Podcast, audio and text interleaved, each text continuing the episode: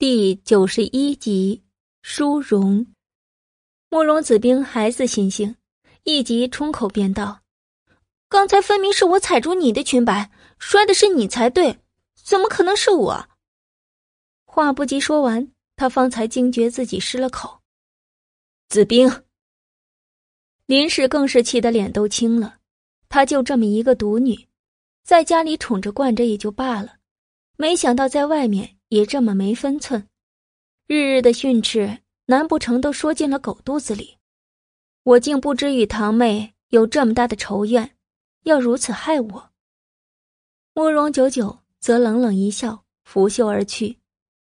众人看完戏，自然也都纷纷的提着裙摆进了花厅，徒留大方林氏跟慕容子冰，脸上臊得一阵青一阵白。这个贱人！慕容子冰气得暗骂，而此刻的花厅内也算是高朋满座，中间象征主子的软榻上，太子侧妃苏云玲正满面笑意的与往来的夫人寒暄。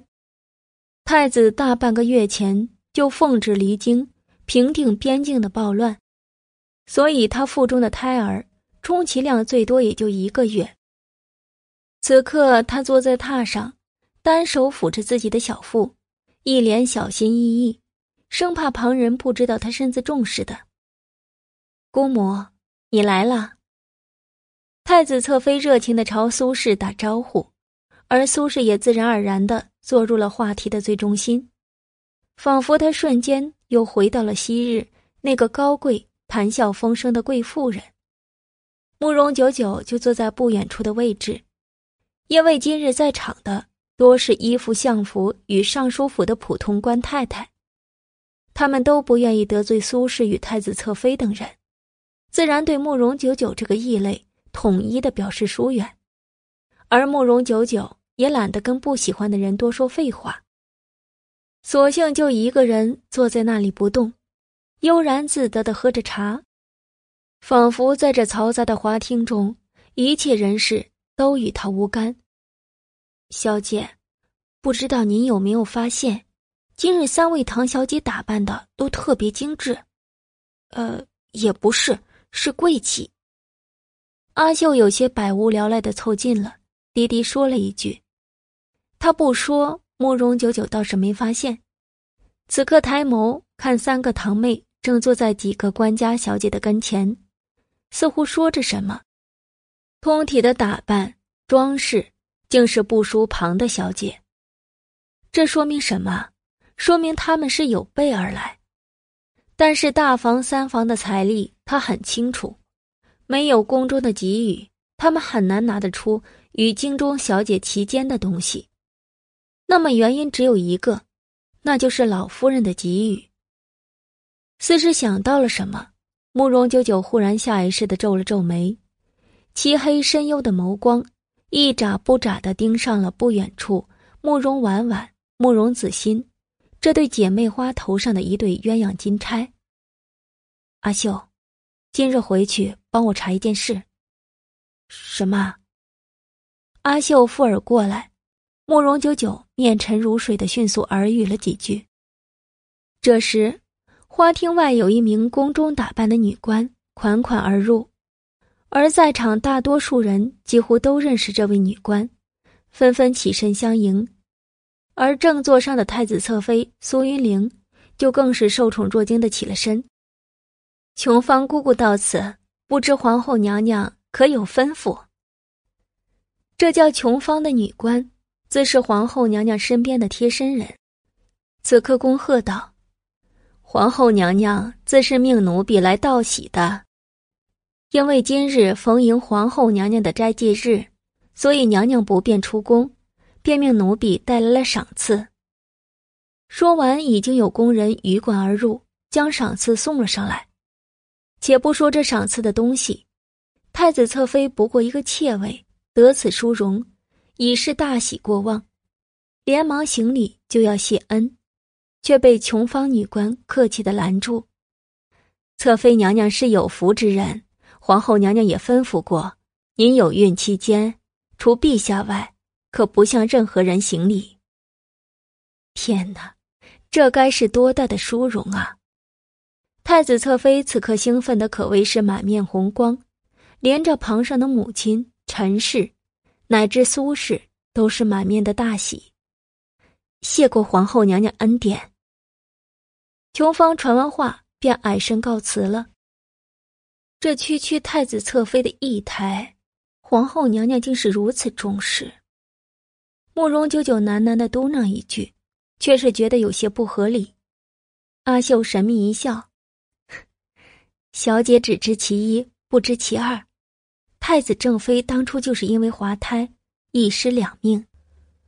之后府中的侍妾也多有孕，却无一能平安的诞下子嗣。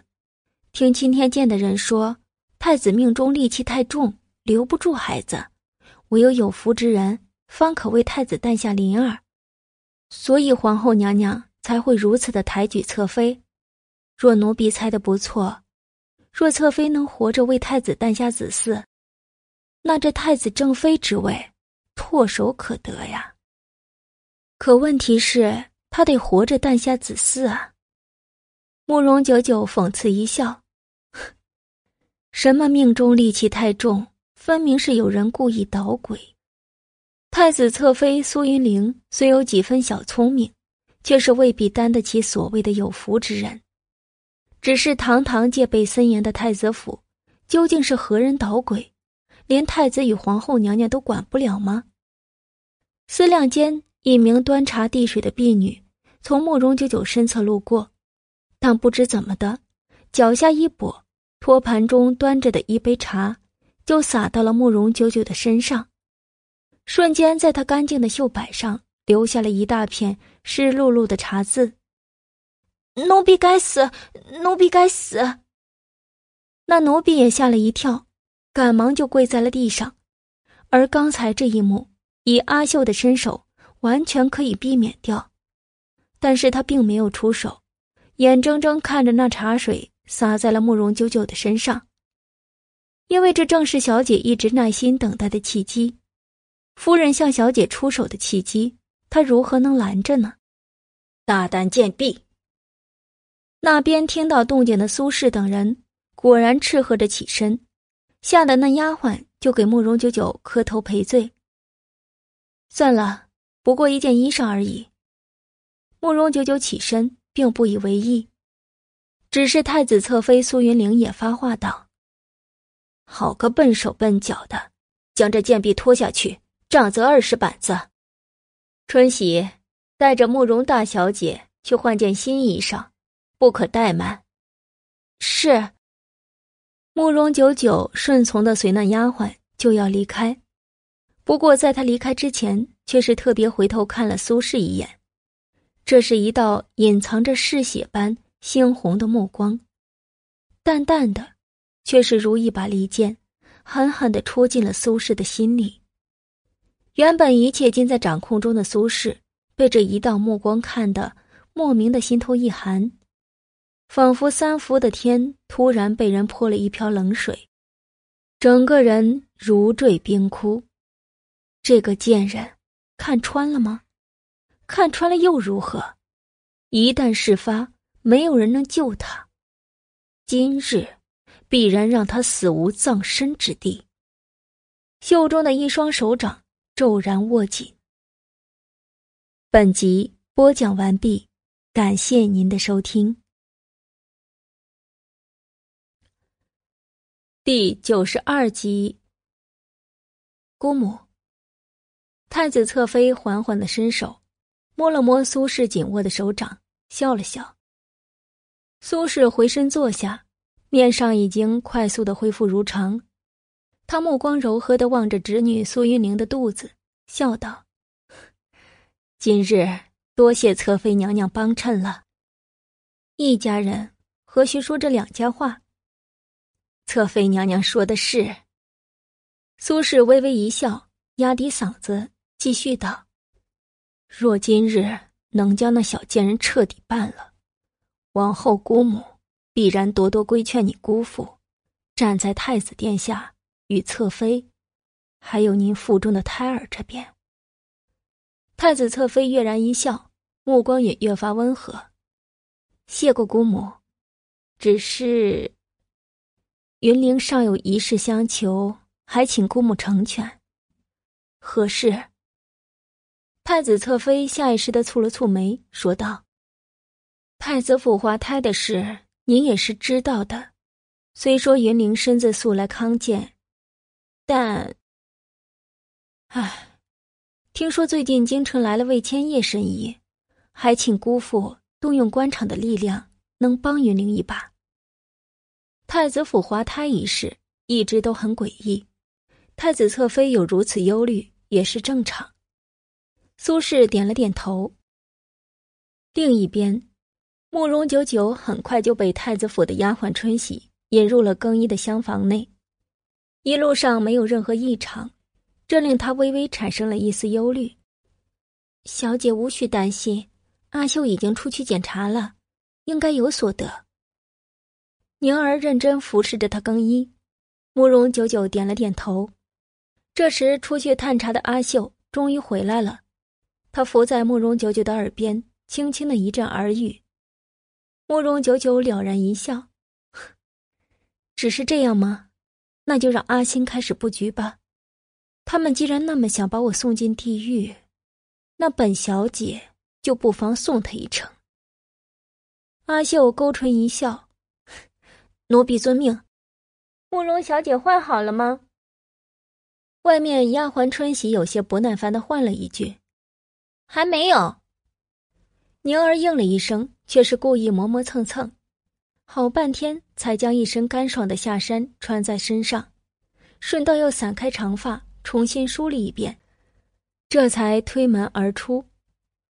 慕容小姐，可让奴婢好等啊！丫鬟春喜顶着日头在太阳下站了半天，显然已经是极度的不耐烦了，面上皮笑肉不笑的道。慕容九九一笑，没法子，今日起得太早，方才小歇了片刻。慕容小姐，刚才侧妃娘娘已经催促了，让您尽快入席，这边请。春喜表情僵了一下，恭敬的一抬手，慕容九九礼貌的点点头，已经款步向前走去。而就在他转身的瞬间，丫鬟春喜的眸中冷光一闪。宁儿早已从刚才小姐跟阿秀的话中知道，怕是夫人今日又给小姐下了圈套，一时表情略微有些紧张，只盼一切平安，休要有奸人伤到小姐一丝一毫。正思量间，耳边忽然传来一声尖叫，宁儿定睛一看，就见旁边的假山后忽然拐出一道少女的身影，直直的扑在了小姐的身上。瞬间，一股刺鼻的血腥味儿已经扑鼻而来。杀人了！慕容小姐杀人了！身旁的尖叫声顿时此起彼伏。就算这一切早已在慕容舅舅的算计之内了，但看着眼前软软跌落在地的尸体，他面色依旧沉得如一滩幽水。苏轼，想不到你为了栽赃陷害本小姐。今日可算是下了血本了，可惜以卵击石。那边马上就有人闻讯赶了过来，而首当其冲的就是大房的林氏，他几乎跌跌撞撞的就冲了上来，哭道：“子冰，我的子冰，你怎么了？你睁开眼看看娘啊！慕容九九，你这个贱人！”我家子冰不过是孩子心性得罪了你，你居然下这么狠的毒手！林氏一张哭花了的脸，几乎满面怨毒的，狠狠的瞪住了慕容九九。他实在没想到，他的宝贝女儿才离开他视线一会儿，居然就遭了如此毒手。天哪，此兵居然！所有人很快都赶了过来，但不管面上的表情是真的还是假的。皆是清一色的惊恐。春喜，这到底怎么回事？太子侧妃这时抚着肚子，也满面焦急的赶了过来。他不问当事人，却直接问他的婢女。那叫春喜的婢女似乎也吓傻了，跪地便道：“奴婢不知，刚才奴婢不过出去小解，回来的时候就见慕容大小姐将那匕首插进了另一位慕容小姐的胸口。你胡说！我们家小姐怎么可能杀人呢？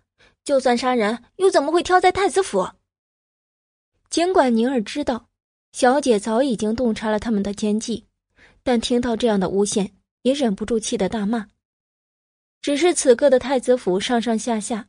都是太子侧妃跟相府还有尚书府的人，恐怕没有人会为他们声援。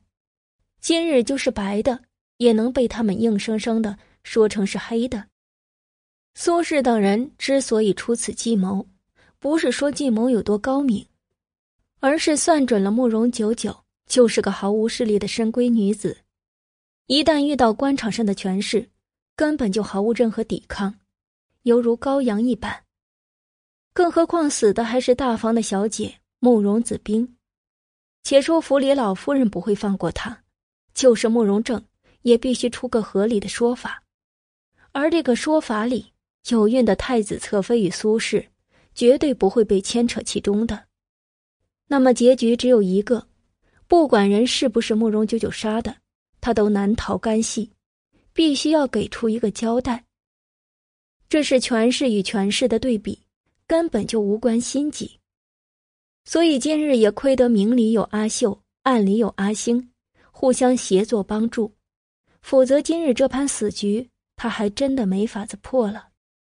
九九啊，就算子兵之前在十色房拿你被接连退婚的事羞辱你，今日又当众给你难堪，你也不用如此狠毒吧？那边苏轼已经痛心疾首的教训起了他，而周围一些不明所以的夫人小姐则恍然大悟。之前十色房的闹剧，很多人都是一清二楚，如此，这倒成了今日杀人的引线。但是慕容九九却是冷冷一笑，并没有言语，面上也没有丝毫陷入死局中的紧张、慌乱、胆怯。他如此的反应。倒是令苏轼着实诧异了一下，他暗暗给太子侧妃使了个眼色，但宁儿却是急了。不管究竟怎样，他这个时候都不能保持沉默。奴婢可以作证，我们家小姐绝对没有杀唐小姐。本集播讲完毕，感谢您的收听。第九十三集，宁儿，你退下。按照冬夜律例，贴身家奴是不能为证的。却听他身后的慕容九九淡淡一语：“这个还没有及笄的少女，面对所有矛头都指向自己的人命官司，所表现出的从容淡然，无疑超出了所有人的预料，惹得太子侧妃轻轻扬了扬眉。之前他就觉得这慕容九九是个不简单的，不然也不会让精明的姑母接连受挫。”但是再不简单又如何？面对绝对的权势，你一介小小的闺中女子又能如何？心中虽在冷笑，但面上太子侧妃却是一派公正。我也实在很难相信慕容大小姐会是这种心狠手辣的人。春喜，你到底可看清楚了？要知道，无端栽赃陷害可是杀头的大罪。最后一句话，太子侧妃说的威严十足。那一直跪着的婢女春喜闻言，身子一颤，低着头的眸中绝色一闪，说道：“奴婢不敢撒谎，人的确是慕容大小姐杀的，人命关天，奴婢怎敢欺瞒？” 侧妃娘娘，他儿婶，你们要为我们家子兵报仇啊！那边林氏抱着慕容子冰鲜血淋漓的尸体，已然哭得上气不接下气，险些昏厥过去。大嫂，你放心，子冰这孩子怎么说头上还顶着慕容二字，怎么可能死得如此不明不白呢？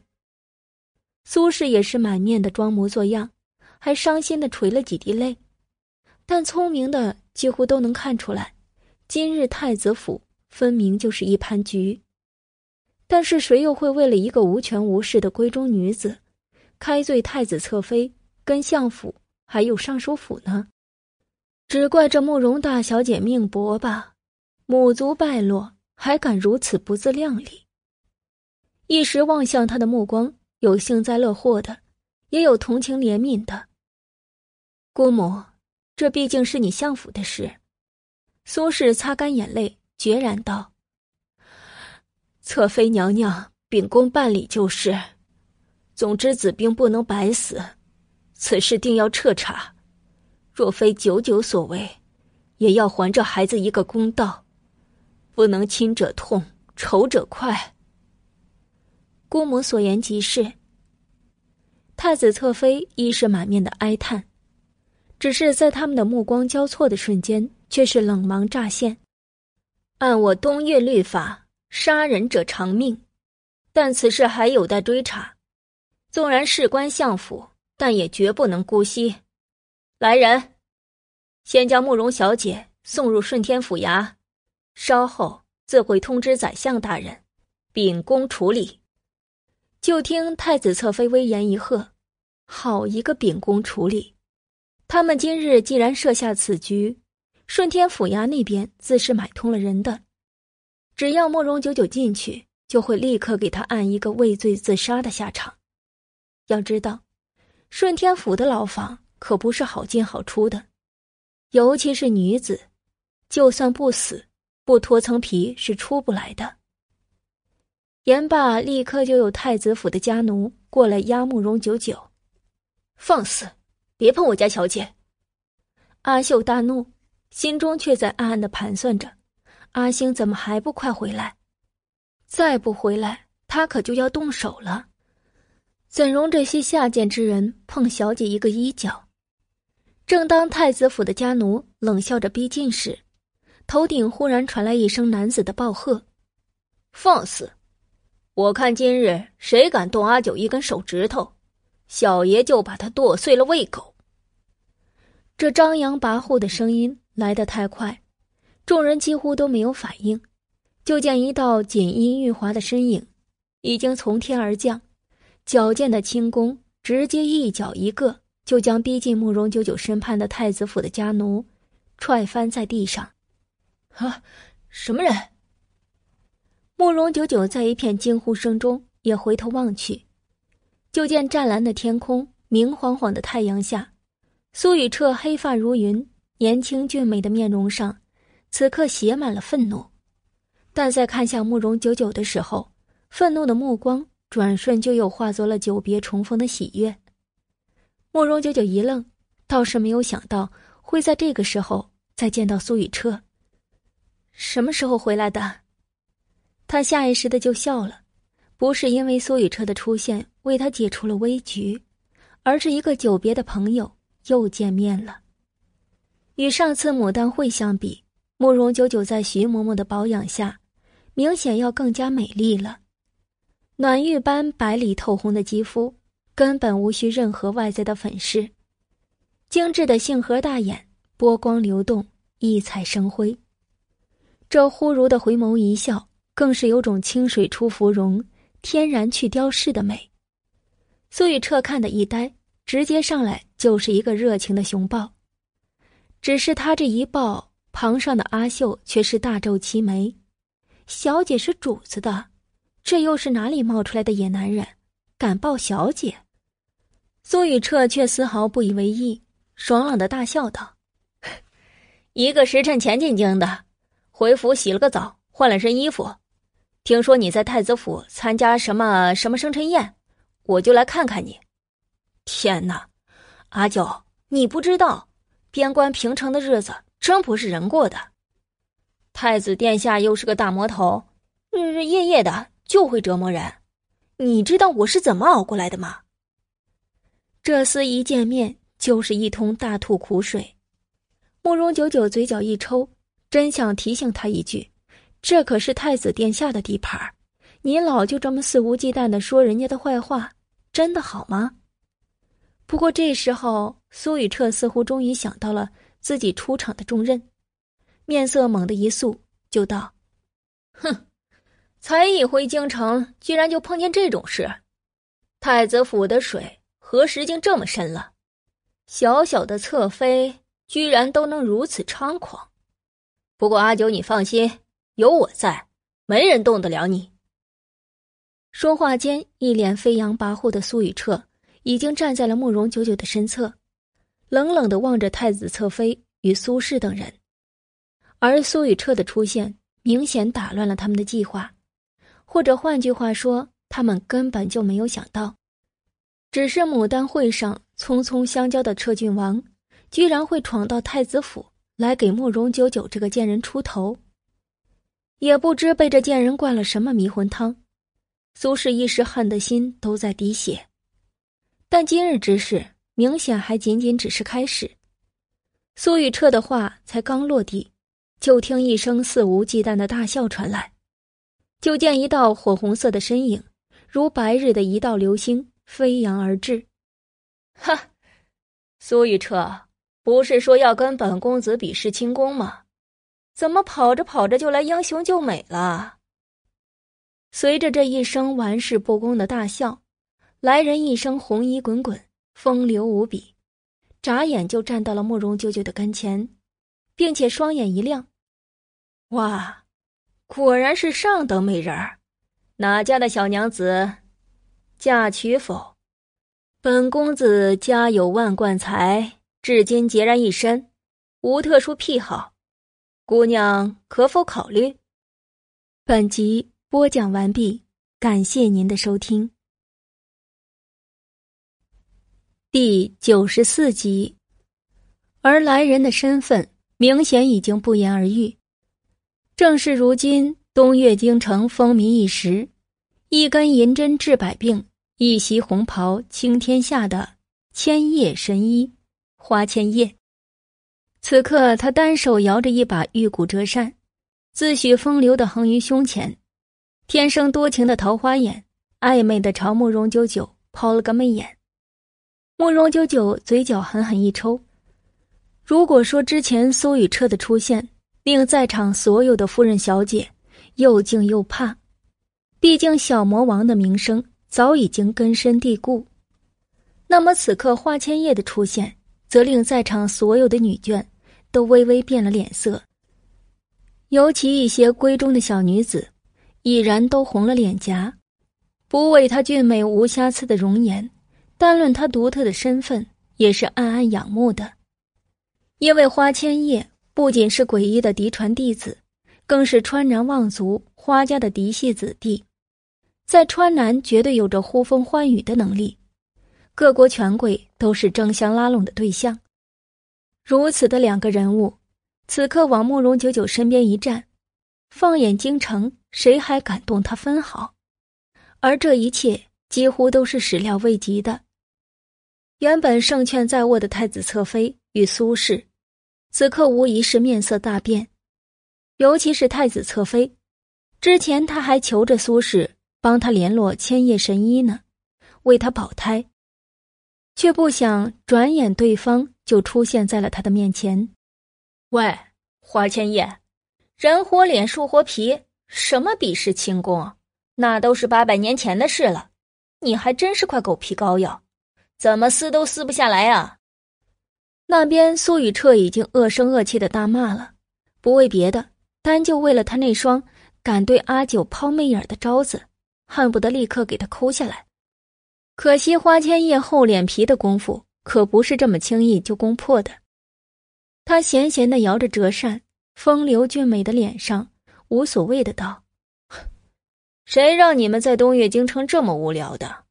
也就你小魔王苏雨彻还有点搞头。你一回京，我自贴着你。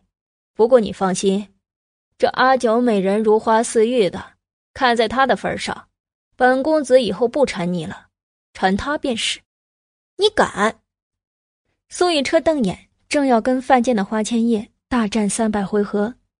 就听一直陷入震惊和沉默的太子侧妃一声冷喝：“二位，这里可是出了人命官司，慕容九九是第一嫌疑人，此事必须交由顺天府。你是谁啊？”却听苏雨彻满面不屑的截断了太子侧妃的话。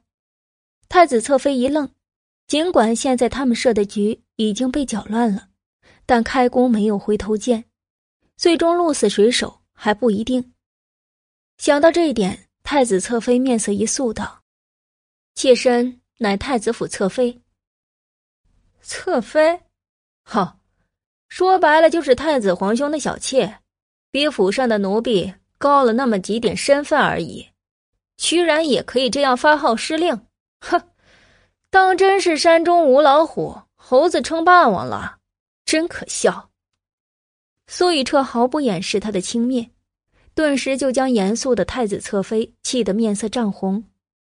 他如今腹中可还揣着太子的子嗣。居然还有人敢这么羞辱他，他恨得直欲发怒，却是最后一份理智告诉他，此时还不能乱。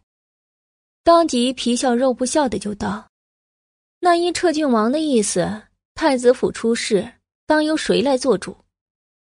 苏雨彻理所当然的道：“太子皇兄如今不在京中，府中也没有正经的主子，自是一切都交由皇后。”只是他话没说完，就见一个太子府的管事哆哆嗦嗦的上前禀报道：“侧妃娘娘，顺天府尹求见，说有人报官，太子府出了人命官司。”什么？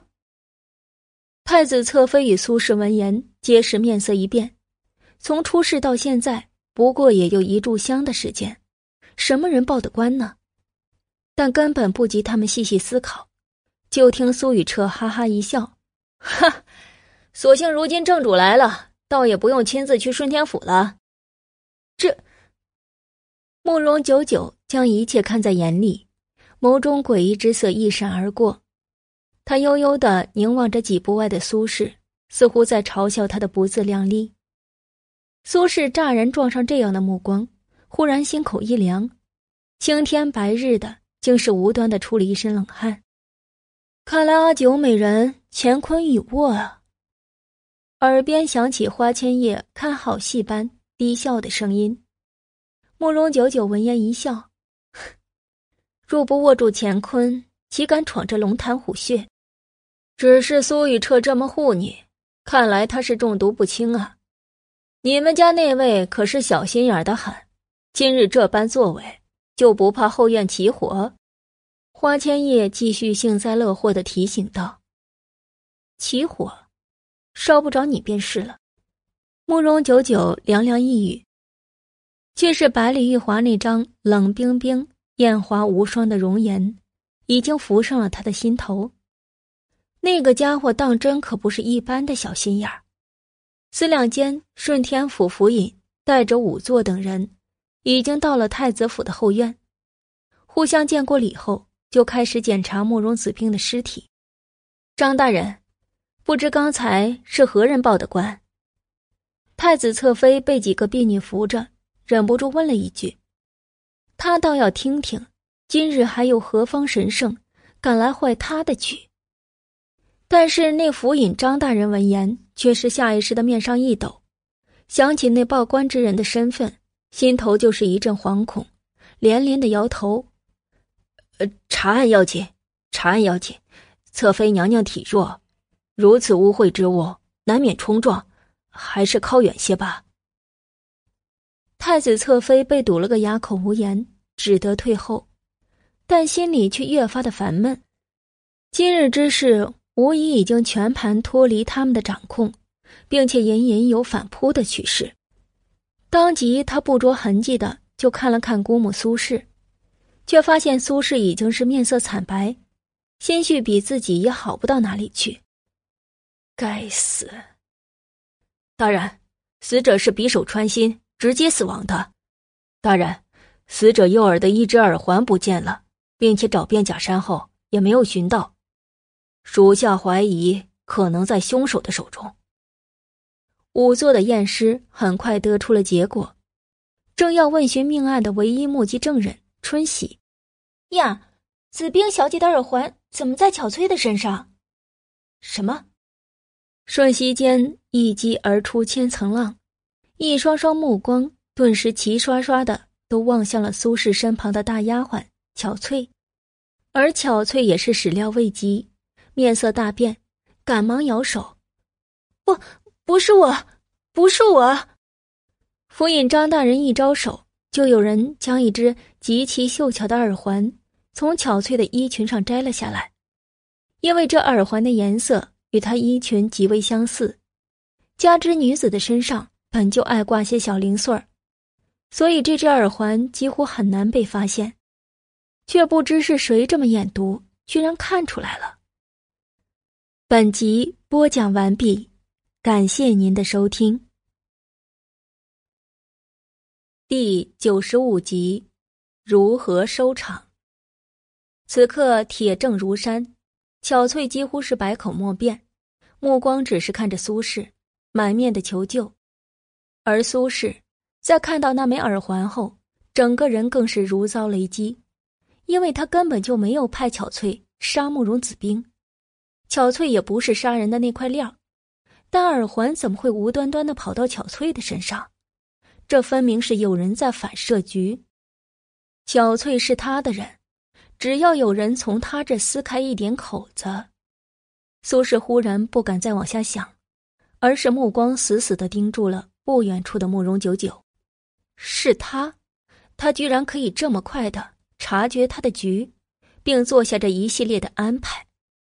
这个女人绝不可能只是深闺中的少女，她的背后一定有人。谁呢？苏雨彻吗？可苏雨彻才刚入京啊！夫人，想不到居然连您的婢女都牵涉其中了。不过既然有嫌疑，那就一并送去顺天府衙吧。这等贱坯子，估计不用刑是不会说真话的。就听慕容九九悠悠一语，随即他目光一侧，又定格在地上。侧妃的丫鬟春喜的身上，既然要审，那就好好的审，一点疑点都不能留下。嘿，不错，顺天府七十二道刑具可不是摆设的。此时苏雨彻也嘿然一笑，巧翠一听七十二道刑具，当即吓得浑身瑟瑟发抖，面无人色。过去都是李妈妈最得夫人的心，她不过是个趋于奉承的。哪里经受得住府衙的拷问？这怎么可以？太子侧妃闻言也是方寸大乱。春喜他自然是信得过，既设了这个死局，春喜就已经做好了随时为主子牺牲的准备，而他也会好好的善待他的家人。只是那巧翠，他实在是信不过。既然这贱婢是最大的嫌疑人，那便带回府衙好好审问。还有这目击证人也一并带回去，此事干系甚大，必要查个水落石出。顺天府尹张大人一声令下，但是他对慕容九九的嫌疑却是明显的视而不见。张大人，慕容九九也是嫌疑人，为何不带他？苏轼一时没忍住，冲口而出：“他就不信这张大人是个不开眼的。”也不看看相府谁当家，其实张大人也是满心的苦恼，实在是这慕容大小姐背后之人，他惹不起呀。嘴上勉强一笑：“嘿，夫人，慕容大小姐可是您的女儿呀。”言外之意，您这做母亲的还真是心狠。你，苏轼气得几乎浑身发抖。这时，府衙的官差。已经将地上瑟瑟发抖的春喜跟巧翠，双双带走。春喜还好点但巧翠却是吓得直接大哭起来。夫人救我！夫人救我！嗯，却是被强行堵了嘴。好了，此事不就这么简单的了了了吗？我们只等着静候顺天府的消息便是了。苏雨彻笑着拍了拍手道，抬头看日头都中午了，便道。饿了，走阿九，我请你吃饭。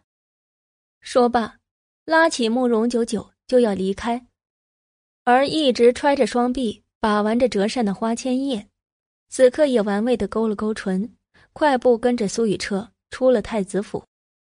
喂，你这妖人，谁让你跟来的？苏雨彻厌烦的大骂。切，谁说本公子跟你了？本公子是追随阿九美人的。阿九美人，我刚才提的建议你听到没？我家有万贯财，至今单身，就缺个媳妇，你考虑一下。滚！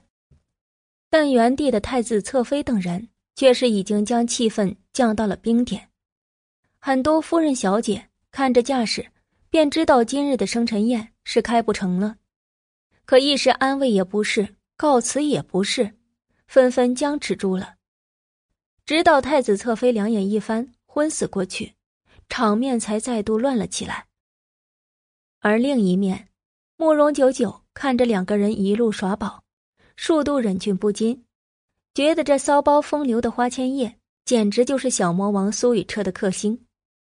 然后，当他刚一跨出太子府的门槛，迎面碰上门前的那辆朱红色的马车，与车前那天生如妖似魔的男人时，唇上的笑却是愕然僵住了。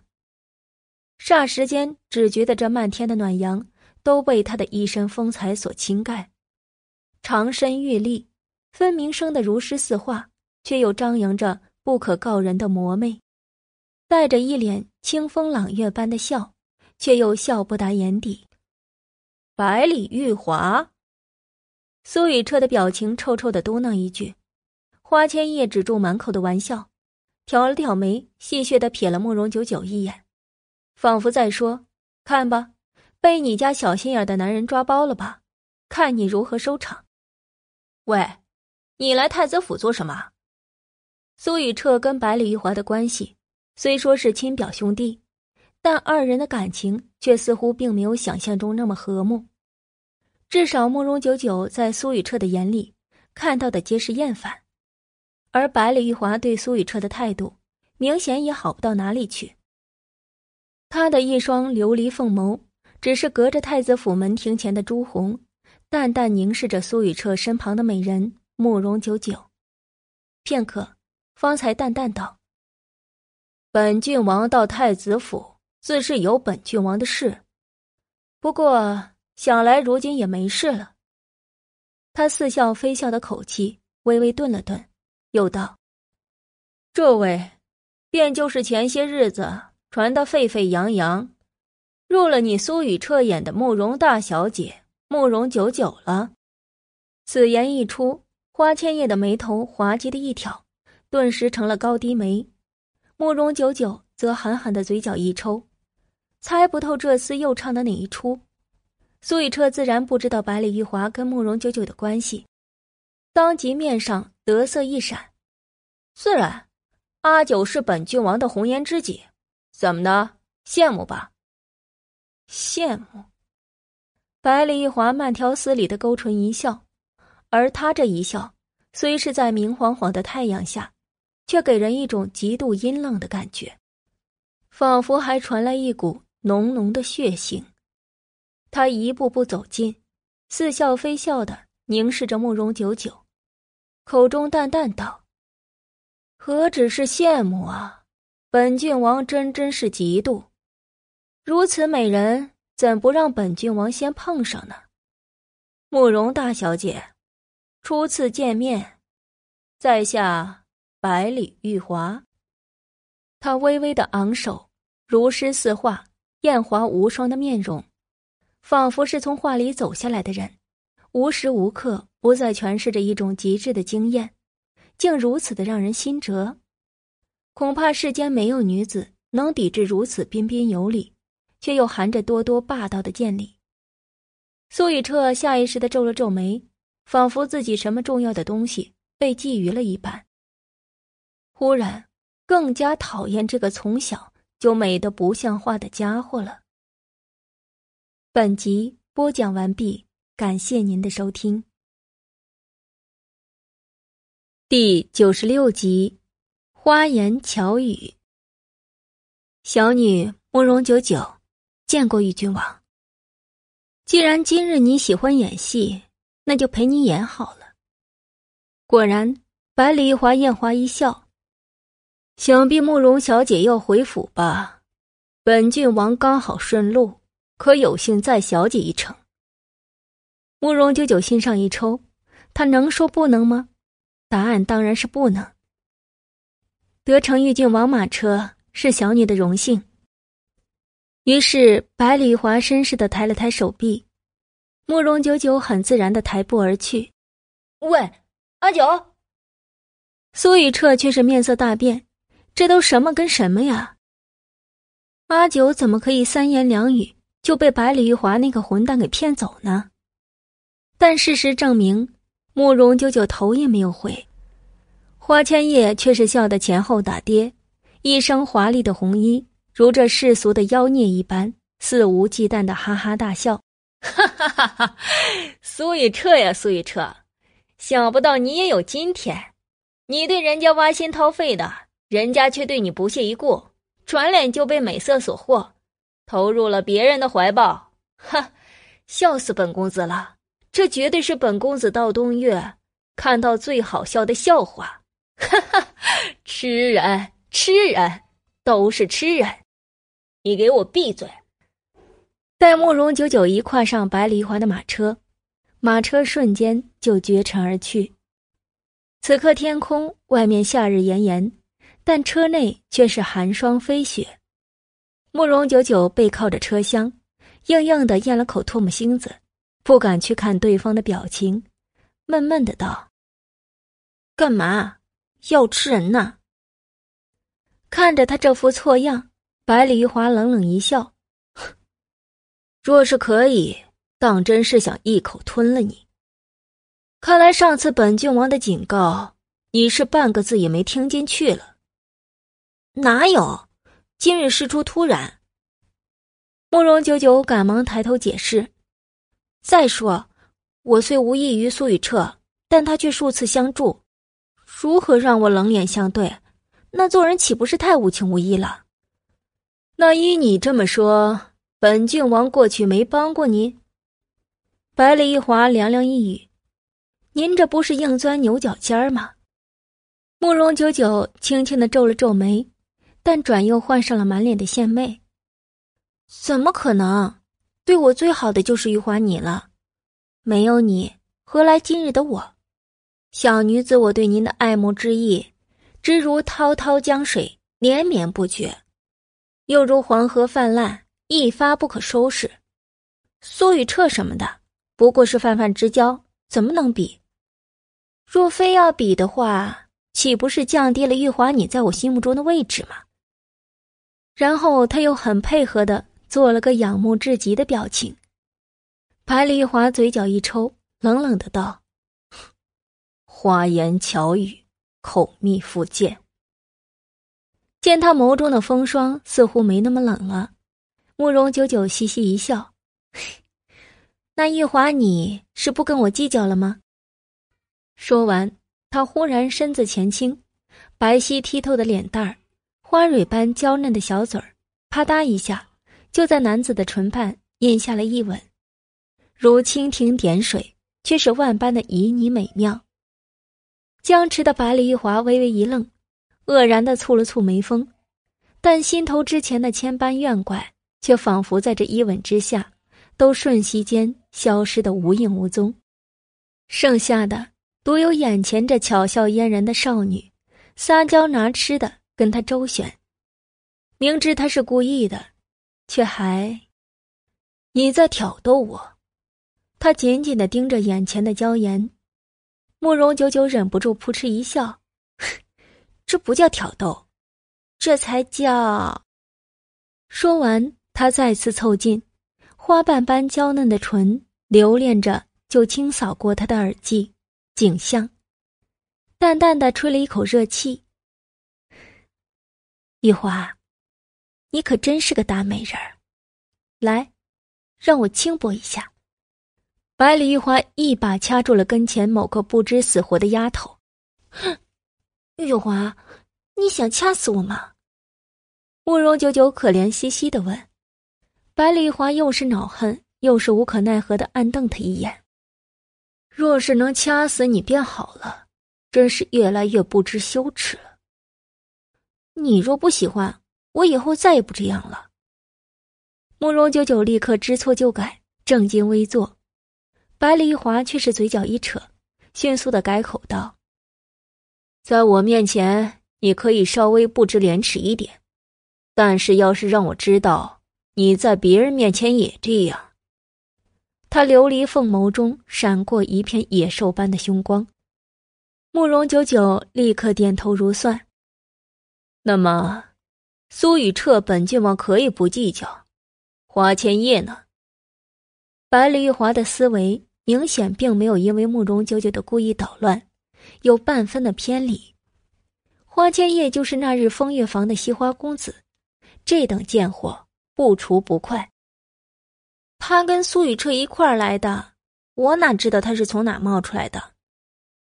慕容九九对之前跟花千叶的谈话只字未提，面上一副无所谓的样子。百里玉华见他不似作假，便也就不以为意了。但慕容九九沉默了一下，却又满腹疑惑的望了一眼跟前的男子。玉华，你在怕什么？我是你的女人，一直都是，不会因为谁的出现而改变的，除非。慕容九九浅浅一笑，除非有一日玉华你的身边有了比我更适合你的女人，不再看我了，我自会主动的消失，不碍你的眼。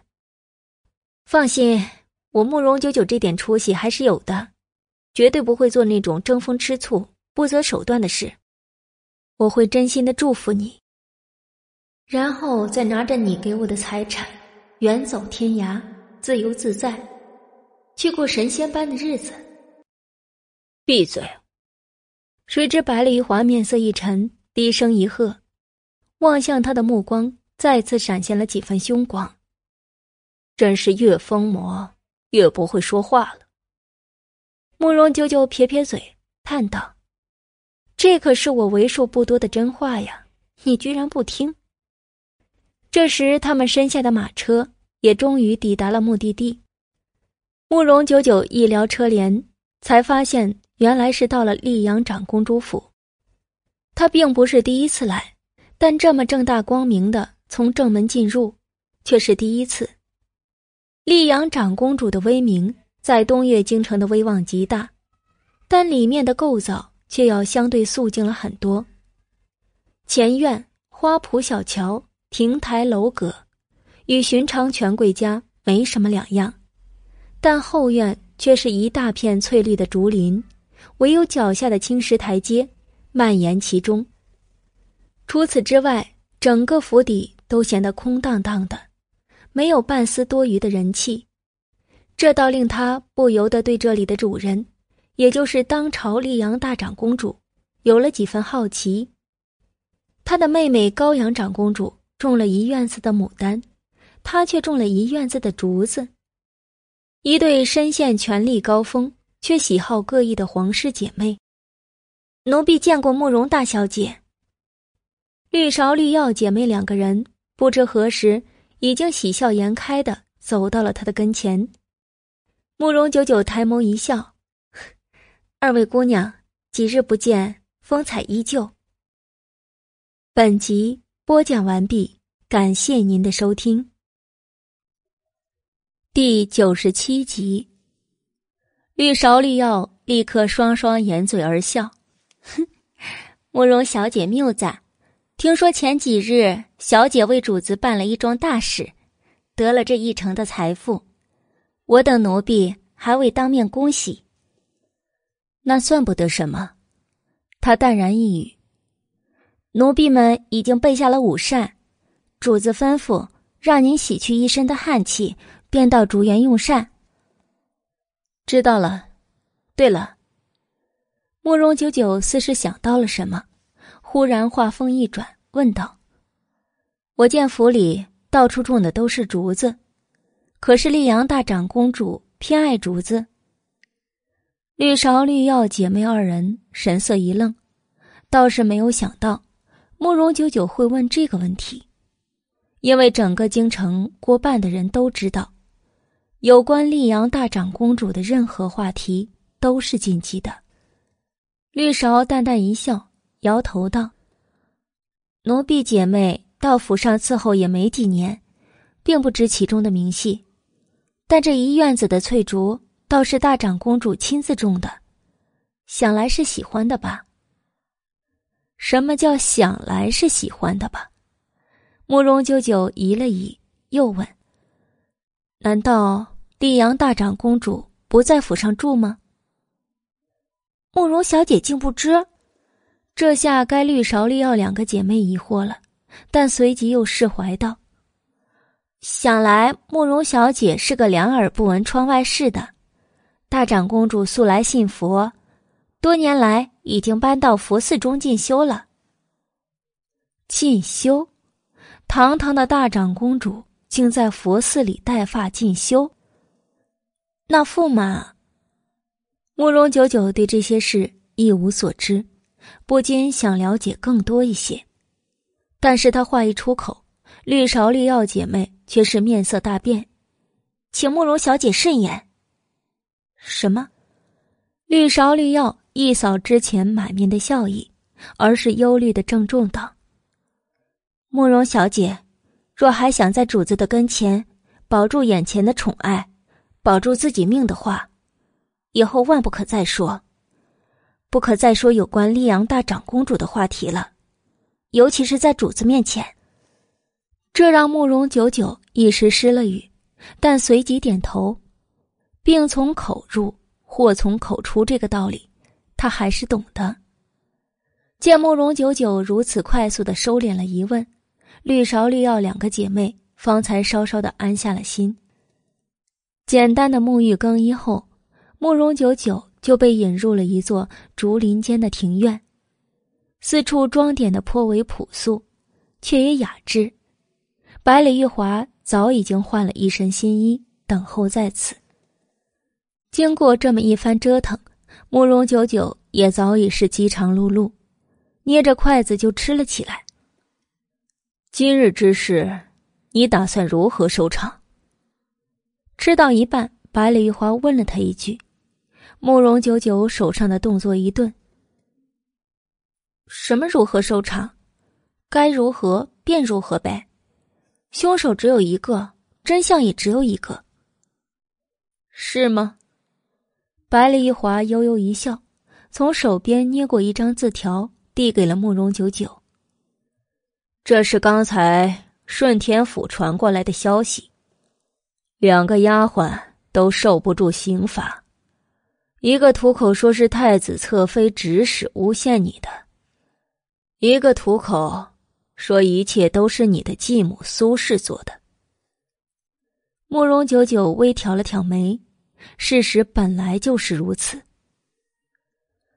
但问题是这两个人都是有诰命在身的，想要继续追查，必须有皇后娘娘的懿旨。百里玉华继续又道：“听到这里，慕容九九明白了。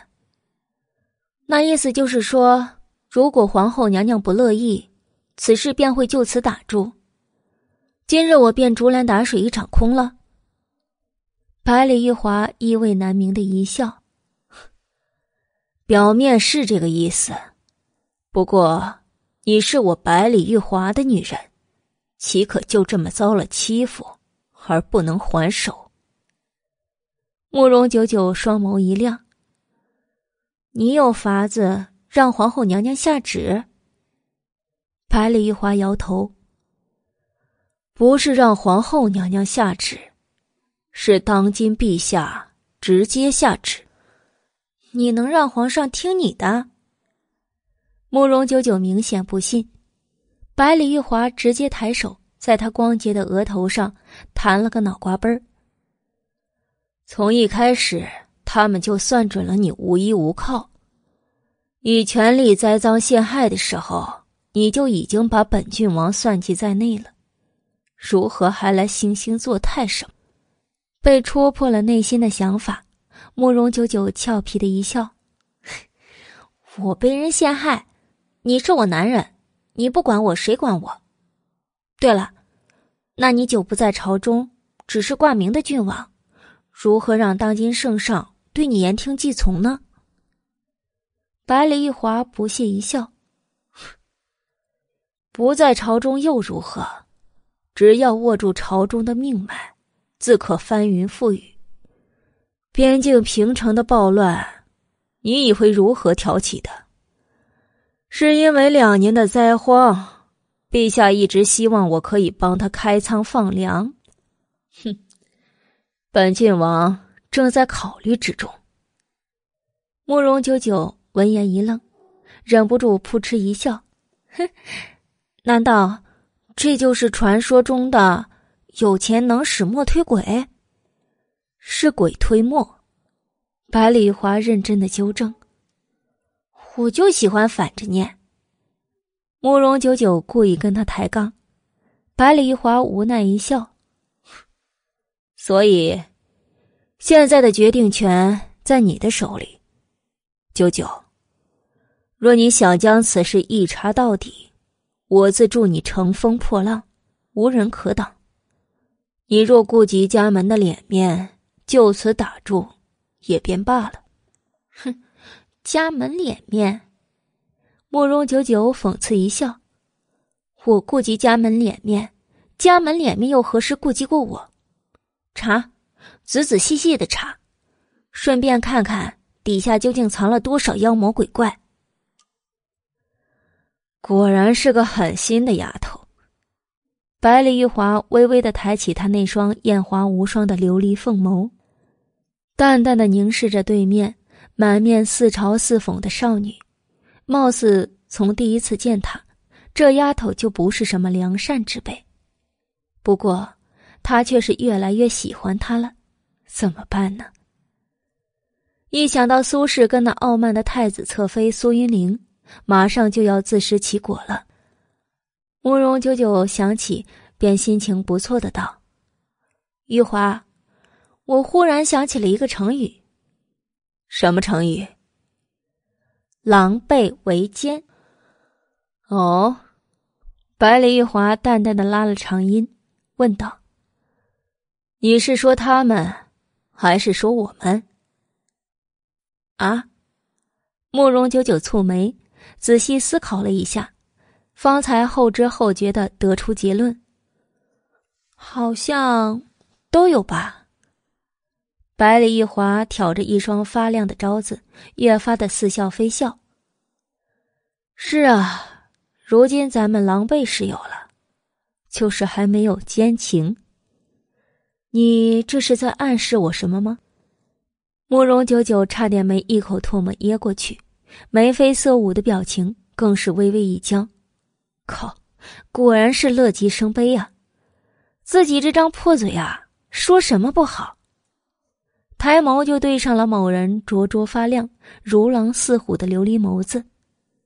慕容九九心口一紧：“你答应过我的，等我彻底成年后才要我。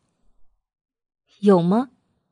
有，谁让你之前不老实来着？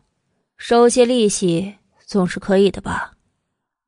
百里华邪魅一笑，不由分说，一吻已经落了下去，并戏谑的种下了点点的红梅。空荡荡的竹园内，此刻除了母女哀乐的低吟外，唯有竹叶的沙沙之音不绝于耳。本集。播讲完毕，感谢您的收听。第九十八集，回到相府已经是午后了。今日慕容子冰意外命丧太子府，经过了顺天府例行公事的检查后，遗体已经被送回了相府。大房当即就挂起了白帆，后院哭得一片愁云惨雾。慕容九九换了一身白素的衣衫，秉着家中长姐的礼仪，也赶去了大房吊丧。只是刚走到门口，迎头就碰上了苏轼斥责冷笑的眸子。慕容九九，你这逆女，家中妹妹丧命哀哭，你却置之不理，一味跟京中的新贵吃喝玩乐，到如今才回来。当真是不知廉耻！若不与这贱妇对上也便罢了，可却偏听到了这样不堪入耳的话。泥菩萨尚有三分土气呢，更何况是慕容九九？他当即冷声一笑，半点不跟他客气，就道：“夫人糊涂了。今日若非彻郡王出手相助，那此刻被带去顺天府遭严刑拷问的就是我了。难道不该答谢彻郡王吗？”啊，我忘了，今日之事不都是夫人一手安排吗？如今计谋落空，没害了该害的人，却枉死了一个子冰堂妹。您可不是满腹的怒火没处撒，只是没处撒，也不该如疯狗般乱撒。你，苏轼没想到慕容九九如此有恃无恐，明明白白的都说了出来，居然还敢骂他是疯狗贱人。不过很快转念一想，苏轼忽然冰冷彻齿一笑。然后缓缓的靠近，以只有他们两个才能听到的声音，狠狠的道：“小贱人，是本夫人做的又怎样？你能奈本夫人如何？本夫人乃当朝二品诰命，就算要论罪，皇后娘娘点头才可以。哼，就凭你，好一个二品诰命啊！”经夫人之口说出来，我都替夫人臊得慌，不禁想提醒夫人：天网恢恢，疏而不漏，人在做，天在看，别以为真的就神不知鬼不觉了。慕容九九满目嘲讽的看着得意洋洋的苏轼：“你连着你们尚书府，不都欺他无权无势吗？那今日咱们就好好看看。”究竟是你们尚书府权势滔天呢，还是他能只手遮天？苏轼从不知道慕容九九为何会表现得如此自信，自信的让他有点害怕。你们在做什么？一个极度阴郁的声音响起。慕容九九与苏轼同时抬头，就见宰相慕容正不知何时已经回来了，也正要进大房的院子。妾身见过相爷。迎着慕容正冰寒的目光，苏轼身子一颤。女儿见过父亲。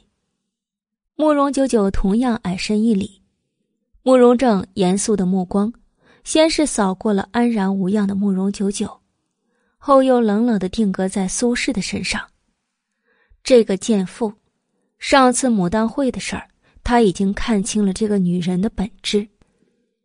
原想他好歹是尚书千金，就算不得他的心，身份还在那儿，他便也就睁一只眼闭一只眼，却不想这女人竟是如此的目光短浅，只顾着他的私人小院，全不顾相府的大局。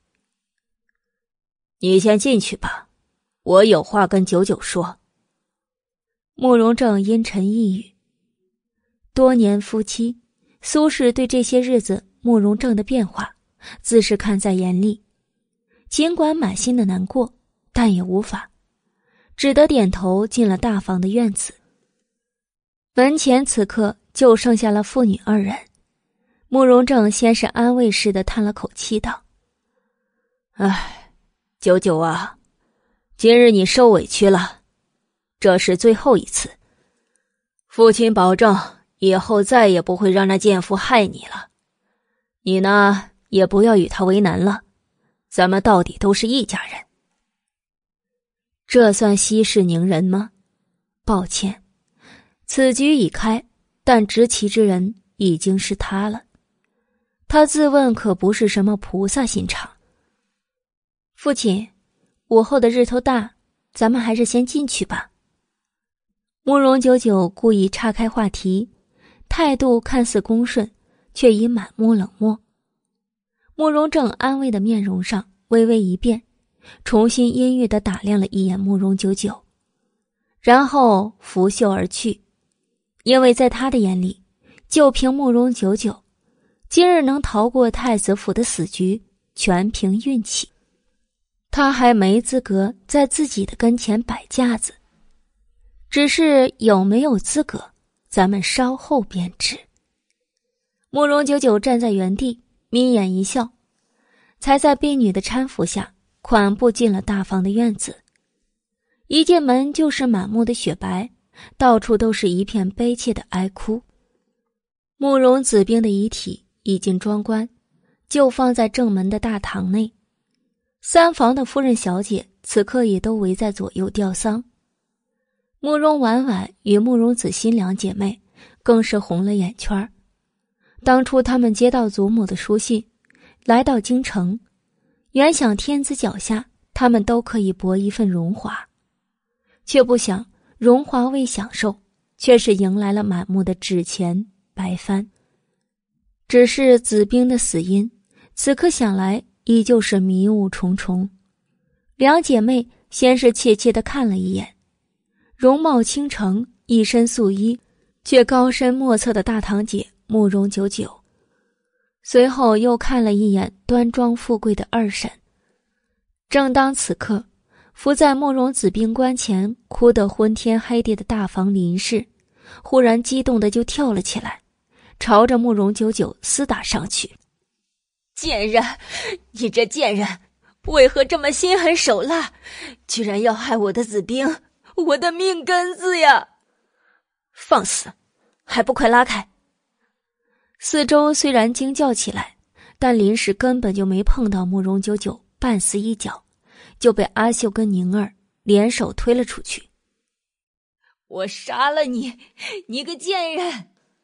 谁知林氏半点没有后退，忽然拔下头上最锋利的发簪，眸中森然的杀机一闪，疯狂的挥舞着。又朝慕容九九冲了上来，这次完全是要拼命的架势。阿秀怎容林氏伤主子一根毫毛？这次，他毫不掩饰自己的武艺，一脚就给林氏上了个窝心脚，直踹得他翻倒在地上，整个人滚在地上，疯癫的又哭又笑。夫人呐，夫人，大嫂，你可要想开点啊！众人围上来，又是劝又是按的，但慕容九九却注意到，林氏没有趁乱得手伤了他。苏氏似乎很失望的样子，这女人果真是害他之心片刻都不绝。只是这林氏也是个奇怪的，在太子府的时候，分明很多人都能看出那是场局，苏氏最有嫌疑。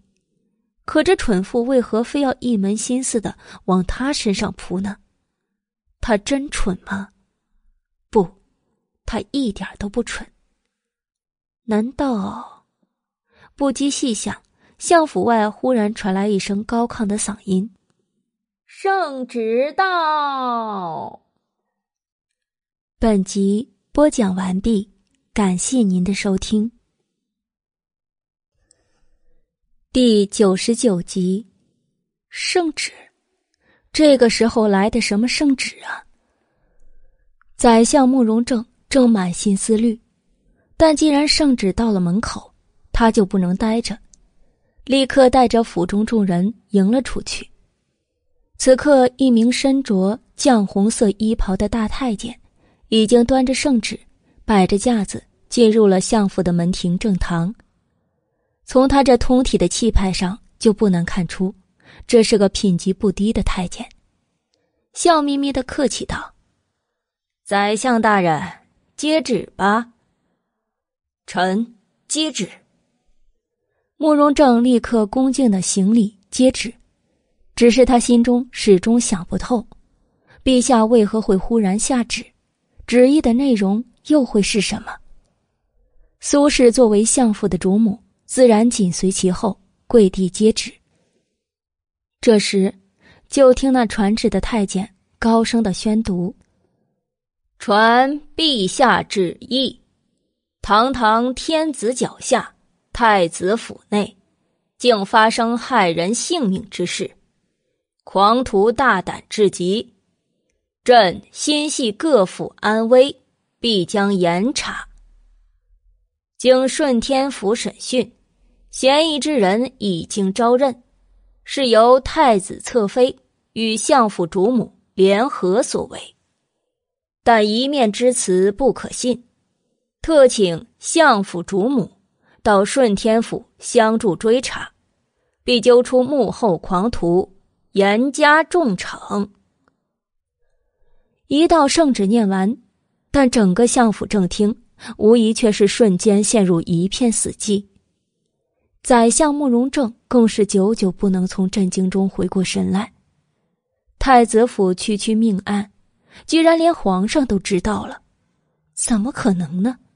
还特别下旨，让有嫌疑的苏轼到顺天府协助追查。什么协助啊？根本就是扣押。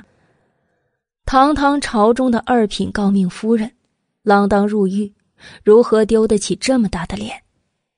慕容正一时袖中的权杖握得咯咯直响，他侧目。阴冷的望了一眼身侧的苏轼，只见苏轼整个人也是如遭雷击，惨白惨白的面上摇摇欲坠。他不相信，他绝不相信，就算是巧翠咬出了他，但他是有诰命在身的贵妇，有皇后娘娘的懿旨才能。这圣旨是假的，是假的。他失魂落魄的喃喃低语。除了这圣旨是假的，他根本无法想通整件事。就凭慕容九九那个小贱人吗？就算他有彻郡王相助，也不可能惊动得了当今的天子。为这鸡毛蒜皮的小事下旨，慕容正一声严厉的冷喝，打断他：“闭嘴！既然陛下下旨让你协助调查，那你就去吧。”什么？苏轼猛然醒悟，就见他的夫君已经僵硬的起身，从那公公的手中接过圣旨。他一张秀丽的脸上已经是一片绝望交加，他匆忙跪着就爬了上去，抓住了慕容正的衣摆，哀求道：“夫君，夫君，你要救妾身，妾身是清白的，妾身只要入了顺天府衙。”结果无论如何，都再无颜面见人了呀！哼，慕容夫人这话是要抗旨吗？却听那太监一声讽刺的笑传来。慕容正面色一肃，虽说到底多年的父亲，而且还是他两个孩子的母亲，但到底情大不过天，更何况此事还是他自己惹下的。当初他不是没有提醒过他。深深的叹了口气。唉，夫人，既然陛下有旨，你就去吧。难不成你当真要让我们相府背上抗旨不尊的罪名吗？苏轼激动的泪如雨下，他真的没有想到，自己居然会落得今时今日的下场。不过借机弄死慕容九九一个微不足道的小贱人，居然会惹来如此大罪。他悔，他真的是好后悔。还不快快扶夫人上车！慕容正眉眼一丝厌恶一闪而过，吩咐周围的丫鬟婆子就去拉苏轼。夫君，你好狠的心呐！苏轼激动的大喊。仿佛不堪打击，两眼一翻就昏厥了过去。可就算如此，他还是被众多的婆子架着给带出了相府，送去了顺天府。李公公辛劳了。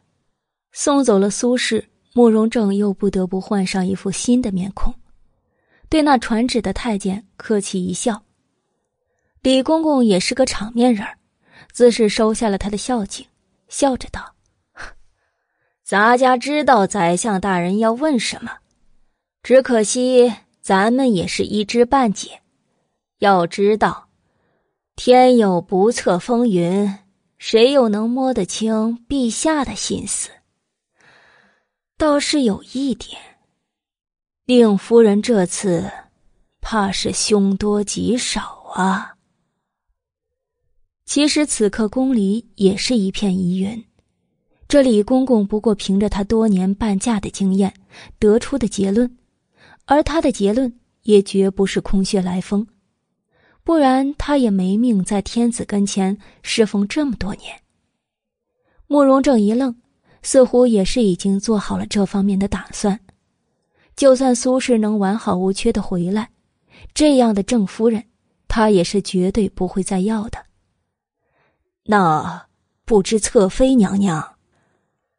李公公嘿嘿一笑，掩嘴道：“侧妃娘娘运气好，腹中有太子的子嗣这道护身符保着，谁也动不了她。不过因此番事件。”也被皇后娘娘给禁足了。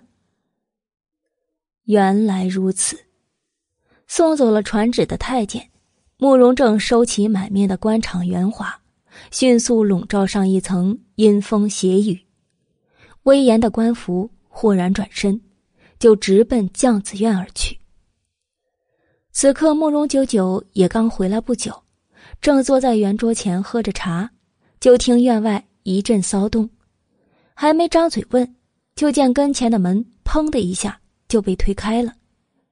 慕容正更是气势汹汹而来：“是你做的，对不对？”他劈头就问。慕容九九先是愣了一下，随即玩味的勾唇一笑：“ 父亲在说什么呢？女儿怎么听不懂？什么是我做的？我做了什么？女儿一介闺阁女子。”又能做什么呢？是玉晋王助你的，对不对？你跟他现在是什么关系？从上次牡丹会后，玉郡王的马车忽然来接慕容九九，他就知道，自己这个看似默默无闻的女儿，必然跟那个传说中阎罗式的玉郡王有所相交。只是他没想到。那个玉郡王居然可以为他做到这一步，一个小小的命案就能给他请来一道圣旨，这样的势力，难道不该用来相助相辅吗？竟然用在对付自家主母的身上，这个逆女！但闻言，慕容九九却是了然一笑，笑得云淡风轻。父亲知道了，也对。上次他派车到相府来接我的时候，您明明是知道的，却没有阻拦，也没有出现，不就已经是默许将女儿卖给他了吗？如今卖都卖了，还来说这些做什么？你，他的确是默许的，可被如此明白的说出来，这令慕容正素来骄傲的心立刻出现了几分难堪。恨声道：“想不到我竟生出了你这么一个不知羞耻的女儿！”哼，不知羞耻。慕容九九仿佛听到了什么好笑的笑话似的，忽然将唇角咧得更高了。本集播讲完毕，感谢您的收听。第一百集。慕容九九仿佛听到了什么好笑的笑话似的，忽然将唇角咧得更高了。也罢，既然父亲认为女儿这是不知羞耻的做法，那么宁儿，你即刻就去溧阳长公主府，通知百里玉华，就说我慕容九九乃相府嫡女，出身名门，洁身自好，从此与他一刀两断，老死不相往来。立刻就去。什么？守在门外的宁儿闻言一脸的惊骇，但一看屋内如今的气氛，便了解了一二，立刻领命道：“奴婢知道了，奴婢这就赶去溧阳长公主府，通知玉郡王。”说完，宁儿转身欲走，慢着。谁知慕容正一声断喝，拦住了宁儿。他仿佛忍无可忍一般，狠狠的怒瞪着跟前一副悠哉悠哉的慕容九九，而慕容九九那样倾城绝美的面上，却是笑得讽刺至极。父亲这是作何？您不是说女儿不知羞耻吗？那女儿现在就把清白证明给您看，您为何又不接受了呢？哈，女儿明白了，父亲是舍不得好容易跟富可敌国、权势滔天的玉郡王刚搭上关系，就这么断了吧？所以您打算继续卖女求荣？你这个……慕容正几乎被他给气得浑身颤抖，想说逆女，却是怎么也说不出来。因为慕容九九说的一点都没错，他的确舍不得放掉这个攀附百里玉华的机会，因为那绝对是东岳朝呼风唤雨的人物。父亲莫气。这时，慕容九九缓缓起身，如玉的容颜，严肃的道：“今日太子府之事，其实就算女儿不细说，其中谁是谁非，您也当明白。”就算女儿有心吞下这个委屈，但玉华却不容我受这个委屈，所以要怪，只能怪夫人不开眼，非要置女儿于死地。女儿不想死，自当反抗。一句亲密的玉华，已经可以充分的说明了一切。慕容正混迹官场多年，自是瞬间明白了其中的利弊得失。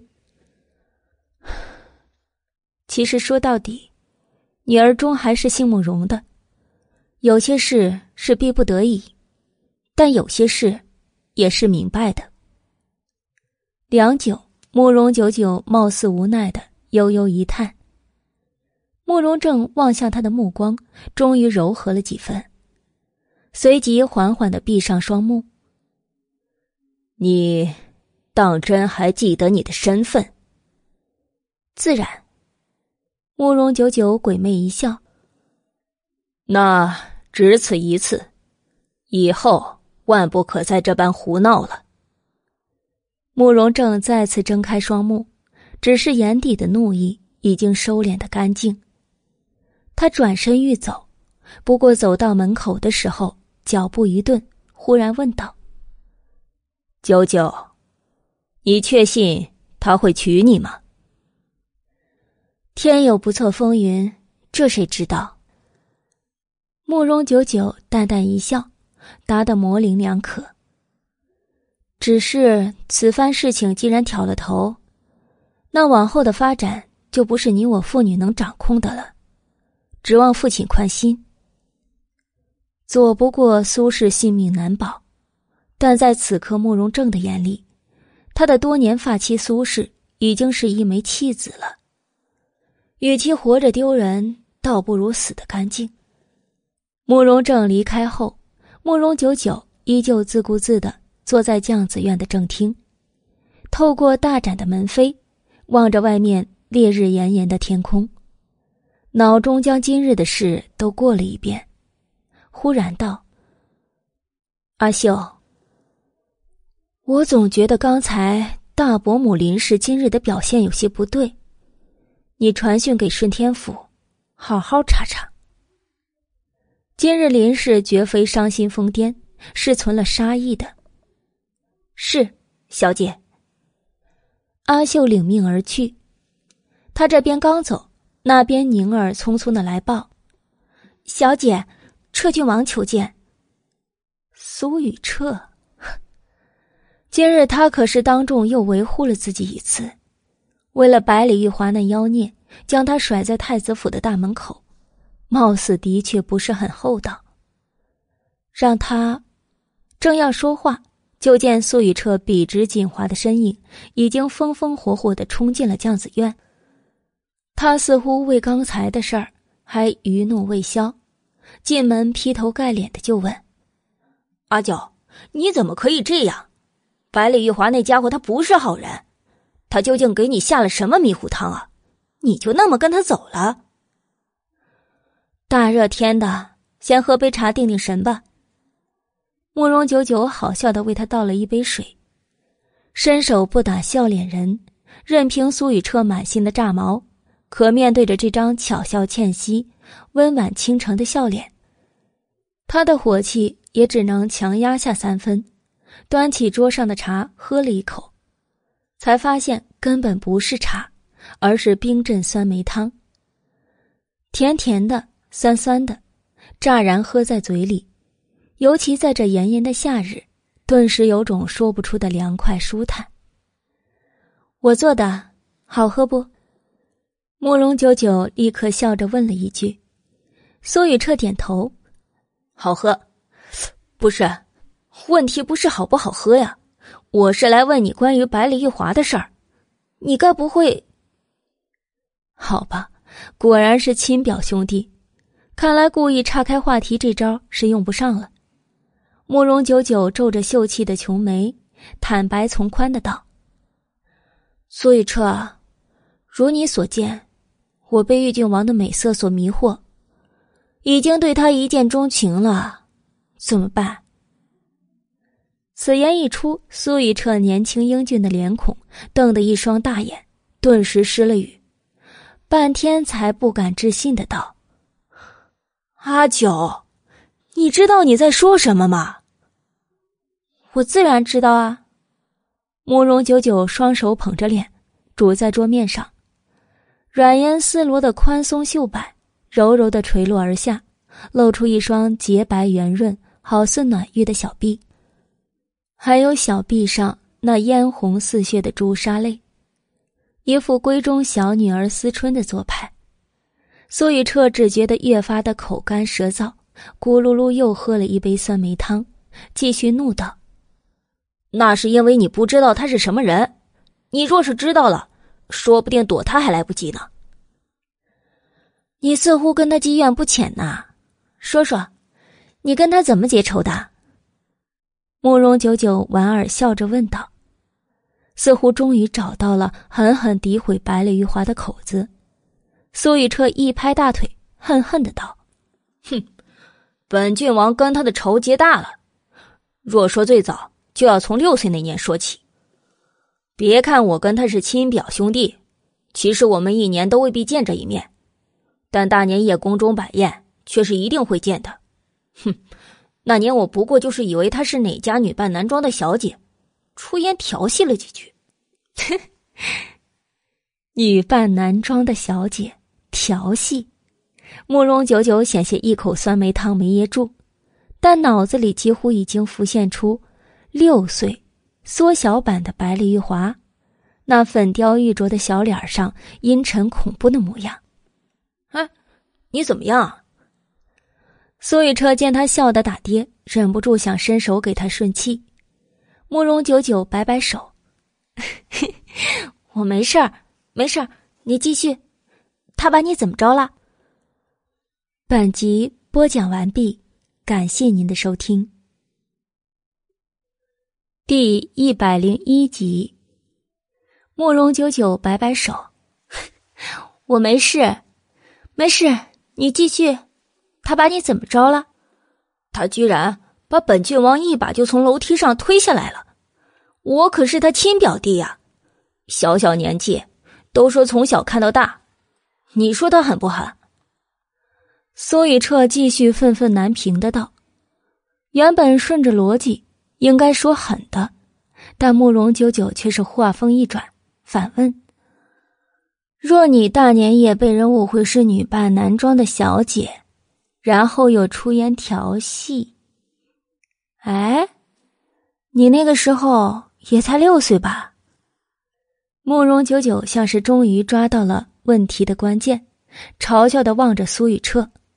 苏雨彻一愣，顿时又没了好气，摆着手连连的推脱：“那年不过是在皇后娘娘那看了几出折子戏。”便一时心血来潮，现学现卖了一番。谁想第一个就踩了一块铁板，慕容九九伏在桌上，几乎笑得已经岔气。苏雨彻，我发现你真真是个活宝妙人。那你还喜欢百里玉华吗？苏雨彻收敛了眸中的笑意，认真的问了他一句。慕容九九也停止了发笑，点头：“嗯，还是喜欢呢。你，你怎么就不开窍呢？”苏雨彻被气得炸毛：“哼，看吧，等将来有你哭天抹泪的时候。哭天抹泪。慕容九九轻轻的伏在桌上，单手托着香腮，悠悠的望了一眼外面枝头上因夏日而倦怠犯困的鸟儿，心道：百里玉华并非一般人，他富可敌国，权势滔天，怎么可能满足只要一个女人？所以，只要他不把心交出来，不就不会伤心了吗？呵呵笑了笑，慕容九九反问：“苏雨彻，若有一日我遭他厌弃了，伤心的哭天抹泪，你会来安慰我吗？”苏雨彻一愣，他竟是一时不知该怎么回答这个问题。片刻，他喉结滚动，淡淡的道：“会的吧。”谢谢。所以说，我们会是一辈子的好朋友吧？一起说笑，一起喝茶。来，干杯！慕容九九忽然喜笑颜开，如得了玩具的孩子般，将一双明眸浅浅的弯成了一汪新月。那样的美丽，那样的清丽脱俗，仿佛时间一切尘埃都玷污不了他这一笑。苏雨彻整个神思更是一瞬间剧烈的荡漾起来。他喜欢阿九这样的笑，喜欢他开心无忧无虑的笑。但是为什么在他说出那样的话的时候，他好像失去了什么？干杯！愣愣的捏起掌中的茶杯，就要一饮而下，可当送到嘴边，才发现杯子是空的。我给你倒，你却急着往嘴里送，又没人跟你抢，没见过你这么猴急的。慕容九九横了他一眼，抬手往苏雨彻的杯中倒了一杯酸梅汤。苏雨彻一饮而尽，就着满口酸酸甜甜的味道，他瞬间又恢复了小魔王一贯的魔性，恨恨的道：“哼，总之，作为阿九你最好的朋友。”我绝不能眼睁睁看着你就这么陷入百里玉华的魔爪。放心，我会尽快掀开那家伙的伪装，让你彻底看清他的真面目。他真不是好人的。苏雨彻信誓旦旦，慕容九九却始终面上含笑，淡淡的道：“算了，还是别说他了，说说你这次到平城平乱的见闻吧。听说你受了不少苦。”一提这茬，苏雨彻果然安静下来。他的飞扬跋扈、灼灼闪耀的眸子也仿佛一瞬间暗淡了一下。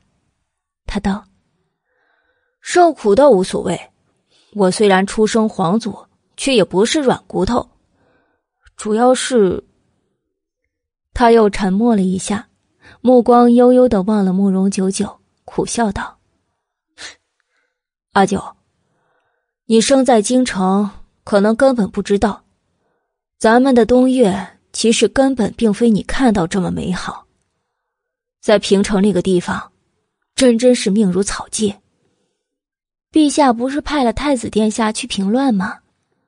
慕容九九缓声道：“他虽然没有点破，但也知道，在这种落后的冷兵器时代，任何的天灾人祸都是惨绝人寰的。”怪不得，就连苏雨彻这种人都能为此沉默。评乱。却听苏雨彻一声嗤之以鼻的冷笑：“哼，那根本就是屠杀。”算了，不说了。阿九，作为朋友，我不得不提醒你，京城有两个人，你千万不要招惹。一个是百里玉华，一个就是咱们的太子殿下。这也正是他迄今为止都摸不透的两个人，好像说的你不是小魔王似的。慕容九九莞尔一笑，却是将他的话暗暗的记在了心上。苏雨彻见慕容九九如此的漫不经心，苦笑：“我这小魔王根本就名不符实，最多也就是捉弄捉弄那些看不顺眼的趋炎附势之辈。这两个人，别看平日不温不火，暗地里却都是刀刀见血的。哦，慕容九九双眸一眯，不禁开始暗暗对东岳朝那位太子殿下产生了几分好奇。算了，不说他们了，想想就心烦。苏雨彻匆匆的结束了话题，然后似是想到了什么，转而又神色飞扬的道：“差点忘了，这次我到平城可是给你带了礼物的。”说着，苏雨彻就从袖中取出一只小巧的首饰盒子，打开，立刻就露出里面一条雪白的珍珠手串，颗颗都是那么的莹润白皙。璀璨不凡，一共是十八颗，正好连成了一条完美的手链。慕容九九一愣，当即摇头：“难得收集这么多颗一样色泽大小的珍珠，还凑成了一条手链，必然价值不凡吧？我可不能要，你还是收回去吧。”苏雨彻却咧嘴：“我收回去往哪儿放啊？我一个大男人。”又不带珍珠，再说这珍珠手串也不是我用钱买的，就算价值不菲，也与我何干？还是说阿九压根就不把我苏雨彻当朋友看？苏雨彻的表情开始严肃。不是花钱买来的？慕容九九疑了疑，苏雨彻点头，是我从平城赶回京的路上。救下了一个遭了劫贼的首饰商人，他为了答谢我的救命之恩，就把他货物中最值钱的送了我。我身边也没交好的女子，就便宜送你了，居然还不稀罕？你分明是瞧不上我。苏雨彻不悦的撇着嘴，原来是这样，话都说到这份上了，若慕容九九再执意不收，就显得太过不近人情了。也罢，这明珠就算是见证了你我的友谊。我呢，收下便是。他特别强调了一下“友谊”二字，他可不想这小子想歪了什么。本集播讲完毕，感谢您的收听。第一百零二集，他特别强调了一下“友谊”二字。他可不想这小子想歪了什么。闻言，苏雨彻立刻喜笑颜开起来，飞快的又道：“那么，按照你们闺中女子的习惯，你收了我的礼物，是不是要适当的也送些回礼呀？”慕容九九愕然抬头，靠，这小子一点都不单纯，搞半天在这等着他呢。可是你送我这么贵重的礼物。我就是把闺房拆了，也未必能还上你的礼呀。慕容九九抬眸环顾四周，发自真心的嘟囔了一句，却惹来苏雨彻一顿鄙视加白眼。慕容九九，难道本郡王送你礼物就是为了贪你的钱吗？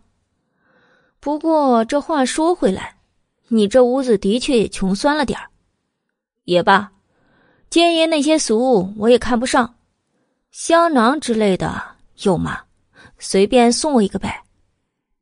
说完，根本不等慕容九九答应，这货已经登堂入室，自己翻找起来，然后果然从针线笸箩里翻出好几个香囊，并且嘴里嘟囔道：“金钱树，一枝梅，并蒂莲，嘿，这鸳鸯戏水不错，本郡王决定就要这个了。”说着，自顾自的就挂在了腰上，反复照了照镜子，半点没有拘束感。慕容九九不禁满头黑线，那些香囊都还是他的前身绣的。自从魂穿到这个世界，他就从没有动过针线。也罢，你喜欢都拿去也无所谓。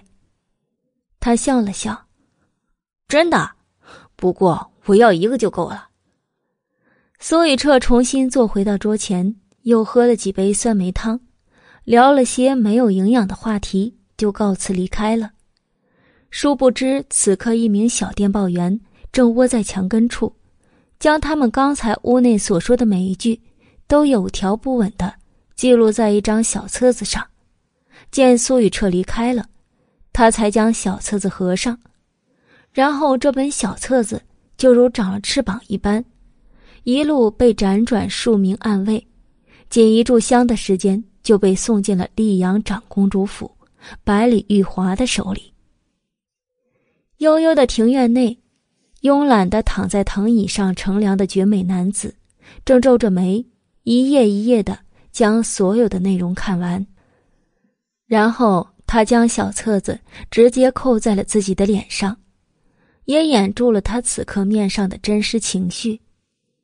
良久，他忽然朝自己的暗卫伸出一只手，吩咐道：“通知阿星，告诉那丫头。”本郡王今晚要吃珍珠羹，就用他新得的那串珍珠磨成粉，让他亲手做。我要喝两大碗，不，三大碗。他临时一变，伸出两根手指，一下变成了三个。是，暗卫领命而去了。又过了许久，静悄悄的竹园内。贴身影卫袁奇不禁缓缓的现身，苦笑道：“主子，您今日似乎又魔障了。有吗？”百里华轻轻的拿下盖在脸上的册子，露出了他如诗似画、艳华无双的面容。只是深邃的瞳孔，却看不透他此时的心绪。很有。袁琪坚定的回答。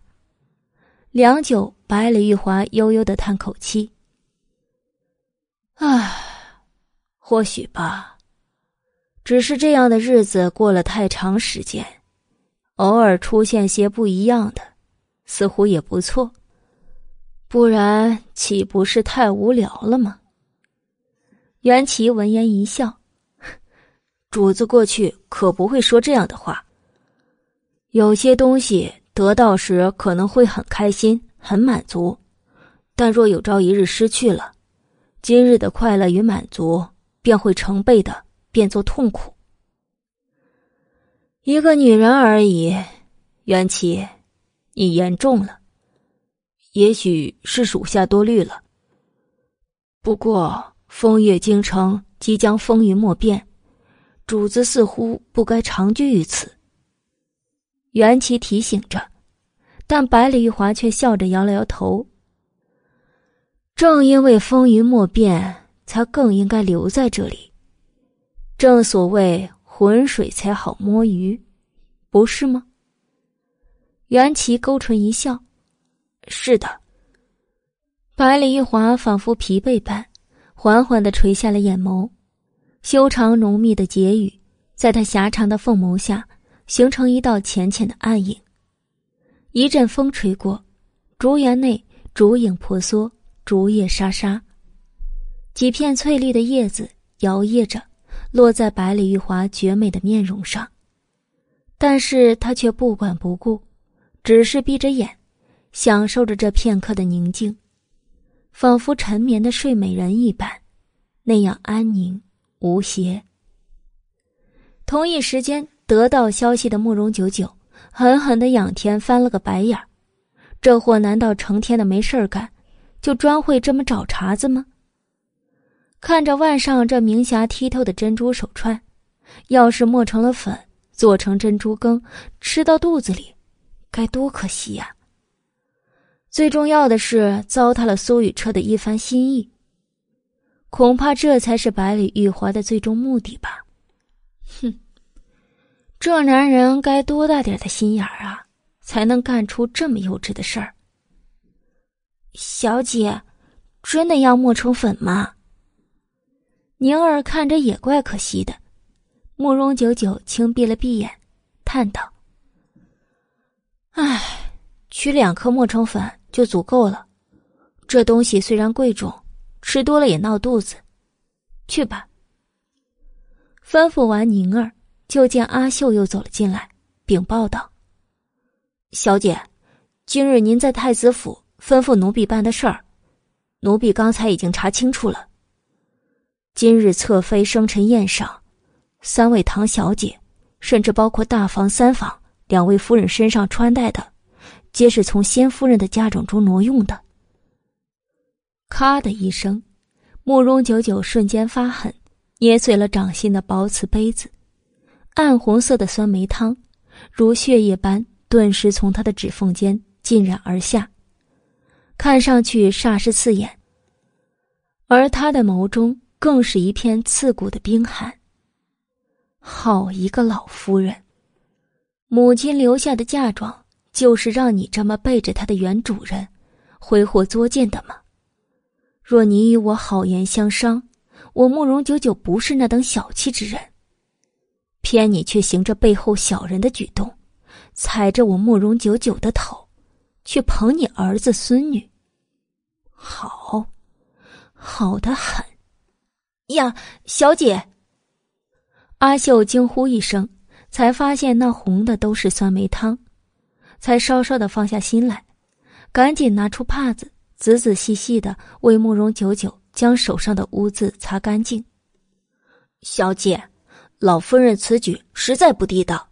按我东岳律法，先夫人留下的嫁妆都该是您的，她却不问自取，脸皮不要太厚啊。罢了，此事我自有安排。慕容九九迅速恢复了常态，然后他又吩咐小厨房准备好应用的食材。那位爷要吃珍珠羹，他当然只能扎上围裙。洗手做汤羹了。只是光吃珍珠羹也单调，他又另外命人准备了牛肉，还有一些水果，自制了一些沙拉。本集播讲完毕，感谢您的收听。第一百零三集。天刚擦黑，小厨房内就在慕容九九的安排下，风风火火的运作起来。小姐，您居然会烧菜！宁儿惊奇的瞪大了眼，慕容九九只笑不语。他能说他只会做这一道吗？答案当然是是。他只会做这一道，喜不喜欢的凑合用吧。至于珍珠羹嘛，完全是在徐嬷嬷手把手的教导下完成的，味道居然还不错。看来他是有天赋的。慕容九九自得其乐的笑了起来，傻笑什么呢？当百里玉华走进酱子院的闺房时，入眼就见某个女人正扎着围裙，站在桌前笑得痴傻，样子竟也娇憨可爱。啊！慕容九九回头一笑，来了，时间刚好。阿秀，掌灯。百里玉华一愣。才发现，他闺房餐桌的样式与以往不同，铺着一条雪白垂地的桌布，上面摆放着金色的灯台，灯台下摆着两盘奇模怪样的菜式，盘子旁竟还配备了一套匕首和叉。另外，桌上还放着一大束火红色的花朵，修剪得非常漂亮。透过周围朦胧的光芒看去。整个餐桌的摆设有种异样婉约的美感，仿佛戴着面纱的神秘女郎正优雅的独坐。还不错，他赞了一句：“尝尝吧，我做的牛排。”慕容九九眯眼一笑，脱掉围裙，就跟百里玉华一并坐到了雪白的餐桌前。百里玉华先是古怪的看了一眼桌上的刀叉。在没有找到他熟悉的筷子后，他只能一手一个拿起刀与叉，然后悟了一下用法，最后居然成功的使用了出来，并且绅士范儿十足，半点没有违和感。慕容九九嘴角一抽，原想用他不雅的用餐方式嘲笑这厮一下，如今看来只能胎死腹中了。难道贵族都是天生的吗？味道如何？慕容九九也吃了一口，虽然完全不能跟顶级的大师、顶级的食材媲美，应该是还不错的。凑合，应该吃不死人。谁知白了玉华淡淡一语，彻底将慕容九九的沾沾自喜击了个支离破碎。只是沮丧的他却没有发现，下一刻白里玉华的眸中那迅速一闪而过的笑意。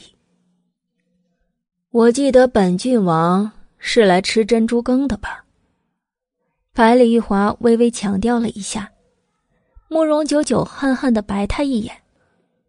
锅里炖着呢，马上就到。三大碗呢，撑死也吃不完。谁说我要一下吃完的？只吃一碗，另外两碗打包带回去。我要给我的爱犬用。它可是最喜欢珍珠羹什么的了。白丽华慵懒一笑，故意气他：“小姐，珍珠羹好了。”这时，徐嬷嬷端着珍珠羹，正好走了进来。远远看去，发现烛台下的主子跟小姐，郎才女貌，居然是那样的般配，不禁笑容又多了几分暖意。你的珍珠羹。慕容九九起身盛了一小碗，递了过去。这时，百里玉华已经吃了过半的牛排，正慢条斯理的放下刀叉，邪笑着望着他道：“你为我，怎么，才几日就忘了怎么取悦本郡王了吗？”取悦。想起上次的糖葫芦事件，饶是慕容九九。自诩也是经历过大风大浪的，也不禁老脸一红。灯台下烛火跳跃，顿时映红了他含羞带刺的脸蛋儿。水汪汪的杏核大眼，又气又恼。玉华，一碗呐，怎么喂呀？声音别提多委屈了。他这番模样，令百里玉华顿时有种心猿意马的感觉。灯台下本就艳华的琉璃凤眸，一时又亮了三分，仿佛有一头野兽正在暗处不自觉的蠢蠢欲动。他微微的挑眉，笑着道：“我让你用勺子喂，你心里想什么呢？”啊！慕容九九愕然的抬头，早说嘛！他立刻起身，就走到百里玉华的面前，捏起精致的小勺子，就送到他的唇边。百里玉华张嘴，浅浅的尝了一口，似乎非常受用的样子，一连又吃了三口。这时，他被桌上的花吸引了目光，顺手折下一支，问道：“这是什么花？”“玫瑰，象征着爱情。”慕容九九随口答道：“爱情。”百里玉华灯下的眸光忽然恍惚的迷离了一下，如诗似画的容颜莫名的染上一片疑惑。九九，你知道爱情是什么吗？爱情，慕容九九暗讽的一笑。我也不知道是什么，大概男人跟女人在一块就是了吧。这么简单，本来就这么简单，只是世人把它复杂化了而已。慕容九九点着头，确认似的道：“只是爱情的侧面是绝情，世人从来不都是这么反反复复、真真假假的吗？”白里玉华忽然优雅一笑：“原来如此。”然后他就舍了面前美味的珍珠羹。一把将身前的女人卷入怀中，吻如雨点般就落在了她如玉般细若凝脂的肌肤上，然后将她一把抱上床榻，拆去了头上碍事的发饰，三千青丝垂落而下，轻柔的衣衫转瞬露出了里面的芬芳。他们已经不是第一次这样亲密了，但慕容久久。依旧有种莫名心悸的感觉。面对百里玉华忽然的热切，他模模糊糊的应对着。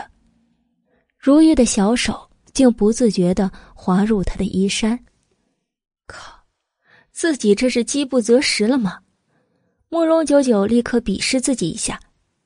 正稳的沉迷的百里玉华不禁动作一顿。当他感受到身下女子的主动时，心情忽然感到一种强烈而莫名的愉悦。他暧昧的笑问：“想要？不，你答应过我，待我成年。”慕容九九依旧断断续续的哀求呢喃着，却是在对方狂风骤雨的攻势下，如呜咽的猫儿，如泣如诉，好不可怜。闭嘴！你是真想让我要了你吗？百里玉华有些气恼了，低吼了一句，牙齿愤恨的摩擦过他的肩头，细嫩的软肉令慕容九九疼得皱了一下眉，却是听懂了他的话。本集播讲完毕，感谢您的收听。本集播讲完毕，感谢您的收听。第一百零四集。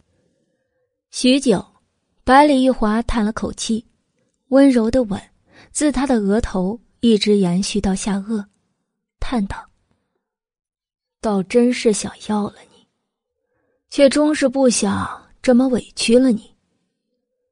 慕容九九，千万别把本郡王对你的怜惜当成了理所当然。”闻言。慕容九九微微一怔，随即笑颜如花。谢玉华怜惜。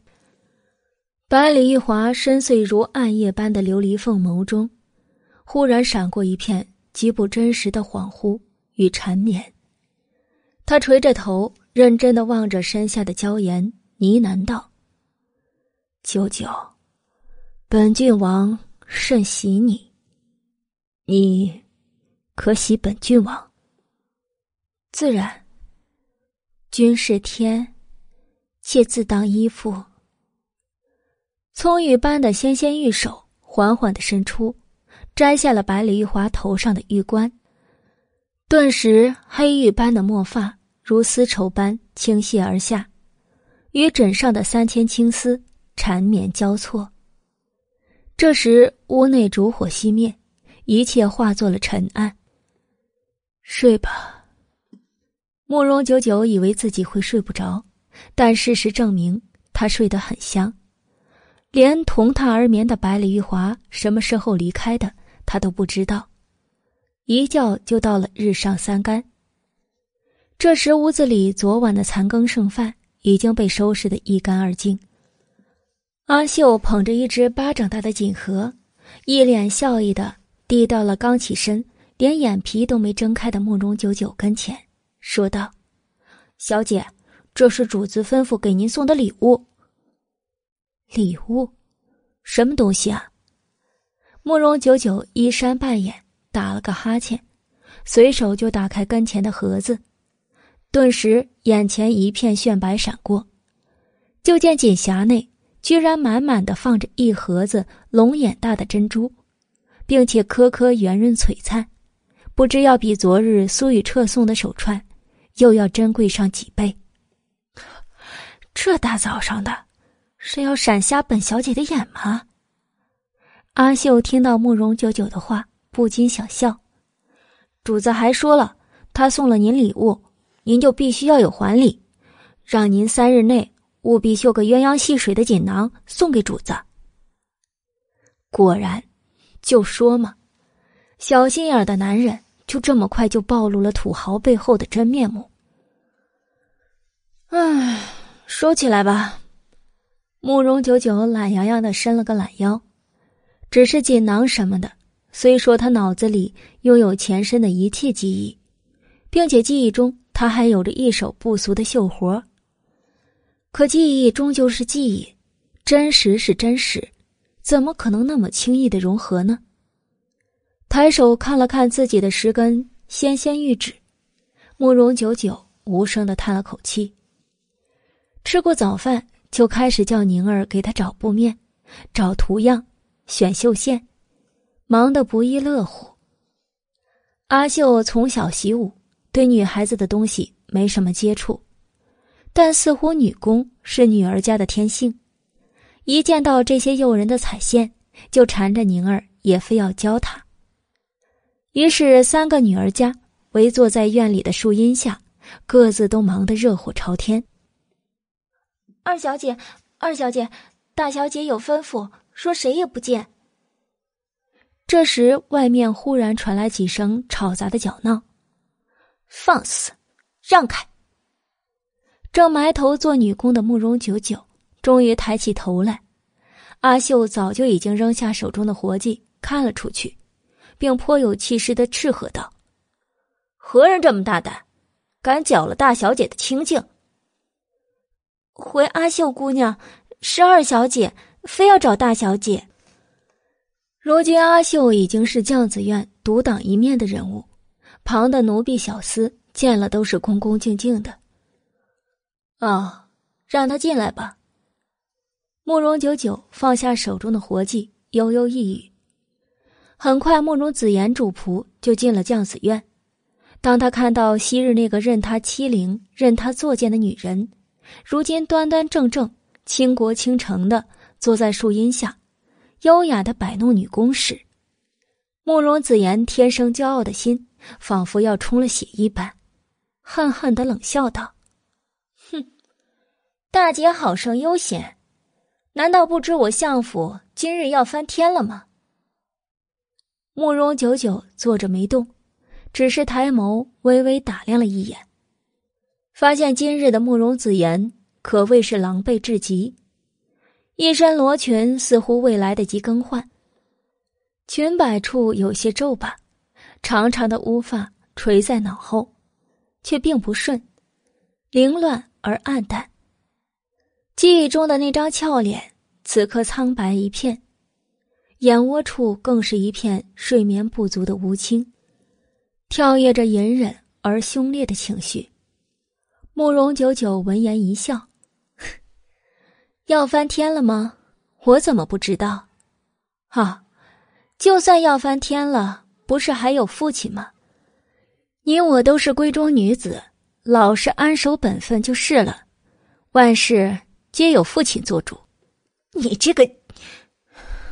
慕容子言心中几乎恨得发狂，但冲口而出的贱人却是硬生生的直在了唇齿间，因为今日说不定。他还要求他呢，只是真想不到，风水轮流转。几个月前他还半眼都瞧不上的贱人，如今竟变得如此高深莫测、不可捉摸。母亲昨日忽然被一道圣旨带进了顺天府衙，他闻讯后几乎是五雷轰顶。他不知道是何人拥有如此通天的本事，请来了圣旨。更不知背后有什么厉害的人物，在对付他们。他只知道这一切都隐隐的跟昨日太子府的事有关系，而昨日母亲刚被带走，听说父亲就满目愤怒的闯进了将子院，出来时面上已没了怒气，而是满面的漠然，仿佛母亲的安危都再也跟相府无关了似的。任凭他在父亲的门前跪了一夜，也未曾求得一个结果。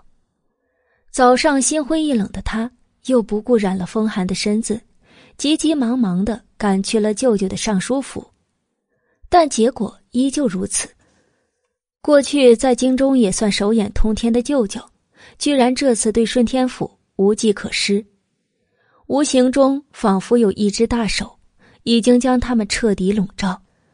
这种感觉几乎令慕容子言全线崩溃，他双膝跪地，直直的跪在了慕容九九的跟前，说道：“大姐，千错万错，都是子言的错，求你放过我母亲。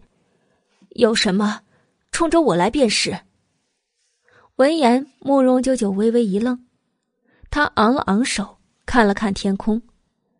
那年的天空虽然没有今日这么蓝。但却也没有一丝白云，淡淡的，淡的让人绝望。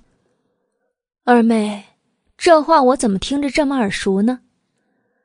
那年十岁吧，我走路脚滑，不小心撞了一下。你那如珠如宝的表妹苏云云，她就纵扑将我按倒在地上，狠狠的踹我的腰，一口一个贱皮子。当时宁儿就是那么喊的：“有什么冲着奴婢，别伤小姐。”哼，其实我看见了，你就藏在不远处的角门上看戏。最后看的差不多了，才装模作样的出来救我。你说？是不是挺有意思的？本集播讲完毕，感谢您的收听。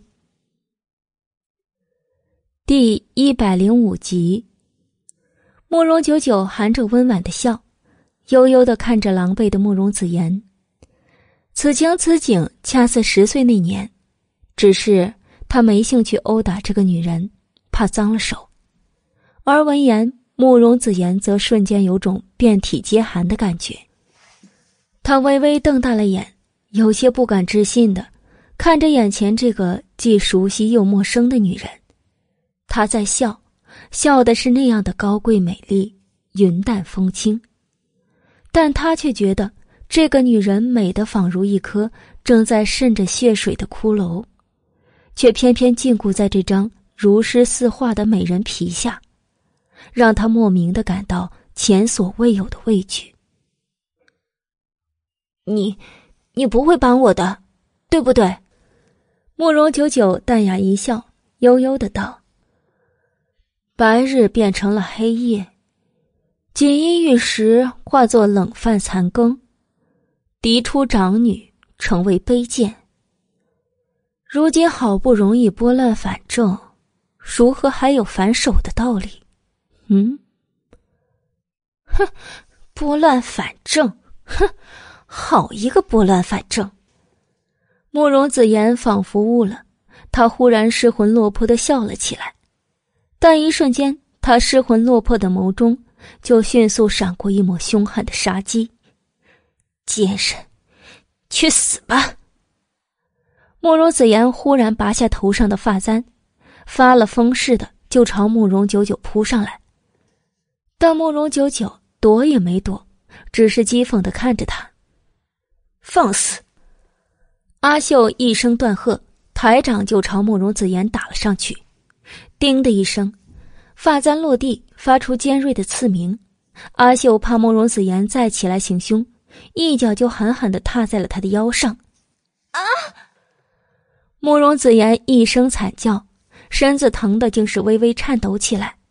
他自小养尊处优，锦衣玉食，何曾受过这样的屈辱？也不知是疼的还是恨的，伏在地上竟是泪流满面。慕容九九，你这个贱人，还不快将你们家主子带回去，免得脏了大小姐的眼。阿秀冷冷一语，那旁上早就吓傻的婢女冰儿。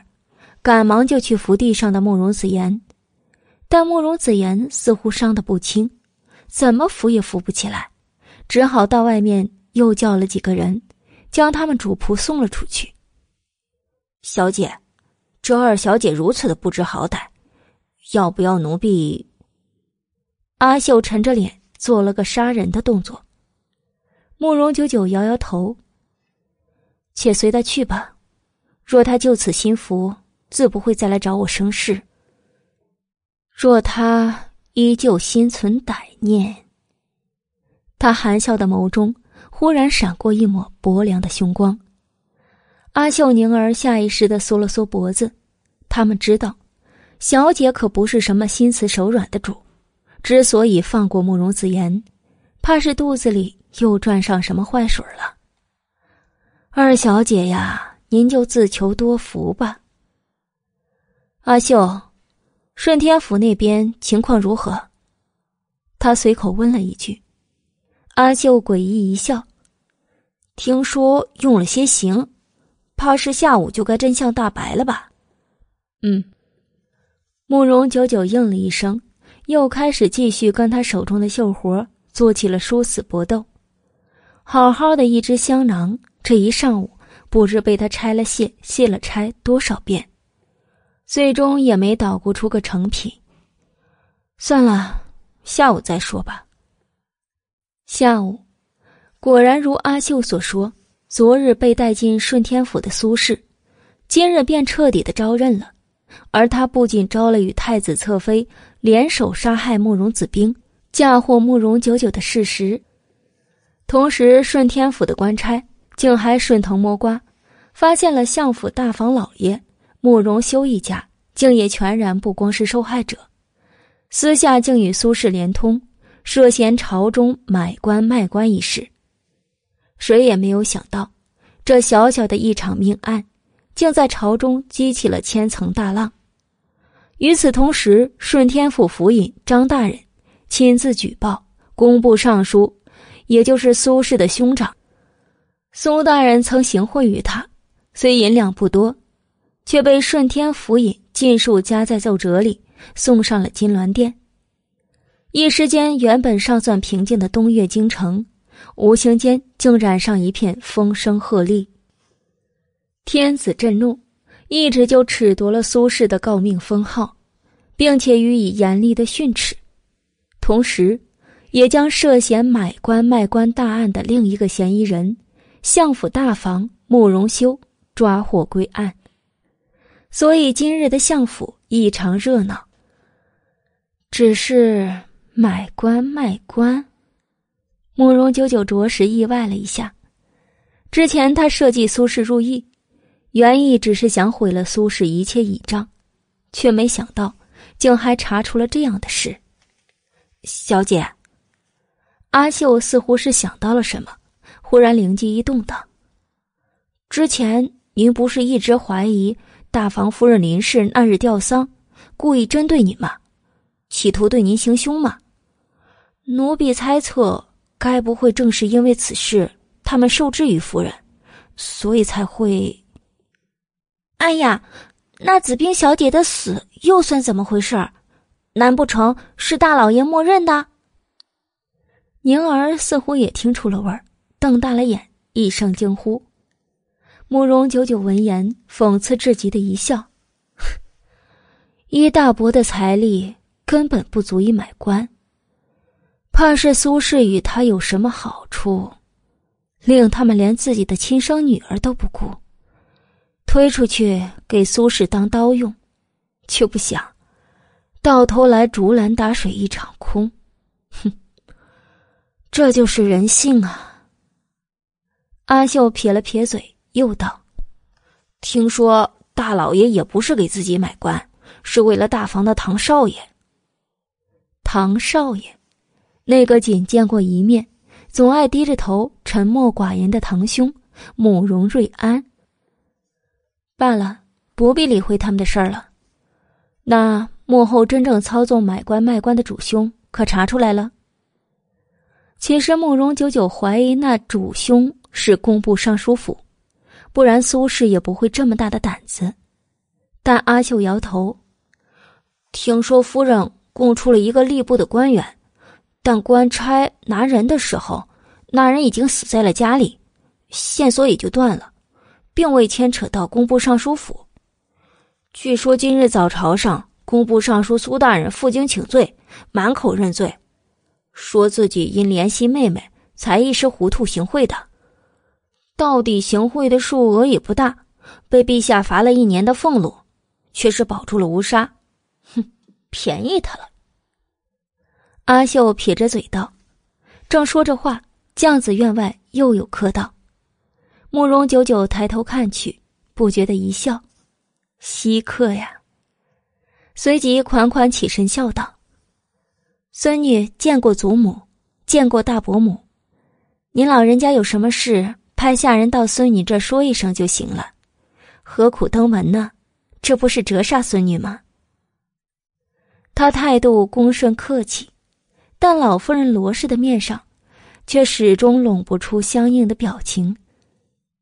她一身暗灰色调的原纹马面裙，银发竖起，固定在一套白银的头面上，手扶一杆红木拐杖。阳光下，还以为是从古墓里走出来的佛爷，一张老脸，灰败而阴冷，没有一丝一毫的人类表情。大概慕容子冰的死与大房老爷的突然入狱，也是伤他极深的。只是这又怪得了谁呢？本集播讲完毕，感谢您的收听。第一百零六集，老夫人浑浊的目光。就这么直直的盯着慕容九九看，片刻才道：“不敢，如今寿安堂可万攀不起你将子院了。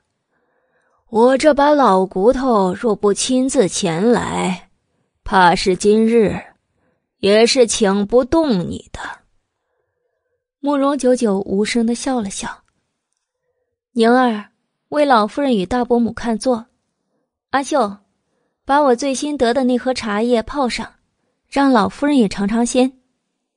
是。两个奴婢四散而去，很快就将一切准备好。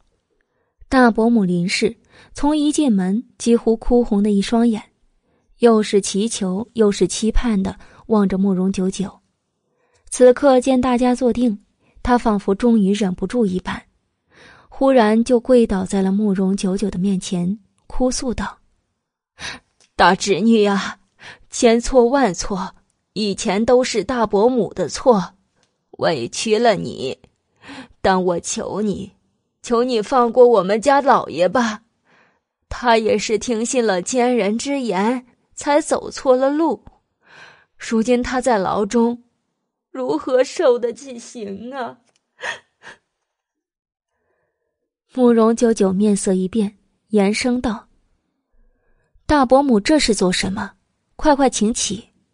你们都是九九的长辈，这般不是来生生折九九的寿吗？”老大家的，快起来，成何体统？老夫人也冷下脸，斥责了一句。大伯母林氏才抹着眼泪，伤心的坐了下来。老夫人此刻再次打量慕容九九一眼，心中虽是万般的恼火，但面上却不得不做出一副商量之态，沙哑的道：“苏氏入狱，包括牵连出你大伯买官的事，都跟你有关系吧？”之前刚出事的时候，老夫人是绝对不会相信，这一切跟一个区区闺中的女子。有什么直接的关系？但细细的想下来，诸般疑点又都指向了眼前这个孙女。她今日是来碰运气的，也是来确定这个事实的，所以她一双目光一直死死的看着慕容九九，生怕错过他一丝一毫的情绪。但是他失望了，慕容九九没有丝毫意外的眼神，只是用他一贯的清淡语气。缓缓的道：“祖母的话，请恕孙女听不大懂。孙女不过是区区一介弱女子，若有如此之能，便也不必受之前那些苦了。”这老夫人又是何等老奸巨猾之人？她一声冷笑：“哼，别以为我老了就糊涂了。就算你没有这般能耐。”但此事也必定与你有干系，你必须让你大伯安然无恙的出来。老夫人的口气骤然变得无比严肃，必须安然无恙的出来。慕容九九明丽的双眸瞬间微微的眯了一下，倒是他身后的宁儿和阿秀。面上不约而同的闪过恼色，这老太太以为他是谁呀？以为顺天府衙是他们家开的不成？你说必须安然无恙的回来就回来吗？真当自己是老佛爷了？沉默了片刻，慕容九九终于开口，悠悠的道：“祖母这是在命令孙女吗？”老夫人瞪着慕容九九的目光。仿佛要将他生吞活剥了一般，霸道的抬了抬头。我是你的祖母，我说的话你必须遵从。别忘了，当初要是没有我，你以为你有今日？若非还存了几分理智，否则这老太婆又要一口一个小贱人的骂了。祖母说的对，没有您，孙女的路也走不了这么顺当。但是没有我，祖母想接大伯、三伯两家入京，怕是也没这么顺当。咱们不过是各取所需了。您若非要为老不尊，拿身份压人，请恕孙女不能遵从。阿秀，送客。慕容久久垂下眼帘，默然一语。跟这种无耻的老太太，他实在是无话可说。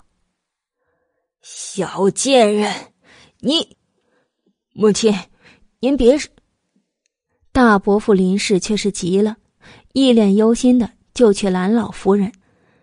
这时却见蓦然垂下眼帘的慕容九九，忽然缓缓的又睁开了，并且唇齿含笑的道：“孙女知道祖母护子心切，才失了方寸。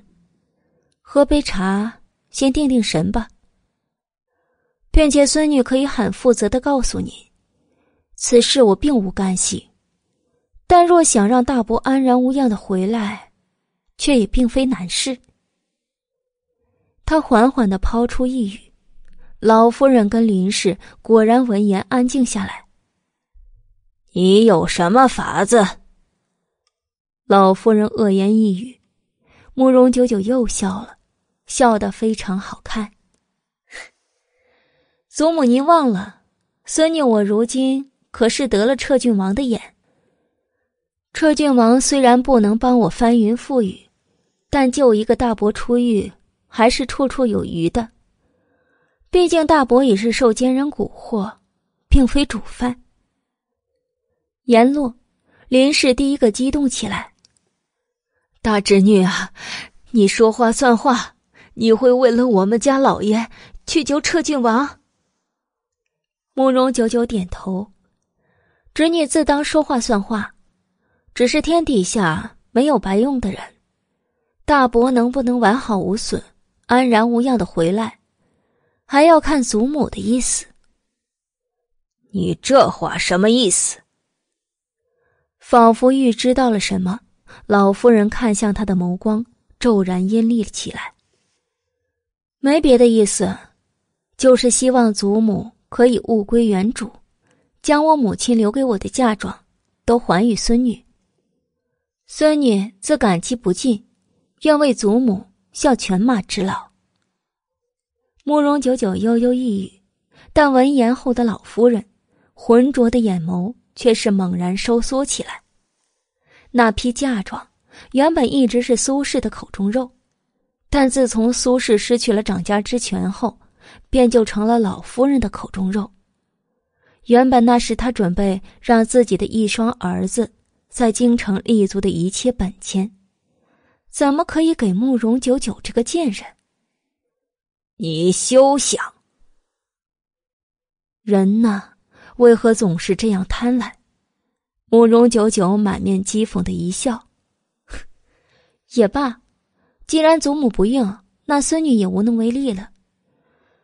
只得待孙女出嫁那日，再拿着内务府的礼单去清点自己的嫁妆了。朝中贵女出嫁，一样嫁妆、礼单、宝册，宫里内务府都是有存案的，谁的东西就是谁的，不是东西在你手里，你就可以随便贪墨的。你，老夫人闻言，瞬间气得浑身剧震。她手指着慕容九九，几乎抖颤的不行。随即，她勃然大怒道：“贱人，你这个小贱人，当初就不该留你。你生出来的时候就该掐死你这个小贱人，就跟勒死你母亲那贱妇一样。”啪的一声，掌心的茶杯骤然被捏成了粉碎。慕容九九依旧静静的坐在那里，但疯狂氤氲，冰寒似水的眸子，却是已经暴露了他此刻翻天覆地的情绪。本集播讲完毕，感谢您的收听。第一百零七集，慕容九九依旧静静的坐在那里，但疯狂氤氲、冰寒似水的眸子，却是已经暴露了他此刻翻天覆地的情绪。小姐，宁儿一声惊呼，阿秀那边已经冷下了一张俏脸，喝道：“老夫人，请你出去，将子院不欢迎你。”如果不是还有一分理智在，阿秀真恨不得一巴掌上去打歪他这张老脸。死老太婆，求人的姿态也敢这么高？凭你今日这句话，大老爷欧阳修在牢里。也休想舒坦了。母亲，林氏似乎被吓住了，她满面担忧的拉着老夫人往将子院外边走，因为他今日忽然发现大侄女生气的样子好可怕。小姐，您的手。慕容九九后知后觉的一低头，才发现掌心被他捏碎的茶杯，锋利的破角。竟割破了他的掌心，嫣红的鲜血顿时顺着他的掌心纹路流了开来。呀，快快拿药来止血药！任凭宁儿跟阿秀两个人忙得脚不沾地，慕容九九都好像无知无觉一般，只是用他另一只完好的手掌微微的抚着胸口的位置。刚才。就在老夫人说出那绝情的话的时候，这个位置忽然疼得险些令他死过去。这是专属于前身那个慕容九九的痛，而他也从中感到了一种令他通体冰凉的悲意。闭上眼，立刻就呈现出那段遥远的记忆。小小的身子瑟瑟发抖的躲在衣柜里。看着最疼他、宠他、依赖着的母亲，被几个老女人用白绫活活的勒死。任凭他如何绝望的挣扎、扭曲、哀求，那个记忆中冷漠如冰的老太婆都不为所动。似乎那日，她也拄着一杆拐杖。夜幕逐渐暗沉，吃过晚饭，慕容九九早早的歇息下了。只是他刚躺下不久，就感觉有人推门进了他的房间，然后是褪去外衫和鞋子的声音。来了。慕容九九侧身回头，果然见白丽华就坐在身边。吵到你了。昏暗的光线下传来他异常温柔的声音。不知为何，一直把情绪刻意压在胸口的慕容九九。在听到这个与他行为亲密的男子发出这样的声音时，他忽然有种万般委屈涌上心头的感觉，一下就从床榻上坐了起来，扑进他的怀里。玉华，软软的嗓音隐带着几分浓浓的悲意。闻言，白了玉华准备抬臂的动作，微微的颤了一下，似乎有些意外。也有些不敢置信，但不知为何，心里就是有种浮浮沉沉的感觉，似是愉悦，似是忧伤，如水上的浮萍，瞬间令他捉不着痕迹。这于他而言，绝对是一种很陌生怪异的感觉，但是却又令他在这瞬间开始变得欲罢不能，下意识的双臂收拢。将怀中温香软玉的女子紧紧的拢紧在他的怀中，仿佛要为他遮挡去什么。喉中伴着几分心疼，几分探究的问：“怎么了？”感受着男子对他的保护，慕容九九莫名心安了一下。眼中人又如何？利用又如何？各取所需又如何？今晚，他心疼的只想找个人抱着他。等心不疼了再说吧。额头轻轻的蹭了蹭他的肩膀，嗓音闷闷的道：“就是心里特别的难受。今日我才知道，原来我与这个府邸，就是个不该存在的孩子。下午，我祖母亲口跟我说，当初我生下来的时候，就该掐死我，就像……”他命人活活勒死我的母亲一样，将我们彻底的抹杀。别说了，我都知道的。百里一华轻轻一语，当初他选择慕容九九的时候，就调查过关于他的一切过去，自然也知道他母亲的真实死因。只是当初他知道的时候，觉得只是理所应当。自古成王败寇，风花荣辱，本就如此。但此刻，当听到慕容九九以这样的口吻说起的时候，他心里竟莫名的不舒服起来。他是为慕容九九感到不舒服，极其的不舒服。二人也不知这样抱了多久，百里玉华才缓缓的捞起他的一只手，见上面裹着厚厚的纱布。蹙眉问道：“怎么受伤了？不小心把茶杯弄破，割了个口子。啊，抱歉，今日未能给你绣出一个像样的香囊。”慕容九九似是想到了什么，忽然满面的歉意，低了低头。百里一华无奈一笑：“ 罢了，你只需记着。”还欠我一个香囊，不，是很多。今后本郡王带的所有香囊都归你来绣。慕容九九一愣，心里暗骂：这个法西斯，趁机居然又剥削了我一把。心里虽然这么想，但他面上却是无比的乖巧，说道：“给玉华你绣这锦囊，我当然十分愿意啊。”只是从此都让我绣，那岂不是冷落了你府中的一干通房吗？东岳朝官府的公子哥，在未成年十五岁上下的时候，就会被安排通房丫鬟。教习婚后之事，如百里玉华这样的权贵子弟更不会少吧。但闻言，百里玉华刚舒展的眉峰，却彻底就蹙了下来。若不是连他今日伤心。早把这丫头按在床上，好好的调教了。你听谁说本郡王有通房的？他危险的眯起了眼。慕容九九撇撇嘴道：“这还用听说呀？京城哪个王孙公子没个娇小可爱的通房供他们快活？你府里不还养着一对双生姐妹花吗？供你……嗯。”话没说完。唇齿已经被彻底的封住，百里一华发现他压根儿就不该去怜惜这不知好歹的死丫头。好好的小嘴儿，竟会说些让他心塞的话。一念至此，唇上越发狠的蹂躏起来。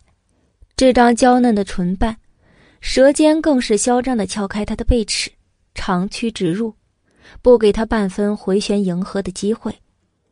直到感觉怀中的娇躯。微微的颤了起来，他眸中的怒气才开始消散。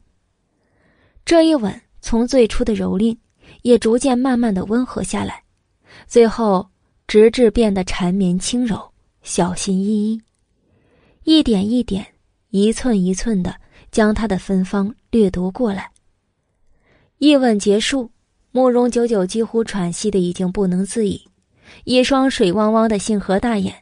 只能无助求饶的凝望着身前的男子，身上所有的力气更是依附在他的身上。玉华，微肿起来的小嘴儿可怜兮兮的唤他，百里玉华心神一荡，直接抬手将他安安稳稳的放回到榻上，昏暗中目光又忍不住恶狠狠瞪了他一眼。慕容九九。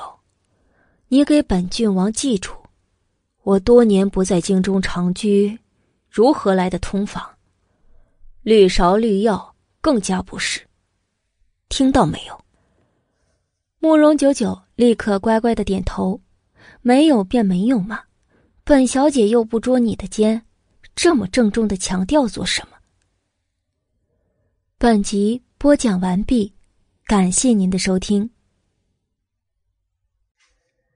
第一百零八集，见慕容九九又恢复了乖巧的样子，百里玉华这才满意的点点头，手掌抚上他如玉的小脸拇指轻轻的摩擦过他。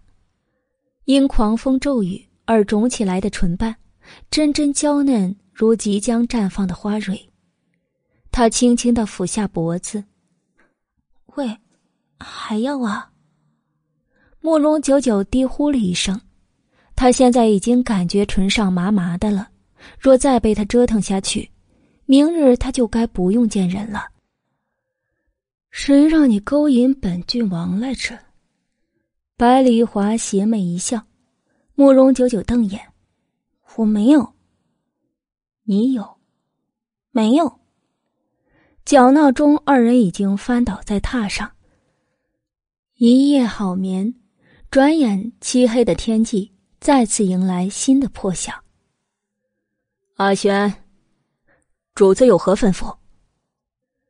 到顺天府衙取大房老爷慕容修的懿旨，送到相府老夫人的跟前，也算本郡王在相府数日对他老人家的几分孝敬了。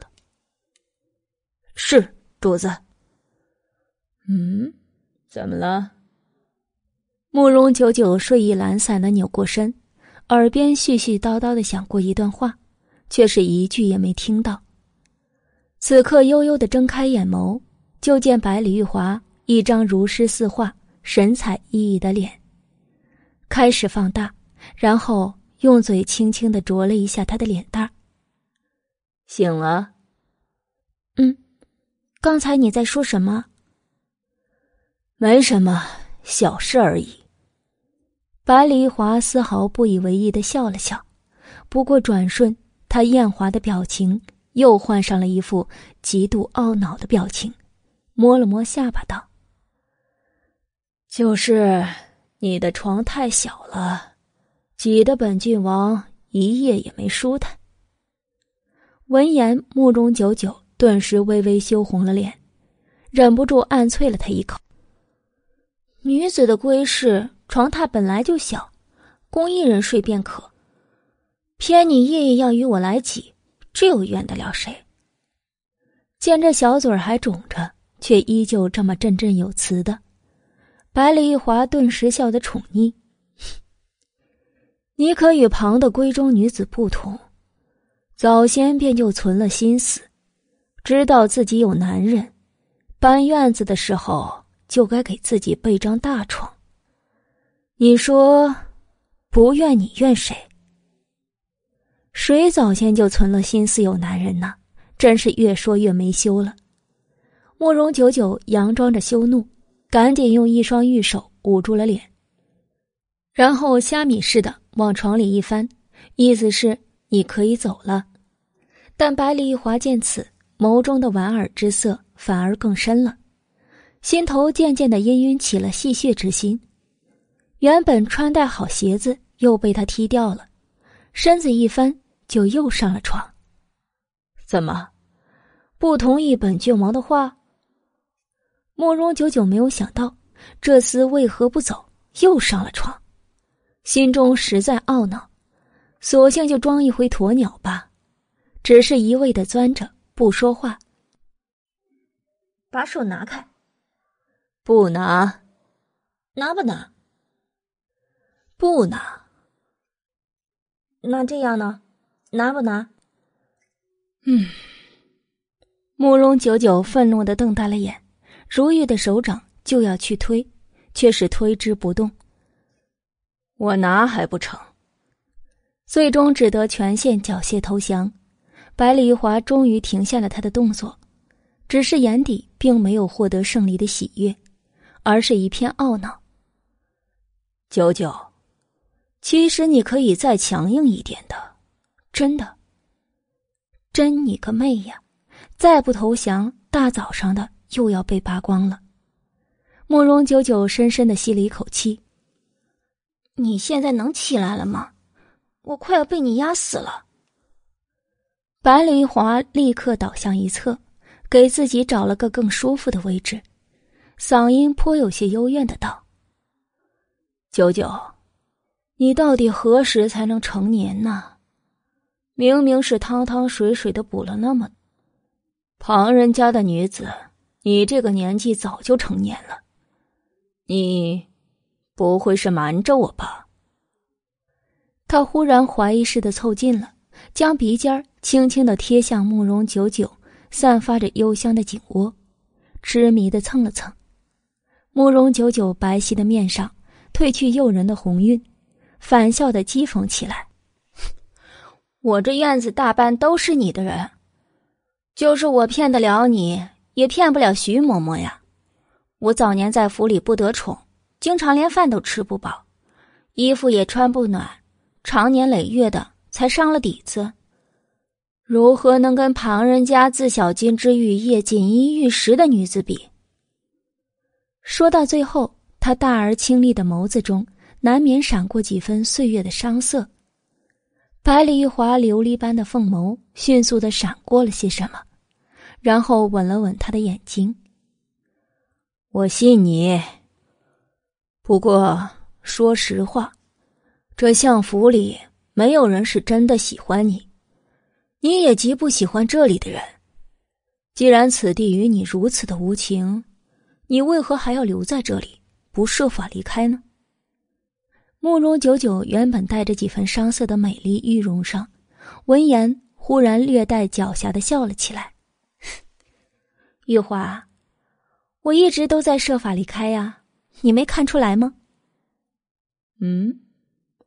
白丽华轻轻的挑了挑眉，慕容九九已经是伸出双臂，温柔的攀上了他的颈项，如玉的食指带着无限的缠绵之意，轻轻的抚摸过他优雅的唇畔，笑道：“只是时机未到而已，时机一到，这相府我可是一日也不想待呢。”玉华，你会帮我的，对吧？他朱唇轻启，低低的问：“自然。”白丽华轻轻的回答，就算心里明白，这个女人只有在求他给予的时候，才会如此主动的露出妩媚动人的笑。天就要亮了，你若再不走，可能会遇到不必要的麻烦了。才一会儿，白丽华满目不愿的抬头，见窗外果然透出了清白之色。他俯身，恶狠狠的趴在某得意洋洋的女人耳边道：“你再不寻个合适的去处，我便在公主府给你安置个院子。本郡王说到做到。”言罢，他利落的就起身离开了。窗外，阿轩早就等得黄花菜都凉了。伺候主子多年，他何曾想到，今宵一刻催人醉。主子这般自持的人，居然也有如此拖拖拉拉的时候。难道当真是自持久了，一旦沾着腥味儿，便不得自持了？本集播讲完毕，感谢您的收听。第一百零九集。清晨的一阵冷风吹来，他不觉的打了个喷嚏。这时欲求不满的主子。已经出现在他的身后。屋内望着周遭的寂静，床上近乎半裸，却守住最后一片静地的慕容九九，终于长长的舒了一口气，眼底恢复了一贯的冷静之色，一把撩过暖暖的丝被，继续他的回笼觉。而几乎一闭眼、一睁眼的功夫，天就亮了。但今日却并没有太阳。因为凌晨的时候，天际飘起了雨丝，然后越下越大，才一个时辰的功夫，就化作漫天淅淅沥沥的小雨。估计这一上午都停不下来。小姐，宁儿不知何时推门进了屋，见丝被下的小姐，难得露出一副懒洋洋、昏昏欲睡的样子，不觉得好笑。似乎自从那位徐嬷嬷来了以后，小姐在她的调养下，就一日美过一日了。她日日为小姐穿衣的时候，甚至都不敢相信，这倾国倾城的美人，竟是与他从小一直相依为命长大的小姐。小姐，今日难得阴雨连天，你若想多睡会儿，就睡会儿吧。慕容九九摇了摇头，还是起床吧，不能因得了几天舒服日子就松懈下来，这样。不定哪日打瞌睡的时候，就被人吞的骨头渣子都不剩了。好吧，宁儿有些心疼的道。穿起衣服，徐嬷嬷很快端着洗漱的用具进了门。只是当她看到微有些凌乱的床榻时，眸中不自觉的笑了笑。但在看到慕容九九洗脸时，挽起的一截手臂，和上面依旧嫣红似血的朱砂时，又下意识的皱了皱眉，却也不曾说什么。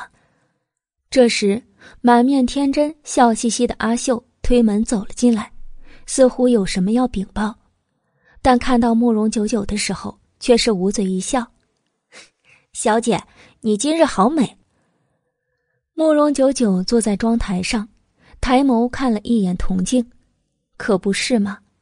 粉面不染而红，似羞寒春。最要命的是，嘴还微肿着，怎么看怎么……死丫头，哪里美了？连带着他们家主子的那份慕容九九恨恨的只想磨牙。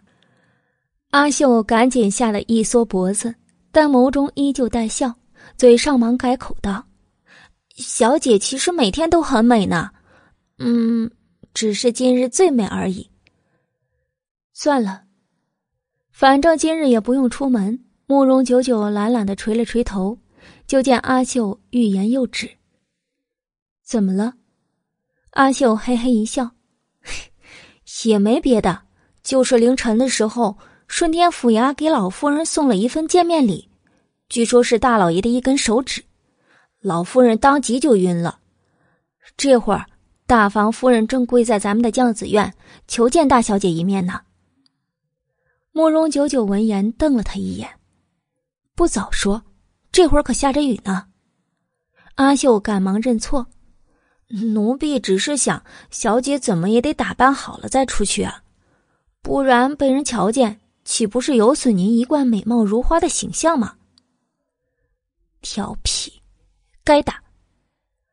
阿秀吐了吐舌头，他就是故意为难大方。谁让昨日那老夫人说了那么重的话，把小姐气得一下午都没有好好说一句话，活该。穿戴整齐，又给自己寻了一块遮羞的面纱后，慕容九九才撑着一把伞出了门。果然见将子院的大门外，大房林氏顶着雨就跪在那儿，四周不停有早起的丫鬟小厮路过，窃窃私语。慕容九九立刻蹙了一下眉峰，几步就走到了林氏的面前，寒声道：“大伯母，你这是作何？”林氏一见慕容九九来了，一张被雨水打花了的脸，立刻哀求道：“大侄女，不，大小姐，我们千不该万不该得罪您，求您高抬贵手，救救我家老爷吧，求您了。”大伯母似乎误会什么了。昨日我年纪小，不懂事，胡言乱语。我有几分几两，难道这相府的人还不知道吗？您这般跪在雨中，在来来往往的人见了，只会怨我这当家嫡女苛待长辈。九九究竟与大伯母有何冤仇，竟要如此的陷害九九于不义呢？一番话说完，林氏顿时慌了。他病急乱投医，求到了将子院，却不想，我。秋菊立刻扶大伯母回去，阿秀，马上知会梅姨娘一声，从库房里取一只百年的人参，几味燕窝，都一并送去大房。若说起来，就从我的月钱里扣。慕容九九这话说的极大，就是让周围的丫鬟小厮听得分明。他可没有苛待长辈，不敢，不敢。林氏已经是慢性哀求了，如何敢要慕容九九的东西呢？但秋菊已经不由分说，将他从地上扶了起来。吃过早饭，阿秀禀报道：“小姐，舒安堂那边的情况似乎动静不小呢。小姐要不要过去看看，趁机做点什么？不然……”奴婢只怕明日再往寿安堂送一根手指，那老太太就一命呜呼了。我想也是。慕容九九煞有其事的点了点头，于是主仆三人很快撑着伞就走到了寿安堂外。因为老夫人忽然昏厥的关系，所以今日的寿安堂自然是很热闹。一进门就见三老爷一副大孝子的模样，守在床边，小心翼翼的问候什么。其次便是三房夫人王氏与大房林氏，再之后便是慕容瑞安这个所谓的长孙，最后便是慕容婉婉与慕容子欣两姐妹。他们此刻面上皆是一片悲伤。林氏对上慕容九九的时候，依旧是满目的哀求。但王氏在与他的一双女儿在望向他的时候，就要显得几分假意了，似乎还颇为警惕。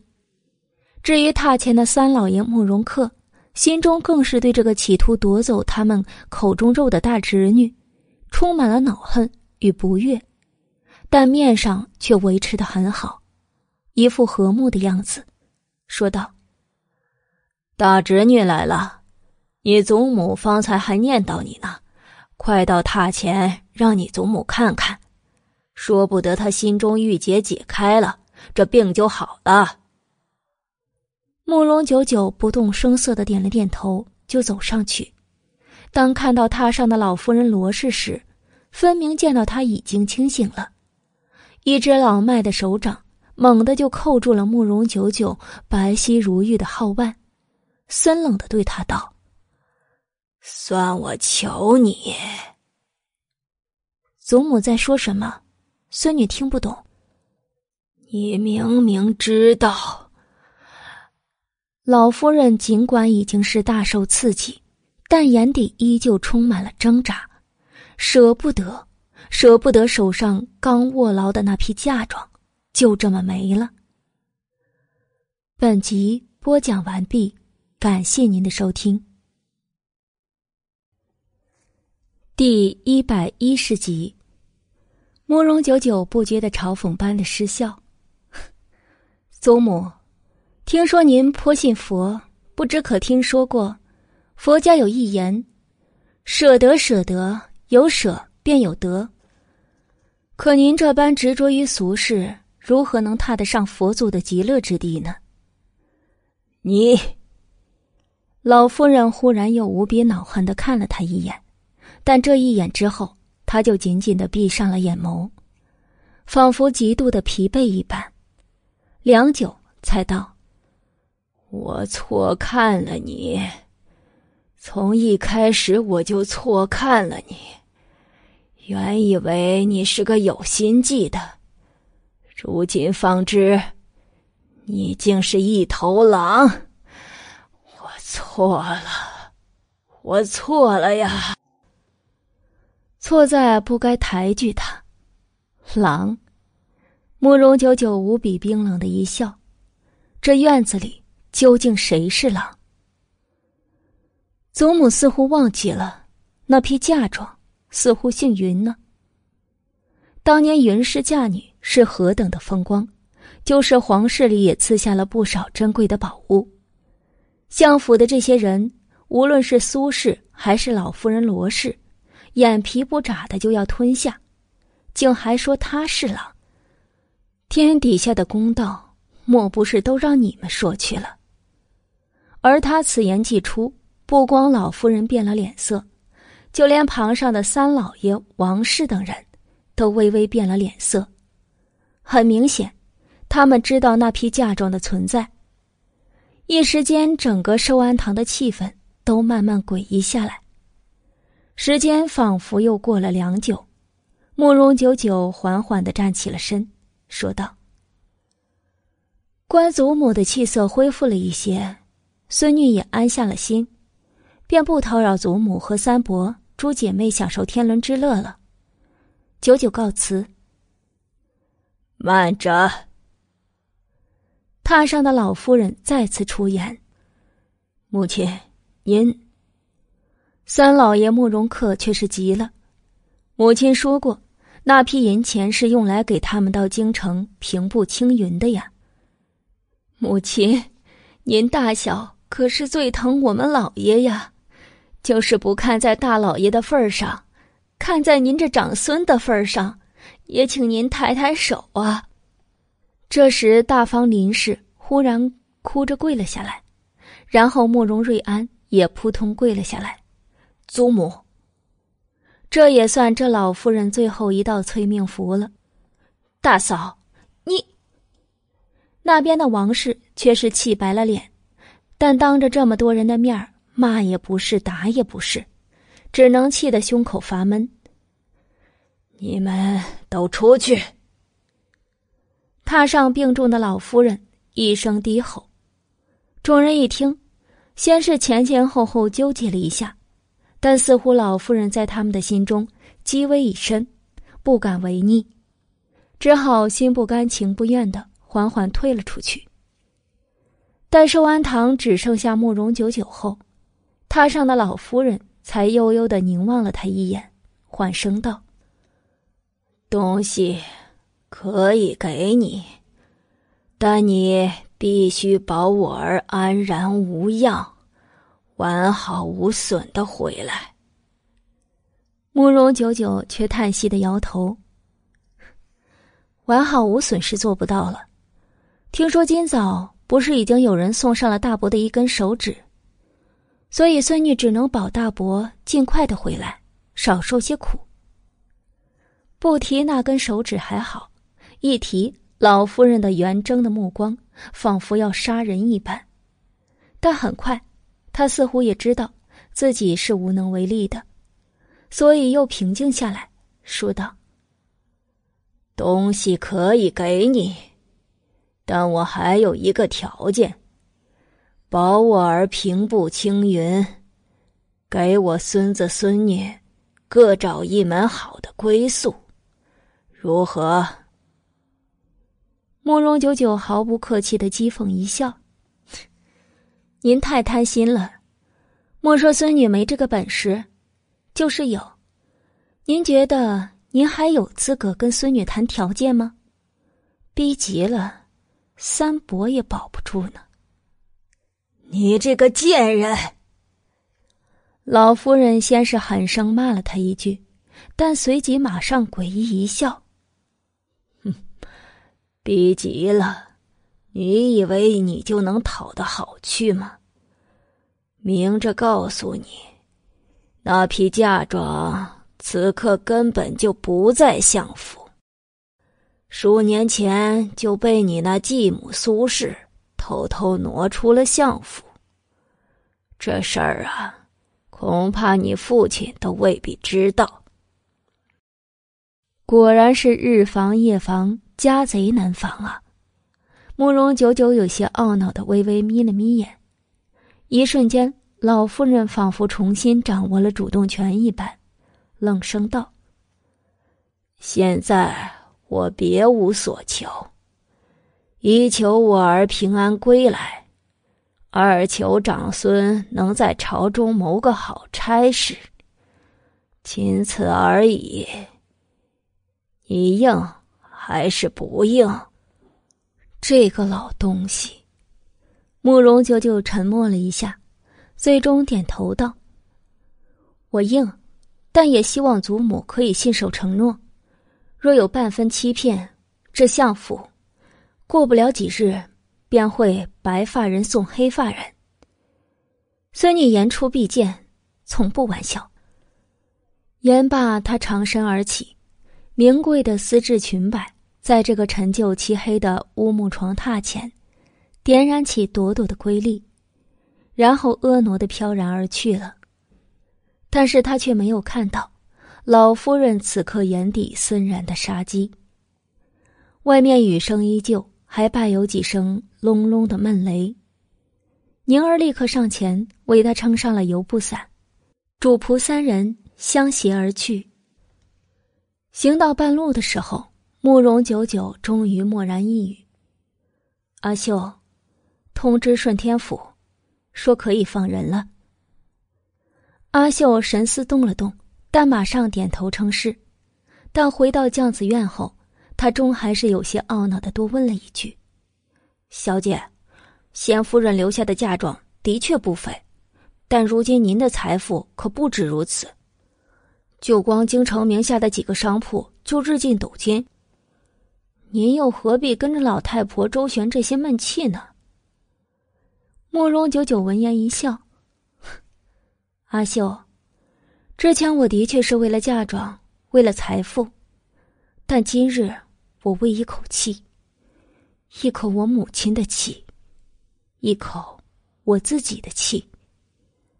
十几年人微言轻，十几年的欺凌。这相府，总要有人出来还给我吧。言罢，他顺着头顶的雨伞，微微的抬眸，望着湿漉漉、阴沉沉的天地，他倾城美丽的容颜忽然笑得几分诡异。这雨淅淅沥沥的，竟就下了一整天。到了晚上，才渐渐的停了下来。转眼天明，一大早，慕容九九也算言出必践。顺天府以证据不足的理由，最终释放了大房老爷慕容修和苏轼。尽管这二人在牢中的生活，都是按照官宦品阶配备的特等房间，衣食住行都较为整洁，但这短短一日一夜的牢房生涯。却也是令他们彻底的形容大变。慕容修在牢中受过一些刑，又被断去一根手指，回来的时候人虽然清醒着，却是瘦了一大圈儿，再不复之前的虎背熊腰。至于苏轼，虽只受了一点皮外伤，但人回来的时候却是高烧昏迷。想必这对叔嫂齐齐入狱，已经成了京城的佳话。慕容修光脚不怕穿鞋的倒无所谓，但苏轼这一次却是真的毁了。大概哀莫大于心死，才会落得这般凄惨的下场。回来后几乎病得药食无用。本集播讲完毕，感谢您的收听。第一百一十一集，尚书府这次。也堪堪受到牵连，估计他们自己心里也知道，苏轼这个妹妹算是就此废了，就算活下来也只是个污点，所以并没有送过太多的关心，只是派陈氏过来走动了几次。而慕容子言自上次挨打后，本就卧床不起，再看到母亲病成这样，几乎一下就被抽去了所有的主心骨，也病倒了。而寿安堂那边也只是称病，一时间整个相府的后院可谓是一片愁云惨雾。慕容正的脸色就更是整日碧绿碧绿的了，尤其是在看到慕容九九的时候，分明不喜到了极点，但面上又不得不装上几分，别提多难看了。如今你可满意了？他质问道。慕容九九悠悠一笑：“ 父亲何出此言？满不满意也是公家的事，只能说顺天府此番也算是明察秋毫，没冤枉一个好人，也没放过一个坏人。至于夫人，只能说是罪有应得吧。哦，还有，夫人如今被褫夺了诰命，又入过一次狱。”已然是不堪大用，当务之急，不知父亲可会效仿当年对付我母亲的法子，送他一条白绫。父亲不过是而立之年，以您的儒雅之姿，说不得有生之年还能为我们再添一个贤良淑德的继母呢。你，慕容正面上被气得一白，有哪家女儿会说这样的话呢？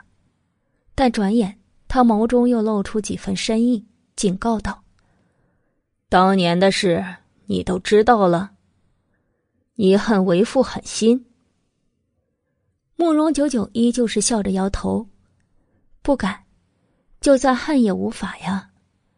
女儿身为相府的嫡女，万事还需依附于父亲，怎敢恨父亲呢？你知道便好。慕容正冷冷一语：“得了玉郡王的眼又如何？想要保住一世的荣华，没有一个有实力的母家也是长久不了的。”这对父女如今虽已是水火不容、相看生厌，但却又必须相互利用。只是经过此番的变故，慕容正也算是真的看清了慕容九九的本质，要更加阴郁莫测的很。如果要是德玉郡王演的是紫妍，那该多好！慕容正心里不止一次这么想过，只可惜他回头望了一眼兰芷院的方向。不觉得深深叹了口气，整个人仿佛也老了些许。回到绛子院，还没喝上一口茶的慕容九九，又意外迎来了一个到访的客人。花千叶大概是爱惨了这耀眼的大红色，日日出行都必是华光万千，手持一把玉骨折扇，一路走来风流倜傥，俊美无比。生生的压了相府的满园子春色，一双含情的桃花眼就更是没闲着，不是给这个婢女抛个不疼不痒的媚眼儿，就是惹得路过的小丫头羞红了脸颊。他则恣意的笑着，妖娆的不行。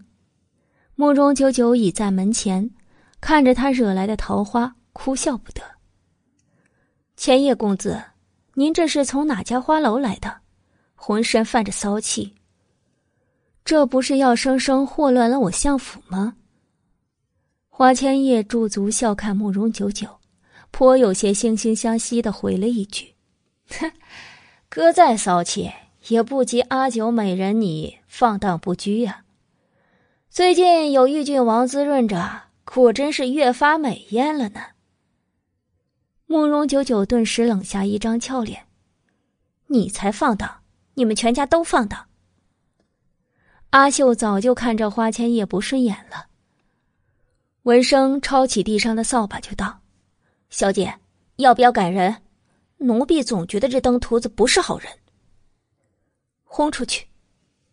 慕容九九一声令下，阿秀立刻变来劲儿了，抄起手中的扫把就朝花千叶冲了过去。花千叶大惊，慌忙抬脚就躲闪起来。一边躲闪，一边连连的怪叫：“哎呀呀，这就是你们相府的待客之道吗？本公子好歹也是风流无比、人见人爱呢！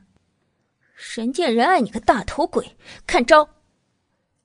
二人一追一赶，花千叶原本艳滑的红衣，此刻随着他踉跄躲闪的动作，如一团跳跃的火焰，满园子的乱窜，惹得人莞尔。看轰的也差不多了，慕容九九摆手道：“罢了罢了，阿秀住手！既然千叶公子想看看我相府的待客之道，又怎可让人家失望了？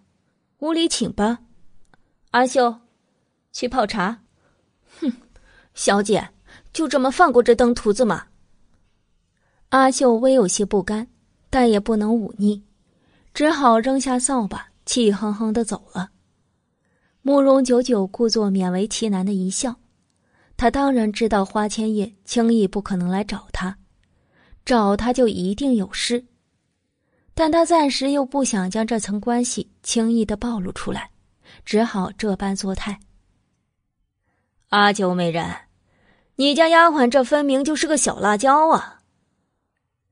花千叶虽然被轰了一通，但一抖华丽的红衣。身上却不见丝毫的狼狈之态，微微的桃花眸依旧是风流无比。慕容九九嗔笑道：“小辣椒不是正合你的口味吗？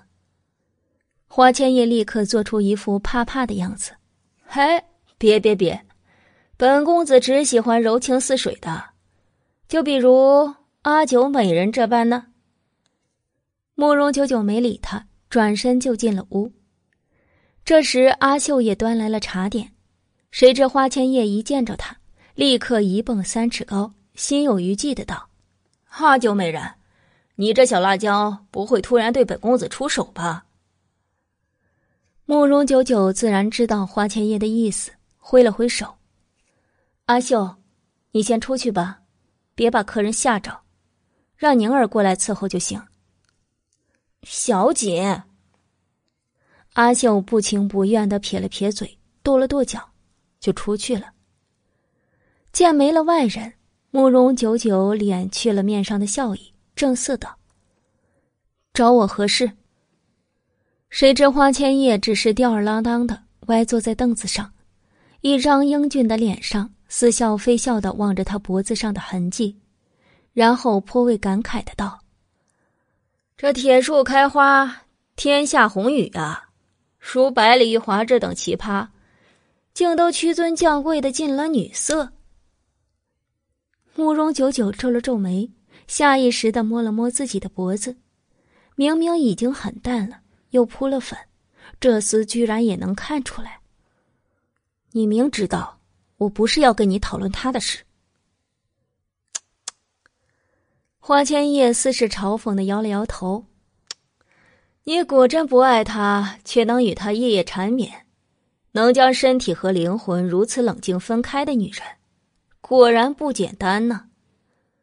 但你有没有想过，待有一日百里玉华发现了你的虚情假意，他会不会杀了你？本集播讲完毕，感谢您的收听。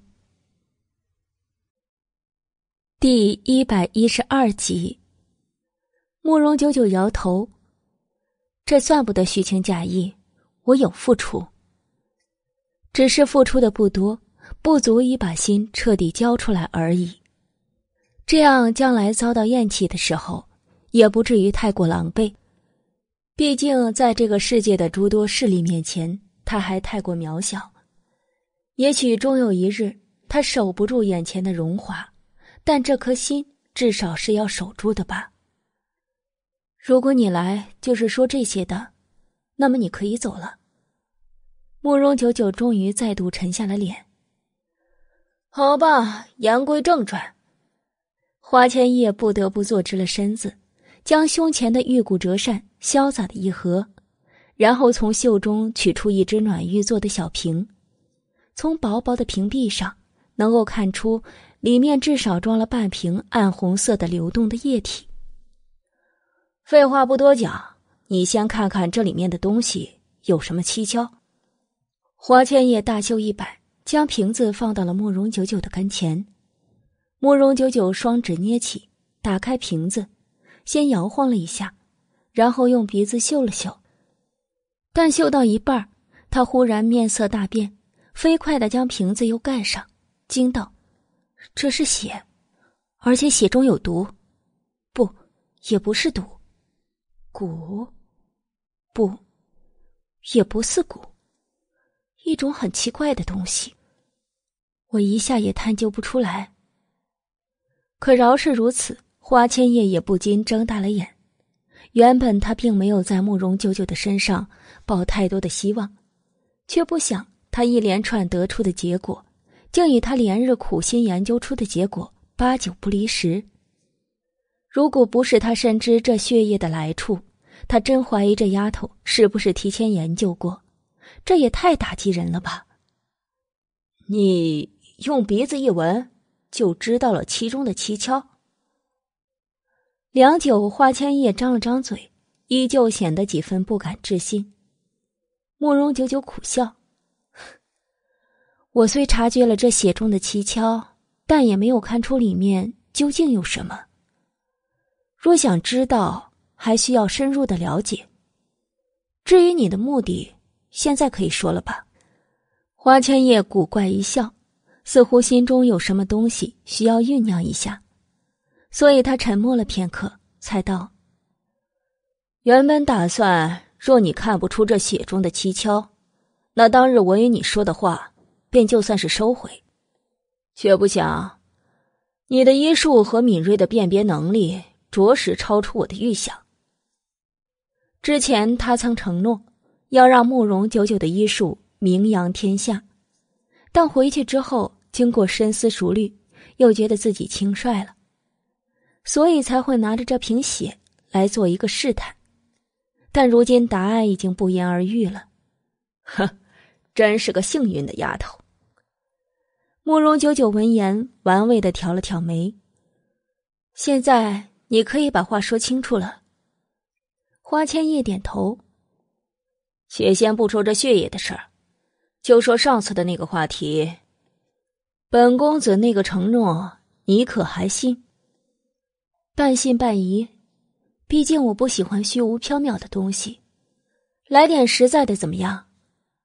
慕容九九满面由衷的道。从上次他们的谈话中，慕容九九隐隐的看出，他的身上花千叶一定有看中的东西，或许以此做个交易。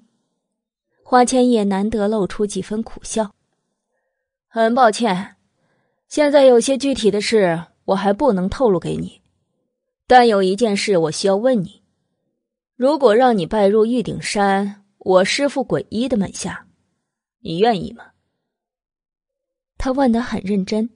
慕容九九闻言，轻轻的一挑眉，笑道：“好事啊！据我所知，天下学医之人，无不望其项背。我若有幸拜入门下。”自是平步青云。最主要的是，从此以后，他就可以光明正大的以医术大行其道。更重要的是，他的身份将不再单单属于东岳相府，而是川南玉鼎山。那不仅是一个身份，更是一个保护层。这是花千叶向他抛出的好处吗？那我需要做什么呢？花千叶摇头：“你现在什么都不需要做。几日后，我师父鬼医会亲自入京，收一名关内弟子。到时候，只要他老人家满意，具体的事情你也就可以知道了。”他不愿意说，慕容九九也不想愚蠢的去追问，而是将目光又定格在桌上那暖玉瓶中的血液上。那这个呢？花千叶一笑，褪去面上刚才的郑重，仿佛瞬间又恢复了之前的玩世不恭。这是我此番到东岳京城的目的之一，查出这血中的东西。需要我帮忙吗？慕容九九看了花千叶一眼，问道：“那你有几成把握？我可以试试。”慕容九九永远不会把话说满。但花千叶却是已经很满意了。也好，你刚才的辨别能力已经让我很惊讶了。那这瓶血就先留在你这儿。那这血的主人能顺便透露一下吗？花千叶点头，当然可以，是你们东越国的皇帝陛下。慕容九九一愣。那他现在怎样？我是说身体状况。他问：“花千叶蹙眉，身体状况很好，至少从脉象上看是这样的。但是他血液又偏偏被人掺了东西，既不是慢性毒药，也不是蛊毒。皇帝嘛，总是疑神疑鬼的。我师父早年欠过他一个人情，此人不过是还一个人情而已。对了，忘记说了。”我师父鬼医，其实在东岳还有一个身份。慕容九九又愣了一下，愿闻其详。我师父本名也姓君，也姓君，君在东岳可是皇姓，也就是说，鬼医也是东岳朝皇室中人。慕容九九撇了撇嘴，这世上谁都有秘密，探究不来。三日后就是东岳皇后娘娘举办的马会了，你可有准备？花千叶临走前忍不住又多说了一句。慕容九九无所谓的耸了耸肩。不过一些贵族小姐聚在一起骑骑马玩乐而已，有什么可准备的？可是据本公子所知，这次马会有不少人想将你置于死地。昨天我还看到一件有趣的事呢，你家庶妹似乎与工部尚书府的公子关系颇好呢。花千叶风流不拘的一笑，灼灼的桃花眼，虽看似散漫，但内在却透着别样的风采。经过这些日子跟这个女人的接触，他可不认为她会是什么小绵羊。马慧，他似乎终于有点期待了呢。走了，送走花千叶，慕容九九独自站在庭院内，望着头顶的雨过天晴。怔怔的发了会儿呆，眼底方才闪过几分莫测之色。这时阿秀走了过来，紧张兮兮的问：“小姐，那个登徒子没把您怎么样吧？”慕容九九抬手就弹了这丫头一个脑瓜崩儿。这光天化日之下，里里外外都是我的人，他能把我如何？本集播讲完毕，感谢您的收听。第一百一十三集，阿秀深以为然，也是啊。不过他刚才倒是送了我一个有趣的消息。阿秀，这几日你辛苦一下，暗中观察一下我家叔妹慕容子清的行踪情况。慕容九九吩咐一句，阿秀立刻苦下了脸。小姐，为什么每次这种听墙角的事儿？都是奴婢呀！慕容九九好笑的反问：“那咱们院子里的丫头谁最有本事啊？”“当然是奴婢了。”“那谁的武功最好，轻功最高？”“当然也是奴婢了。”“那谁做人最机灵，懂得随机应变，出了事儿跑得也最快，最让本小姐省心呢？”“当然还是奴婢了。”阿秀一脸认命的垂下了头，他就知道。所以能者多劳，去吧。慕容九九笑着挥了挥小手。不过小姐，三日后就是皇后娘娘的马会了，您确定不提前练一下马术吗？两个唐小姐跟三小姐这几日可都在后院忙欢了。阿秀提醒道。我又不打算在马会上独占鳌头，不过似乎也有几日没去看我的白雪玉雕龙了。若是以我生分了，可怎么好？慕容九九喃喃自语的说了一句，可话才刚说完，宁儿就急急忙忙的跑了进来，说道：“小姐，不好了！您的白雪玉雕龙早上不知怎么的，忽然上吐下泻，中卧在马厩里不肯起来，估计病得不轻呢。”什么？阿秀闻言一惊，然后立刻进入自我推理状态，接着下巴恨恨的道：“怎么可能这么巧？肯定是有人故意陷害，不想让小姐顺利参加三日后的马会。要是让奴婢抓到这个罪魁祸首，一定要将他碎尸万段，扒光了吊城楼上。”小姐，这时秋菊又匆匆走了进来，禀报道。相府外有人送来了一匹马，叫什么苍山云墨，小姐要不要收下？哎，苍山云墨不是主子？阿秀惊得猛一缩脖子，瞪着眼，然后立刻进入鸵鸟状态，企图用沉默来赎他的罪过。天哪，他居然说了主子的坏话，主子会不会派人悄悄灭了他呀？阿秀欲哭无泪。慕容九九莞尔，自顾自的给自己倒了一杯茶，才道：“收下吧，小心的看着，莫让人做了手脚。至于暗害白雪玉雕龙的凶手，就让他逍遥法外吧。”话没说完，闺房里突然传来一阵塌陷的声音：“小姐，好像是您的床塌了。嗯，我知道。慕容九九气定神闲的喝着茶。三日的时间转瞬即过，慕容九九派人洞察外面风声的同时，也趁着手上的伤好了许多，终于捣鼓出一个像样子的香囊来。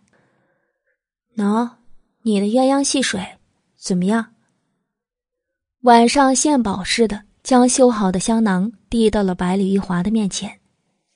后者终于低下他如诗似画的面容，修长的五指，仔仔细细的检查过一遍后，问道：“你确定这是你绣的？”然后他慢条斯理的从袖中拿出了另一只香囊，很认真的做了一下对比。那不是前几天送给苏雨彻的香囊吗？慕容九九。你觉得背着你的男人送别的男人鸳鸯戏水的香囊很合适吗？虽然最近这厮不怎么乱抽风了，但他将眼睛眯成一条缝看人的时候，还是令人有种毛骨悚然的感觉。慕容九九立刻摇头如拨浪鼓，笑眯眯的说道：“当然不合适了，不过依玉华你鸡蛋里头能挑骨头的眼力劲儿，应该能看出来。”他那个根本就不是我绣的，你这个才是。虽说技法拙劣了点儿，但贵在一份浓浓的心意嘛。白丽华闻言挑眉，眼底一丝不易察觉的笑意一闪而过。看在你今日如此乖巧的份上，本郡王免费送你一则消息：有一个想要你命的人，此刻正连夜赶回京城。说不定明日马会，你们就能见面了。贴着女子暖玉边的耳际，温柔的浅浅一语。慕容九九似早有预料，勾唇莫测的一笑。牛鬼蛇神年年有，似乎明日是最多呀。说说，这位又是何方神圣？慕容瑞一。百里华轻轻吐出一个名字。慕容瑞意，相府的嫡子，苏氏唯一的儿子，慕容子言的同胞弟弟。八岁的时候就被慕容正送去了林州府，到一位大儒的跟前学习，只有逢年过节的时候才会回来。可见他承载了慕容正多大的期望，必然不愿让他参与到这后宅的争斗，怕是这小子得了消息，自己偷偷的跑回来。只是想要他的命，哼，还没那么容易。慕容九九秋水般漆黑的眸中，诡异之色一闪而过。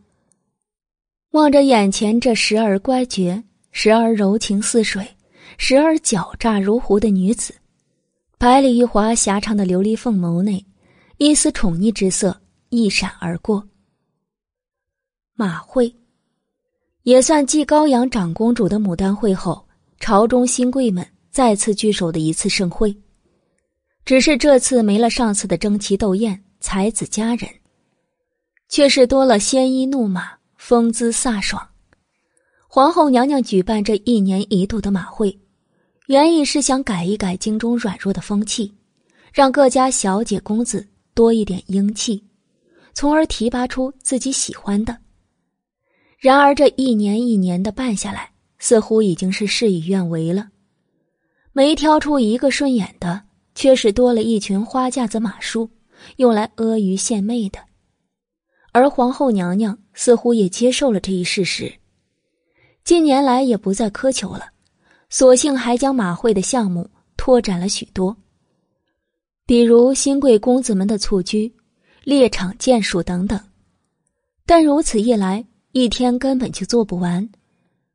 于是每年，众贵女公子们都会选择下榻在郊外皇家猎场旁的兰塔寺。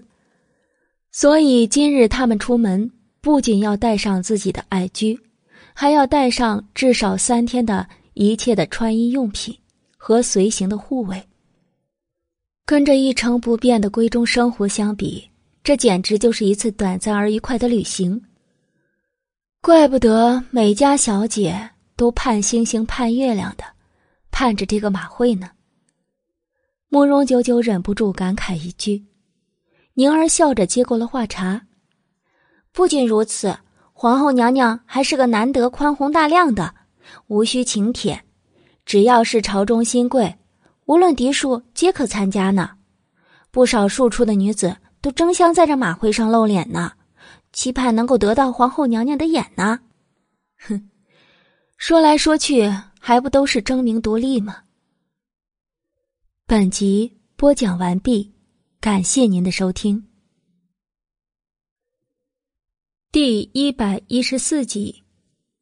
说话间，他们主仆已经走到相府的大门前，正好碰上也要出门的两个堂妹和庶妹慕容子清，或者换句话说，他们应该是专程等在门口的。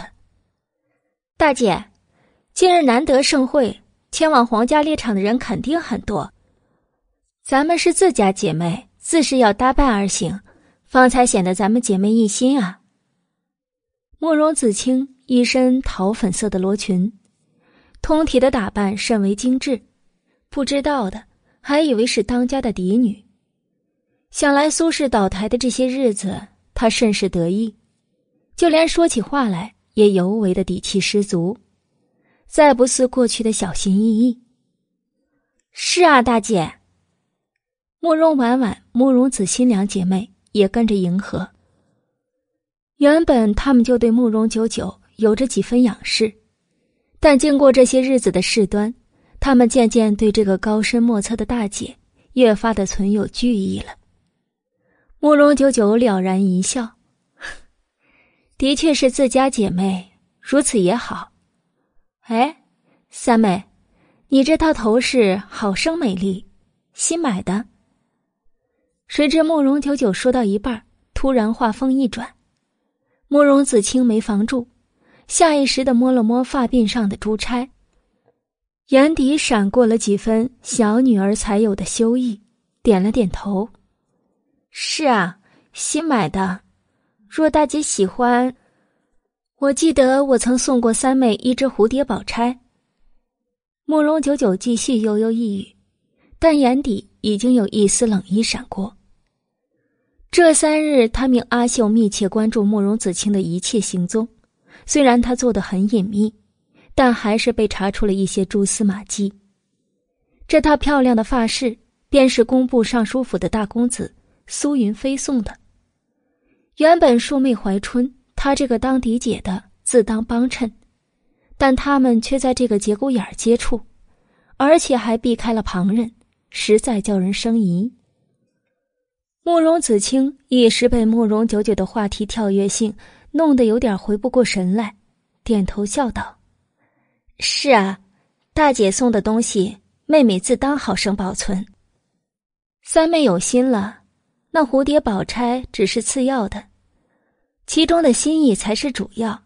若三妹能懂，日后三妹风光大嫁，姐姐必有一份厚礼的天装送上。”如今苏氏也算废了，后宅之中，梅姨娘已然独当一面。慕容子清再不用像以前一样提心吊胆自己的婚事，她完全有机会嫁一个称心的好人家。可莫要因一时的贪心失了本分。这是慕容九九对她的警告，也算她这个做长姐的仁至义尽了。慕容子清闻言，面上一僵。心头莫名的慌乱起来，大姐发现了吗？应该不会啊，她跟云飞交往之事，连姨娘都不知道，绝对的是神不知鬼不觉的。想到云飞对她的情真意切，慕容子清羞涩的同时，也平复了心中的慌乱。子清谢过大姐。可云飞说了，只要奉上大姐的命，他就可以做她的正妻。一丝贪婪在慕容子清的心头一闪而过。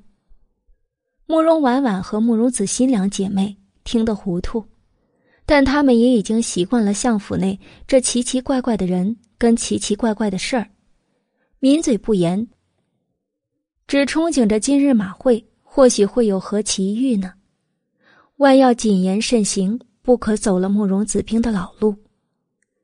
这时，他们的行装都已经打点妥当，各自上了马，便朝着郊外的皇家猎场而去。而这一路走来，也绝不冷清，因为马会也算京中一次难得的盛会。沿路上遇到的，皆是各家女眷的马车，或一些新贵公子哥们，纵着骏马飞扬而过。偶尔有些轻佻的，还会顺手撩开过路女眷的车帘，惹得车内的女子皆面上含羞。而如此行为年年都有，久而久之，仿佛成了一种年轻人之间的游戏。旁人只道是春风得意，少年轻狂，倒还成就了不少的佳话。但是慕容久久两世为人。早就没了这种小姑娘的情趣，只一味的窝在车内，概不参与。但也走了一炷香的时间，方才抵达了目的地。因为他们今晚要下榻兰塔寺，所以第一站皆是停在了佛寺前。而兰塔寺也算是国寺，年年的这个时候都能收到丰厚的香油钱，自是不会拒绝为这些新贵们提供方便。可饶是如此，寺内的禅房依旧是严重短缺。相府也是凭着百官之首的面子和丰厚的香油钱，也才勉强分得三间独院的禅房。而这一路进寺，沿路碰上的皆是各家小姐领着奴婢，大包小包的搬着行囊。马会最多不过三日结束。但众家小姐却恨不得把所有的家当都搬来似的。比起日日对着寂静深宅后院如此热火朝天的景象，看着倒颇为新鲜。哎，慕容大小姐！只是一个惊异的声音叫住了慕容九九，回头就见一个脸生的小姐，身着一身利落的劲装，踩着云靴，颇有几分英气的朝他走过来。面上皆是善意的含笑，而他也看出了慕容九九的疑惑，立刻笑着解释：“慕容大小姐可能不认得我，但我却是识得你的。呃，我叫阮明月，我哥哥是远东侯，我嫂嫂经常说起慕容大小姐呢。”这阮明月显然是个大大咧咧的性子，说话完全不似淑女的有条不理，但却十分的明朗。慕容九九这才恍然大悟，原来是远东侯府的狄小姐失敬。阮明月一笑，开门见山的摆手：“失什么敬啊？本小姐又没有七老八十的，不需要尊敬。慕容大小姐，可否单独借一步说话？”虽只是初次见面，但慕容九九对这阮小姐的印象极好，当即点头，朝身后相府的人。打了一个招呼，就跟阮明月相携而去了。撇开众人，慕容九九以为阮明月要说关于他的嫂嫂处事的身体状况，但却不是，而是一脸神秘兮兮的道：“此言是我哥哥让我有机会转告于你的。”远东侯，慕容九九明显一愣，但还是静听下文。阮明月继续道：“两日前，我哥哥奉命出京办差，在城外偶遇到你相府的三老爷，鬼鬼祟祟的和几个江湖中人来往，言辞间似乎有提到你的样子。我哥哥觉得此事不简单，怕是有人要对你不利。望慕容大小姐这几日的马会，万要小心，休让歹人有机可乘。要知道。”阮明月扫视了一眼周围，压低声音继续道：“马会说着好听，是朝中新贵们竞技玩耍的，但每年死在此地的新贵却也不在少数。”闻言，慕容九九虽怔愣了一下，但眼底却并没有过多的意外。本集播讲完毕，感谢您的收听。第一百一十五集，阮明月自是发觉了慕容舅舅的神色变化，不觉得勾唇一笑，看来慕容大小姐已经胸有乾坤了。胸有乾坤不敢说，其实当日与老夫人谈判时，他就已经嗅到了一股若有似无的杀机。什么给堂兄慕容瑞安谋一个差事啊？不过是拖延时间的借口。一不做二不休，杀人灭口，岂不快哉？与那老夫人罗氏也不是相较一日两日，若连这些都参不透，他怎么死的都不知道。不管怎么说，代我谢过令兄。阮明月无所谓的展颜一笑，说感谢的是我们才对啊！上次你帮了我的嫂嫂，而且听说慕容小姐还颇通医术，我嫂嫂用了你的方子之后，听说身体好多了。若我侯府能添丁，你可是我侯府的大恩人呢。算算日子，那药效也该发挥了。慕容九九了然一笑：“是侯夫人心善，自有善报。”二人相视一笑。与阮明月作别后，一直躲在暗处的阿秀匆匆的朝他走了过来。如今他身边的两大助力，便就是阿秀跟暗处的阿星。之前他已经派阿星出去为他刺探情报，此刻看阿秀的表情，便知道是阿星回来了。怎么样？阿秀见四周无人，才小声道：“小姐，查到了，相府嫡子慕容瑞义果然回京了。他昨夜就混进了兰塔寺。此刻兰达寺内人多眼杂，阿星也具体不知道他藏身何处。奴婢怕他随时会对小姐您不利。”他轻蹙了蹙眉，但慕容九九很快又展颜一笑。放心，是狐狸总会露出尾巴。正因为人多眼杂，他才不敢轻易动手。阿秀却不容乐观，他趴在慕容九九的耳侧又道：“小姐，三老爷这几日，我都知道了。”慕容久久冷笑着打断阿秀的话，然后扳着手指头，淡淡笑道。尚书府的苏云飞，三伯慕容克，我那未素蒙面的弟弟慕容睿义。阿秀，咱们今后的日子还是会很热闹的呢。热闹，步步杀机才对吧？阿秀一时笑得比哭都难看。小姐可有应对之策？要不要兵来将挡？水来土掩，只要他们敢来。慕容九九冷然一笑，这样才更有意思，不是吗？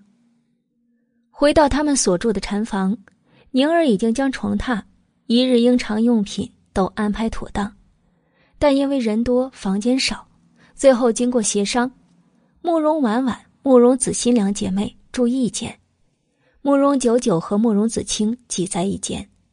而剩下随行的几个丫鬟，就只能挤在一条大通炕上了。而当这一切全部准备妥当，时间已经是晌午了。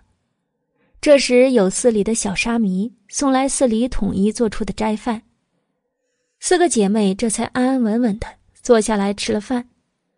味道虽然远不及相府的精致美味，但换一个地方，换一个心情。待惯了深宅大院。突然换到这山清水秀的佛寺，每个人的心情似乎都不错。吃过午饭后，基本一下午的时间都是悠闲的，因为马会第二日才会正式拉开，许多人下午一般都会用作热身锻炼或者是玩耍。慕容婉婉和慕容子欣两个姐妹，吃过饭，在邀请慕容九九无果后，自己便出去遛马玩了。至于慕容子清，也老早的没个踪影。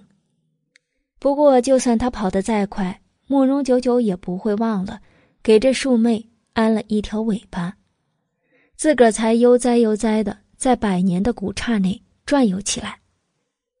直到傍晚，众人才疲困马乏的回到禅房。彼时，阿秀再次送来了消息，只是他站在慕容九九的跟前，红着脸。半天才支支吾吾的凑近道：“小姐，下午三小姐果然又跟那个苏云飞接触了，还行了苟且之事。”哦，慕容九九倒不是很关心这些，而是问：“可否被他们察觉？”阿秀摇头：“以阿星的手段，自是滴水不漏的。”那就好。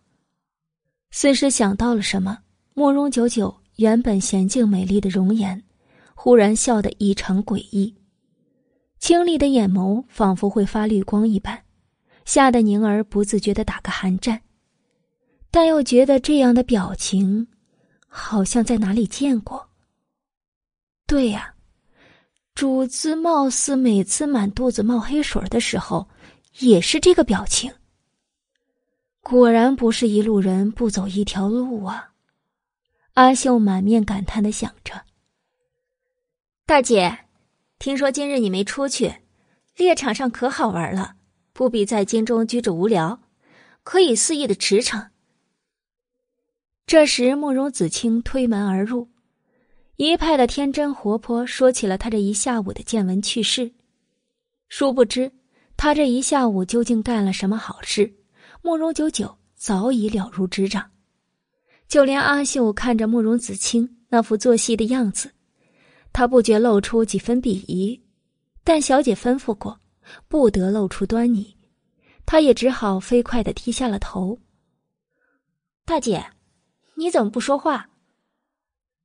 慕容子清喋喋不休的说了半天，却见慕容九九一直垂着头坐着，仿如一滩看不透的深水。一触就让人有种陷进去的感觉。自己怎么会有这种想法？慕容子清荒谬的摇了摇头。啊！这时，慕容九九像是惊醒了过来，表情木讷的苦笑道：“哦，可能是水土不服吧，又颠了半日的马车，困得不行。哪及妹妹的孩子心性？”玩的这么疯，不过一年才出来这么一次，大姐不怪你。慕容九九笑得和颜悦色，小孩子嘛，难免有把持不住的时候，遇到一个虚情假意、暗藏祸心的男人，难免没忍住，就把自己的姐姐给卖了。不过姐姐不怪你，怪只怪那苏云飞不自量力，想找死。本小姐不介意让你生不如死。慕容子清自是听不出这话中的意思，只是一味的天真的笑着，但脑中却浮现出下午云飞待他情深时说的话：“慕容久久不死，他难消心头之恨。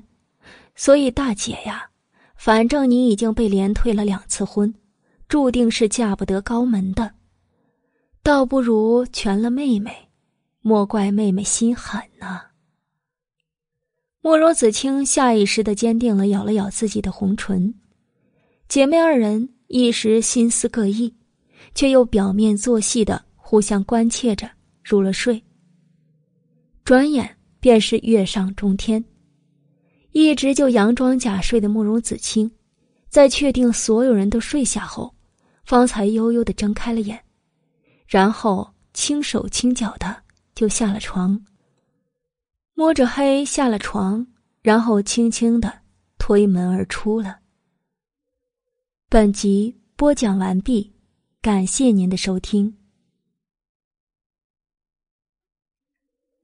第一百一十六集，云飞。慕容子清离开禅房后，趁着夜色就朝一处角落走去。只是他口中的呼唤声还没喊完，就被一只大手揽入一个漆黑的死角。感受到身后熟悉的味道，慕容子清羞涩一笑：“云飞，我听你的，都安排好了。房中燃了迷香，他不会醒的。”暗处，一个相貌颇为硬挺的年轻男子，闻言满意一笑：“他的姑母苏氏。”昔日在京中是何等的风光，近日都是遭了那个小贱人的算计，才会落得如此一败涂地的下场。还有他的长姐，堂堂太子侧妃，怀着皇嗣，如今还在府中禁足。如此一连串的耻辱与恶气，苏云飞的父亲工部尚书能咽，他可是万万咽不下去的。哼，只是可惜了，如今兰塔寺人多眼杂。稍有动静就会惊动旁人，不好做的太过。否则，真想将他拉出来，好好的凌辱一番，让他在痛苦中忏悔自己的罪行。苏云飞冷冷一语，想起他曾在暗处看过那个慕容九九的相貌，绝对是堪称绝色。那细若杨柳的身段，不能一亲芳泽，到底是可惜了。苏云飞的眼底闪过几分懊恼的淫邪，感受到身前心爱男子的心思，初尝情爱的慕容子清顿时委屈的皱了皱眉。云飞，表哥，动手吧。另一个冰寒般的声音响起，才发现暗处此刻还站着一个少年，昏暗中看不清相貌，但慕容子清知道。这便是他过去有过几面之缘的弟弟，慕容瑞意。不同的是，他只是家中的庶女，从不被重视，而后者却是家中众星捧月的唯一嫡子。果然，慕容瑞意非常不屑的看了慕容子清一眼。慕容子清不禁暗恼的咬了咬嘴唇，不禁提醒着又道：“云飞，我们这样趁夜。”将禅房烧掉，固然一干二净，不留把柄。可若是唯独我活下来，会不会惹人怀疑？这个女人还不算傻吗？苏云飞有些轻蔑的看了一眼怀中娇软的少女。说实话，他还没享受够，但是也没法子呀，留他一个把柄，怎么也不好说，只得硬了硬心肠，冷笑道。哼子清，我知道你最为我着想，此番便就委屈你了。不委屈，云飞，你说什么呢？慕容子清先是羞涩的摇了摇头，但随即似乎意识到了什么，有些不解的看了看身前的男子，但奈何夜色如墨，他始终看不透。本公子说，此事牵连甚大。万不能落下分毫的把柄，而最安全的方法就是你跟你的长姐一并葬身火窟吧。委屈你了，子清。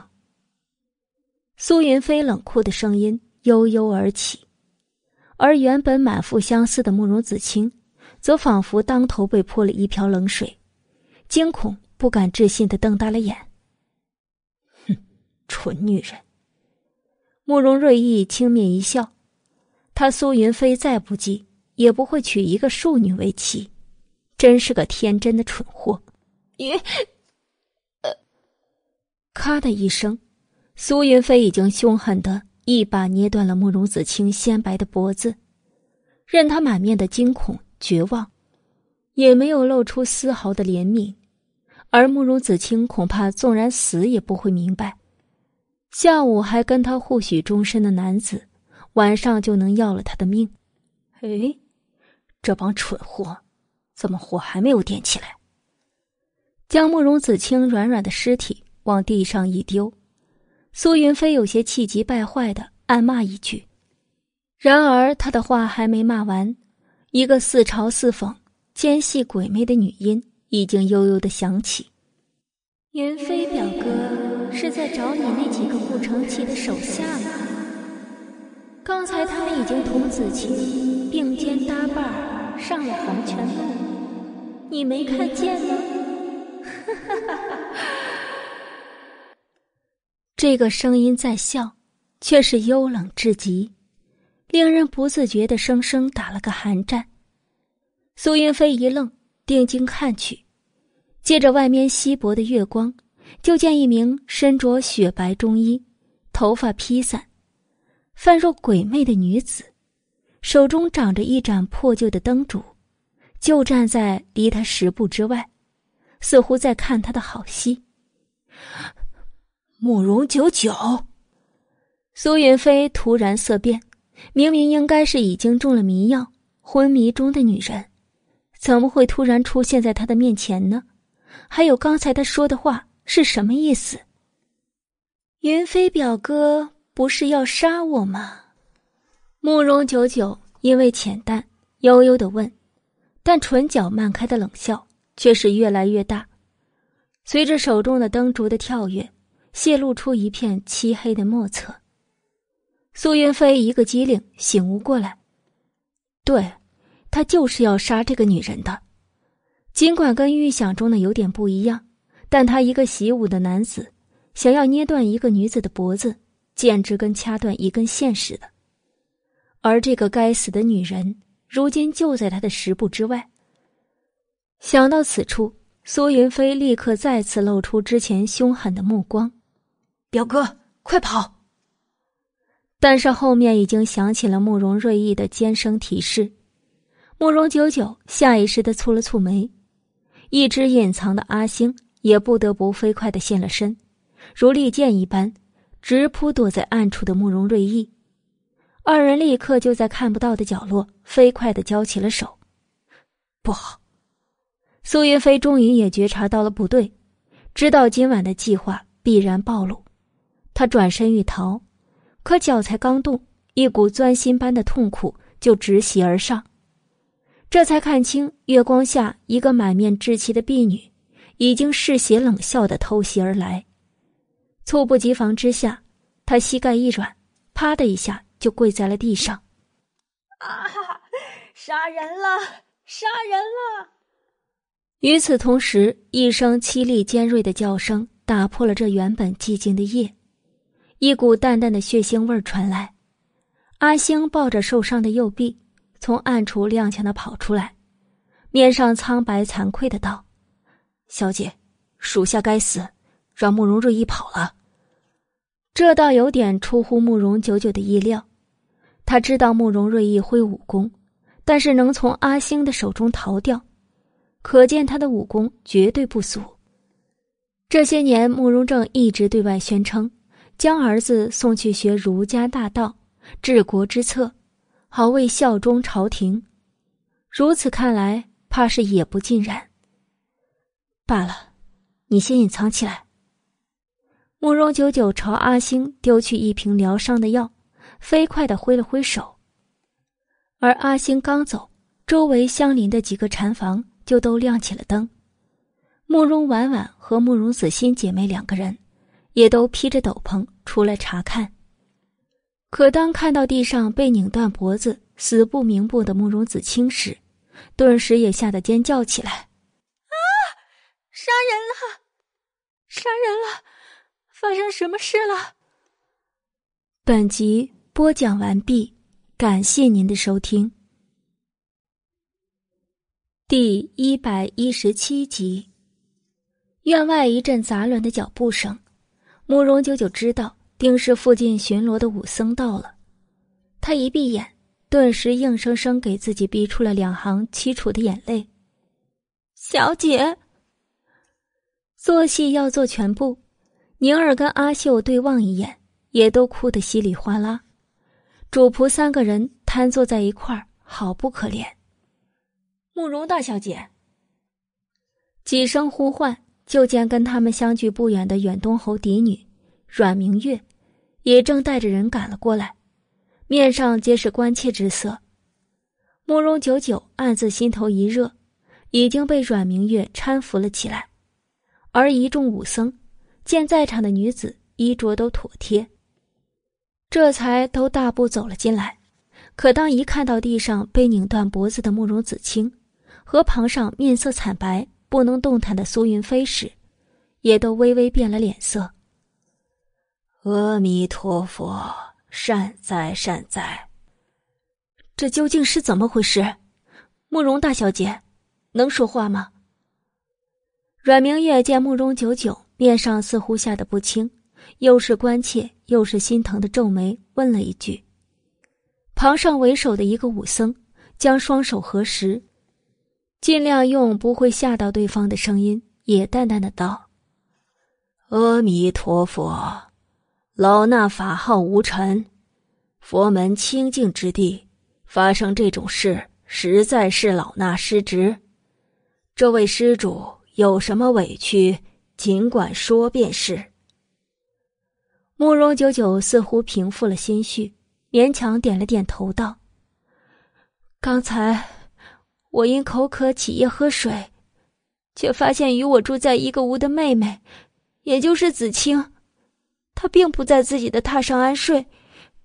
我以为她起夜去了，稍后便回，可等了好一会儿，也不见她回来。我心中担忧，便就想出来看看。”谁知，说到此处，慕容九九满面的忧伤。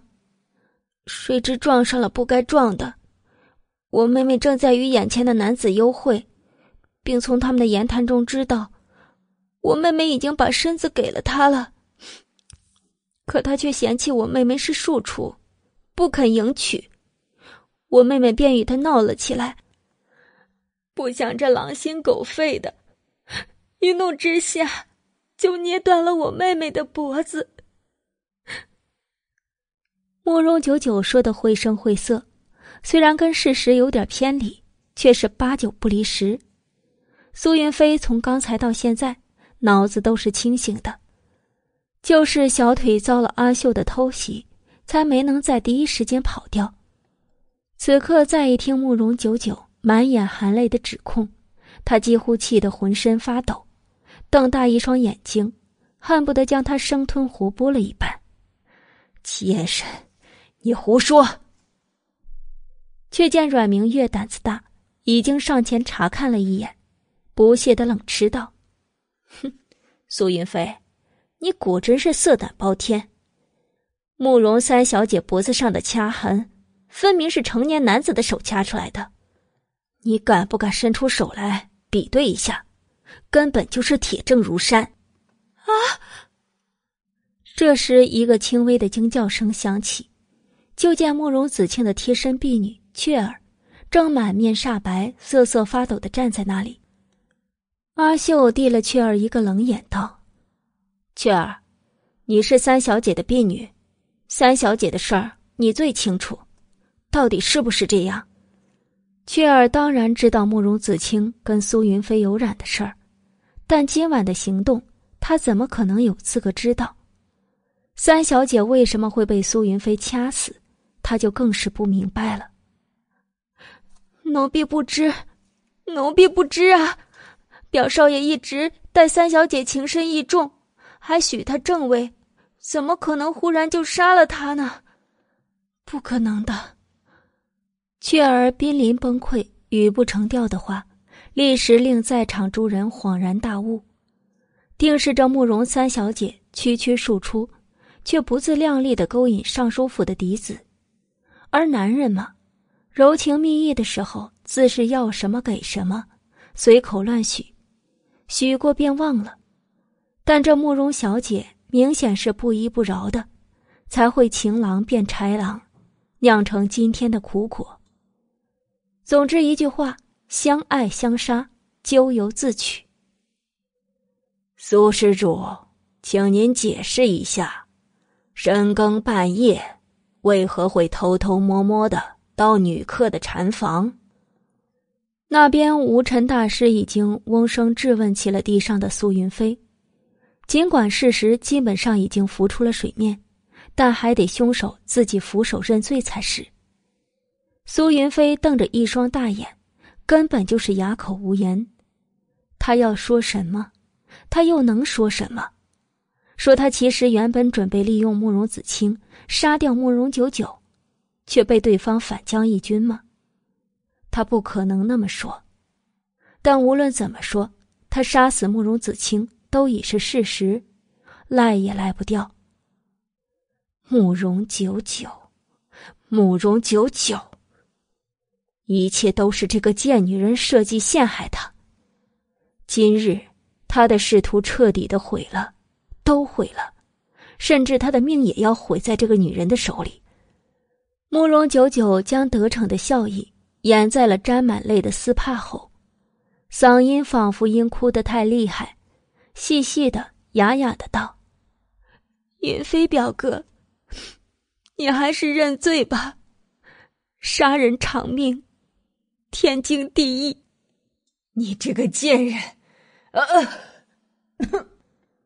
素来心高气傲的苏云飞，仿佛也再也承受不住这一系列的打击，怒急攻心，一口鲜血喷出，就晕了过去。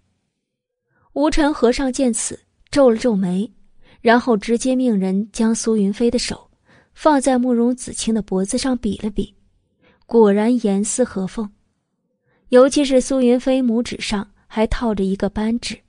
更是再明显不过了。此事毕竟事关相府，慕容施主，你准备如何处理？无尘和尚征求意见似的，又问了一句慕容九九。慕容九九掩面叹息：“我一个小小的女子，经此大难，能有什么主意？但毕竟人命关天。”还是无尘大师帮忙，尽快通知我父亲吧。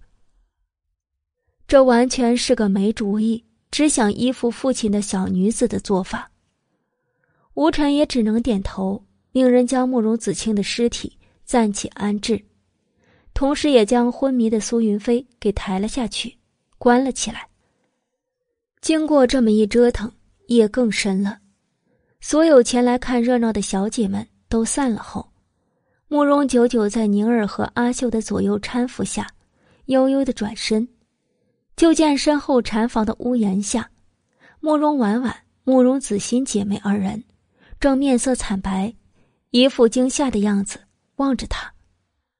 仿佛时至此刻，他们都无法相信，之前还跟他们坐在一起吃完饭，说说笑笑的慕容子清，刚才已经变成了一具冰冷的尸体。还是枉死的，太可怕了。大姐，我们。慕容子欣无助的望着缓步走来的慕容九九，慕容九九淡声叹了口气，安抚道：“哎，夜深了，早点休息吧。子清福薄，有好好的禅房不睡，非要往停尸房钻。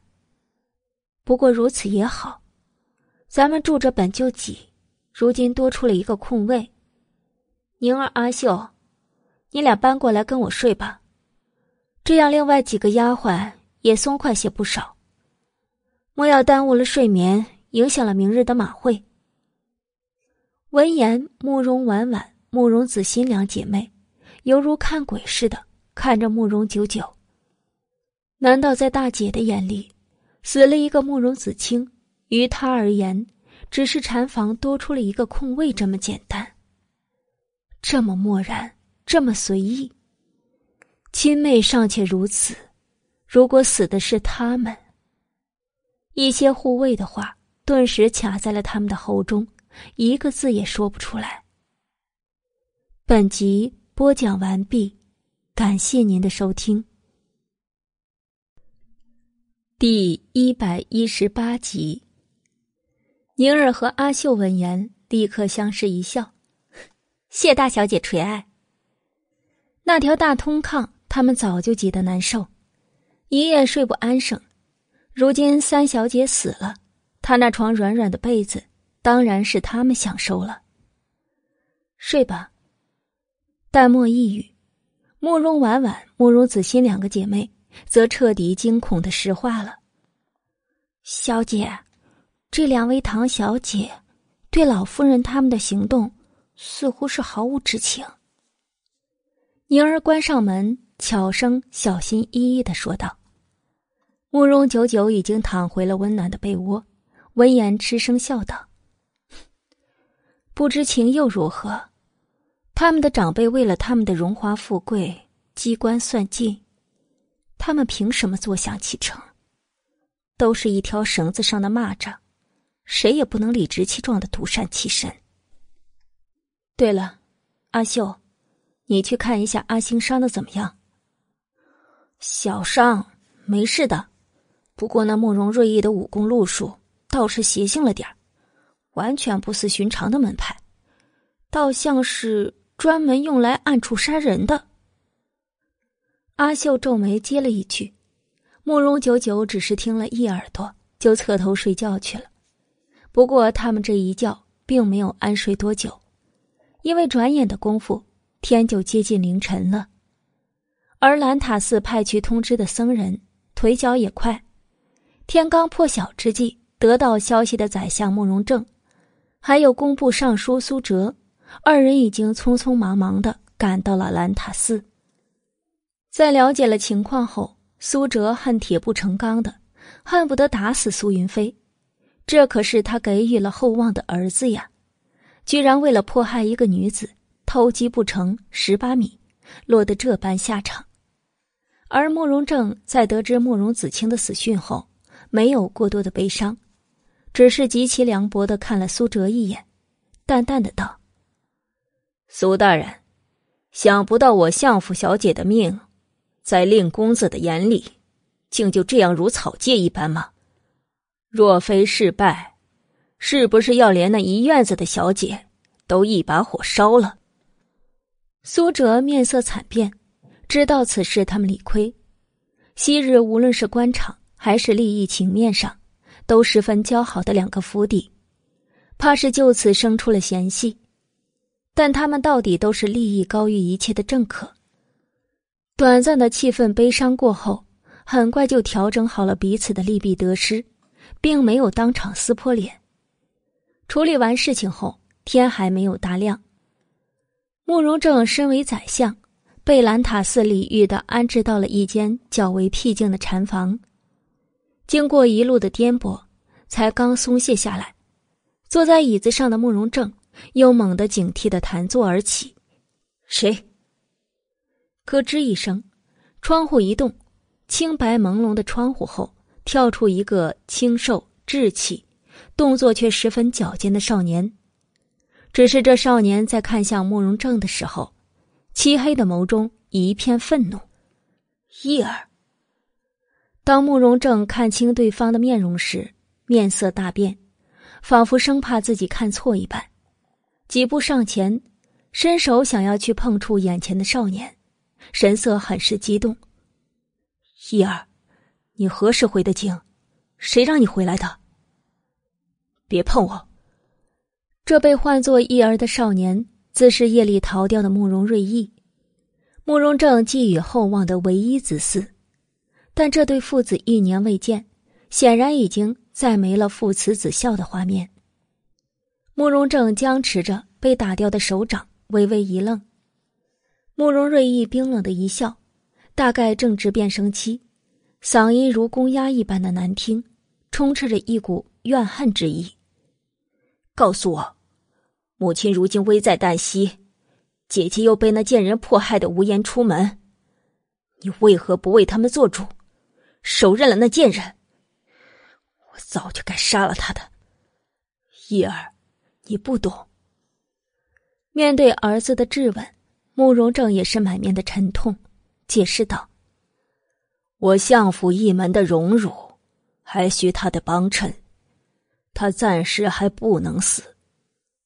叶儿，你听话，为父答应你，最多五年。五年后，为父自将那贱人的头颅割下来给你。但如今小不忍，则乱大谋啊！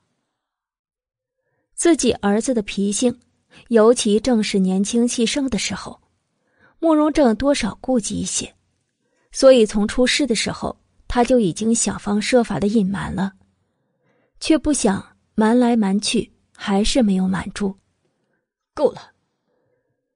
只要一想起自小疼他爱他的母亲和姐姐，正活在水深火热中，他就怒得红了眼。我此来就是问你，杀那个贱人。你帮不帮我？不过如今看来，你是不帮我的了。那我就自己杀。慕容瑞意，你休要胡闹！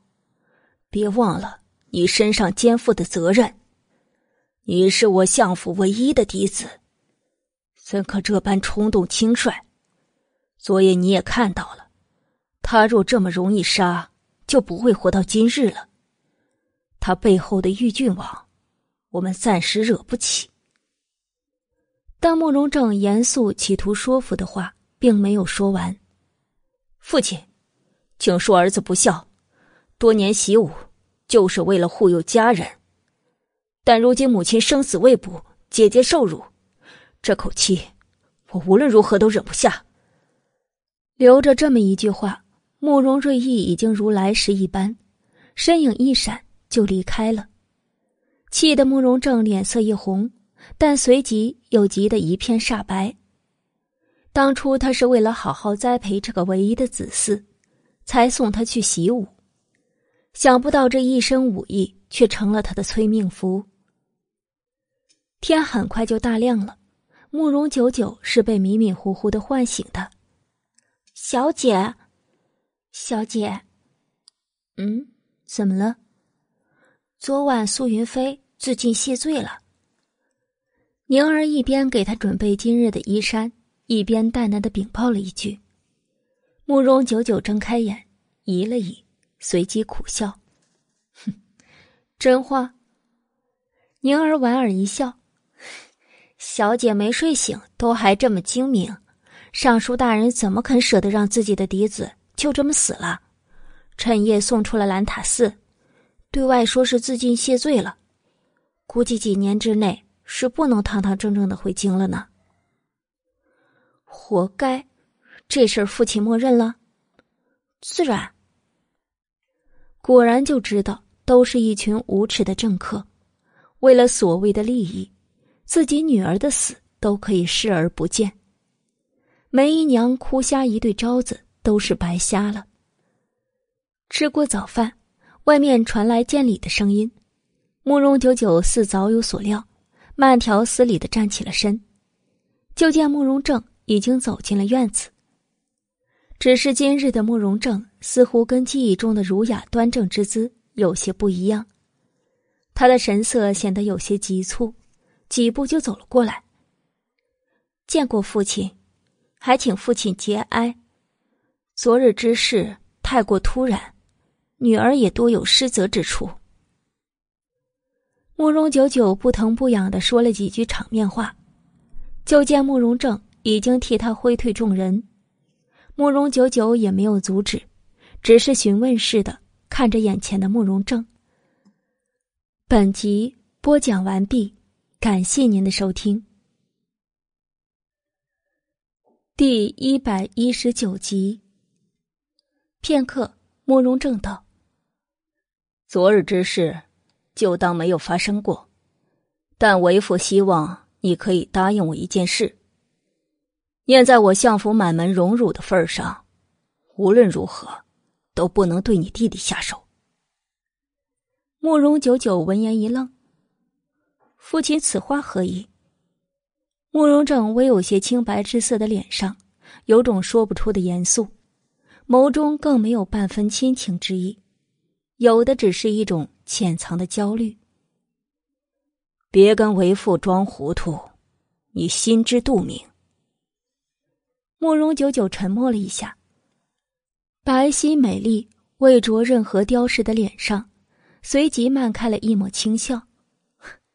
父亲，其实你能看出来，女儿从始至终都没有主动做过任何迫害相府利益的事。还是那句话。人不犯我，就算他犯你，你也不能杀他。慕容正忽然无比严肃的冷冷一语，冰凉的瞳孔更是淬满了严厉的寒冰。这样啊，慕容久久点着头，含笑盈盈的眸中却是已然变得冰冷无情，冷若冰霜。好，我答应你。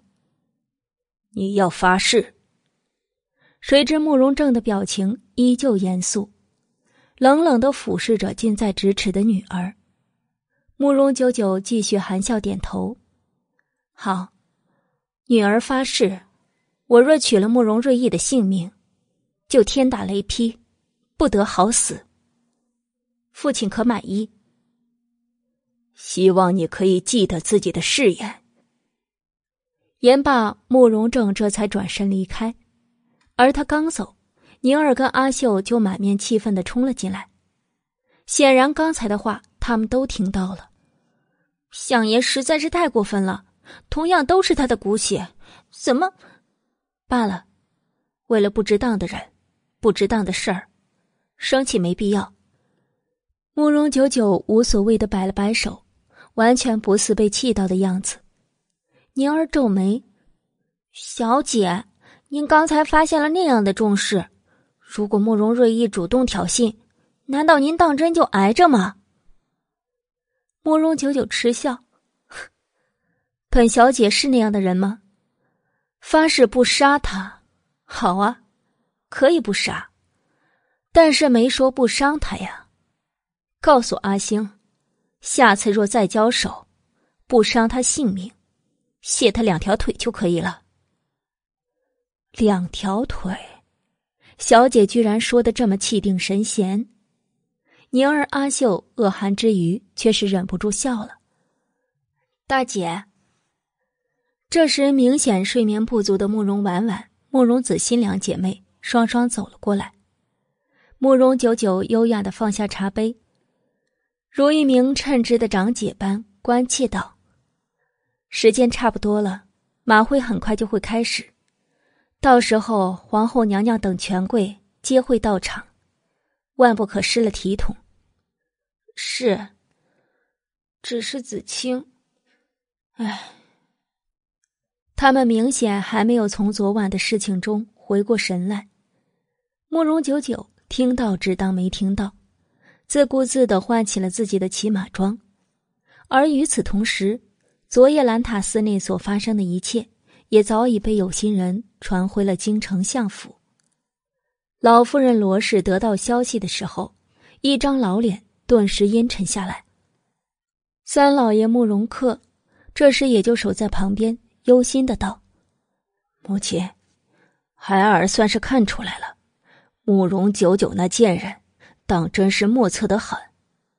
孩儿安排混进猎场的杀手。”一时竟是没了多少把握。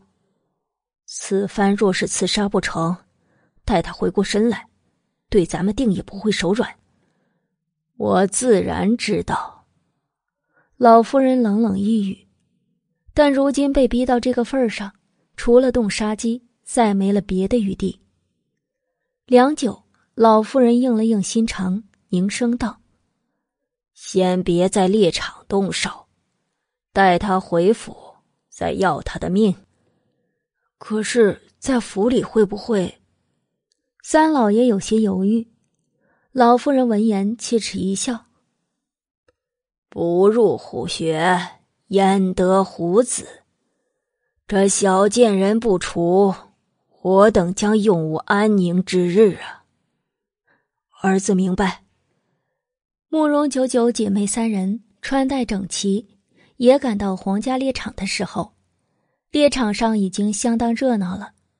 各家的千金皆褪去红装，一身武装，入眼望去，皆是一片英姿飒爽。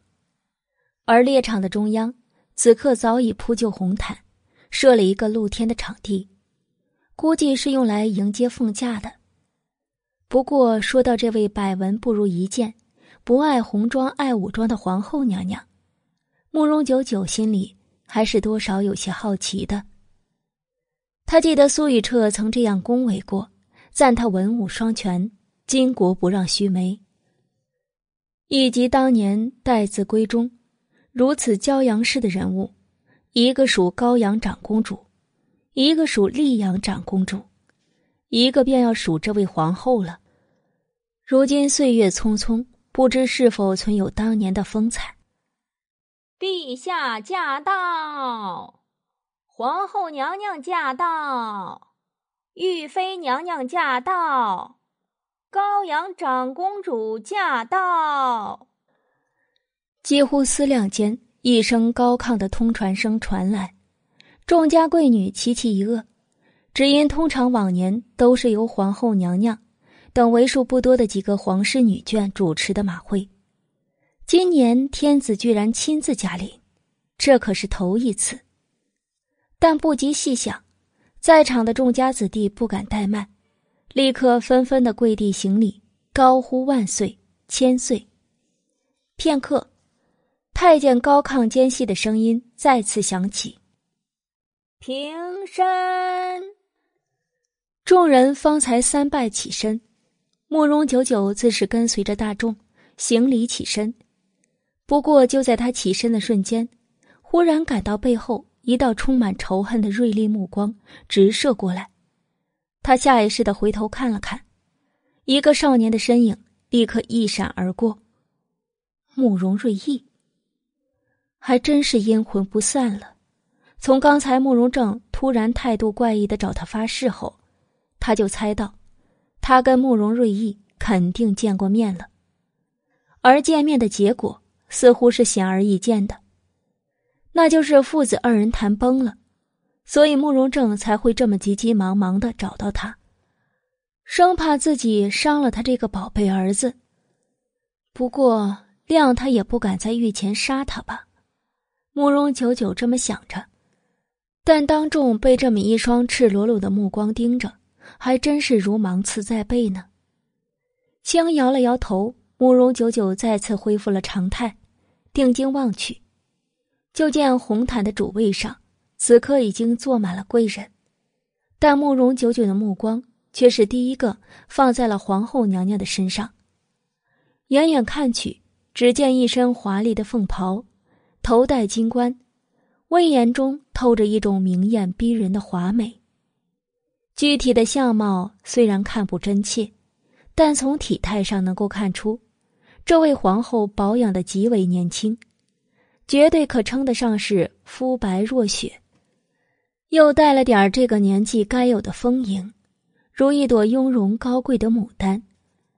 但是，跟之前他脑海中的文武双全、巾帼不让须眉，还真不怎么沾边儿。再看旁上与之相配的东岳皇帝成坤帝，一身墨色的龙袍。但无论样貌还是气质，似乎都不及他的皇后来的耀眼。属于那种温文儒雅，但脱去龙袍搁在人堆里肯定找不着的那种。而就在慕容九九津津有味的打量着这些上位者时，至少有三四道目光，已经同时若有若无的落到了他的身上。本集播讲完毕，感谢您的收听。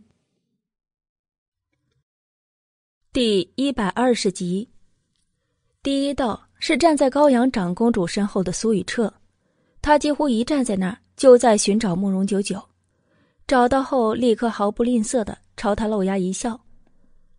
第二个则是跟在皇后娘娘身侧的楚西玉，但他的目光极淡，淡的仿佛不曾察觉，但又不曾忽视。最后的自然是跟在皇帝身后的百里玉华了。这还是慕容九九第一次看到这厮在如此公众的场合露面，依旧还是一副华盖天下的姿态，张扬却也内敛。一袭烈焰无双的绛紫色的锦衣，颀长挺拔的身姿，玉面如画，似笑非笑，格外深邃美丽的五官，令这本就尊华的男子仅仅是站着也流淌着道不尽的风骨艳华。甚至盖过了正儿八经的龙子凤孙，但似乎却也无人敢出来指责他什么，只因为他富可敌国，深受皇宠。但不知道为什么，望着此刻如此耀眼的百里玉华，慕容九九看到的却并不是他的风华绝代，而是众矢之的。百里玉华遥遥也感知到了慕容九九的神色变化，不易察觉的轻轻的蹙了蹙眉头。似乎在恼他不与他眉目传情，慕容九九咧咧嘴，这大庭广众之下眉目传个屁的情啊！暗处还有人等着要他命呢。他悄悄的在脖子上做了个杀人的动作，然后又看了一眼同样半驾在侧的慕容正，也不知道百里华懂不懂，却见百里华心领神会的点点头，好像听懂了他的抱怨。玉华。你一会儿眨眼，一会儿点头的，做什么呢？一个交翅，就听不远处的明秀公主不满的抱怨一句：“朝中谁人不知明秀公主迷恋玉郡王，不是一日两日了？谁知道百里华站在皇帝的身后，没有半点被点名的尴尬，反而无比坦然的含笑道：‘公主没看出吗？我在跟众家小姐眉目传情，眉目传情。’明秀公主顿时像踩了尾巴的猫似的。”怒瞪了一眼场下的小姐们，怎奈何小姐众多，姹紫嫣红的，她也找不到是谁。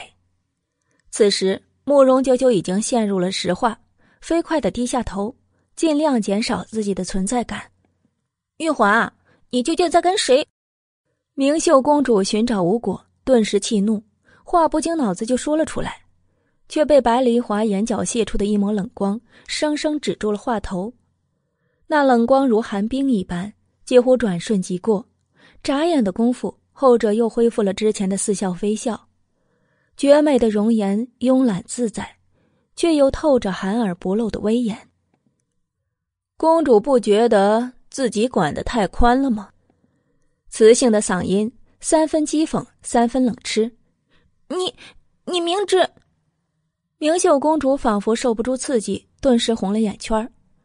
堂堂的一国公主，当众跟一个连自己都不知道是谁的人争风吃醋，这绝不是什么光彩的行为。皇后娘娘端庄威严的眸中一丝轻视闪过，却并未说什么，或者是懒得说什么。倒是成坤帝掩饰般的轻咳一声，说道：“嗯，明秀，不得胡闹。玉华呀，你也及官一年有余了，怎么？”今日可是看上了哪家贵女？朕正好成全了你，如何？明秀一听成坤帝要替百里华赐婚，险些急得没哭出来，却是再不敢随意出言，不怕体统，而是怕再看到玉华眼底的冷光，这让他莫名的畏惧。人就是这样，对看不透却神秘美丽的东西，总是充满一种执迷，说不定待有一日得偿所愿，才会发现。其实那是一杯掺了剧毒的美酒，这杯毒酒还没沾边就能被他活活毒死。谢舅舅关爱，臣暂时还不想找个杜父日日管束着。百里玉华颇有风趣般的优雅一笑，却听旁上的玉妃抿嘴道：“玉郡王惯会说笑，天下哪家女子能受得了你？哎，之前还说不想找个妇人。”那这腰上的鸳鸯戏水又作何解释啊？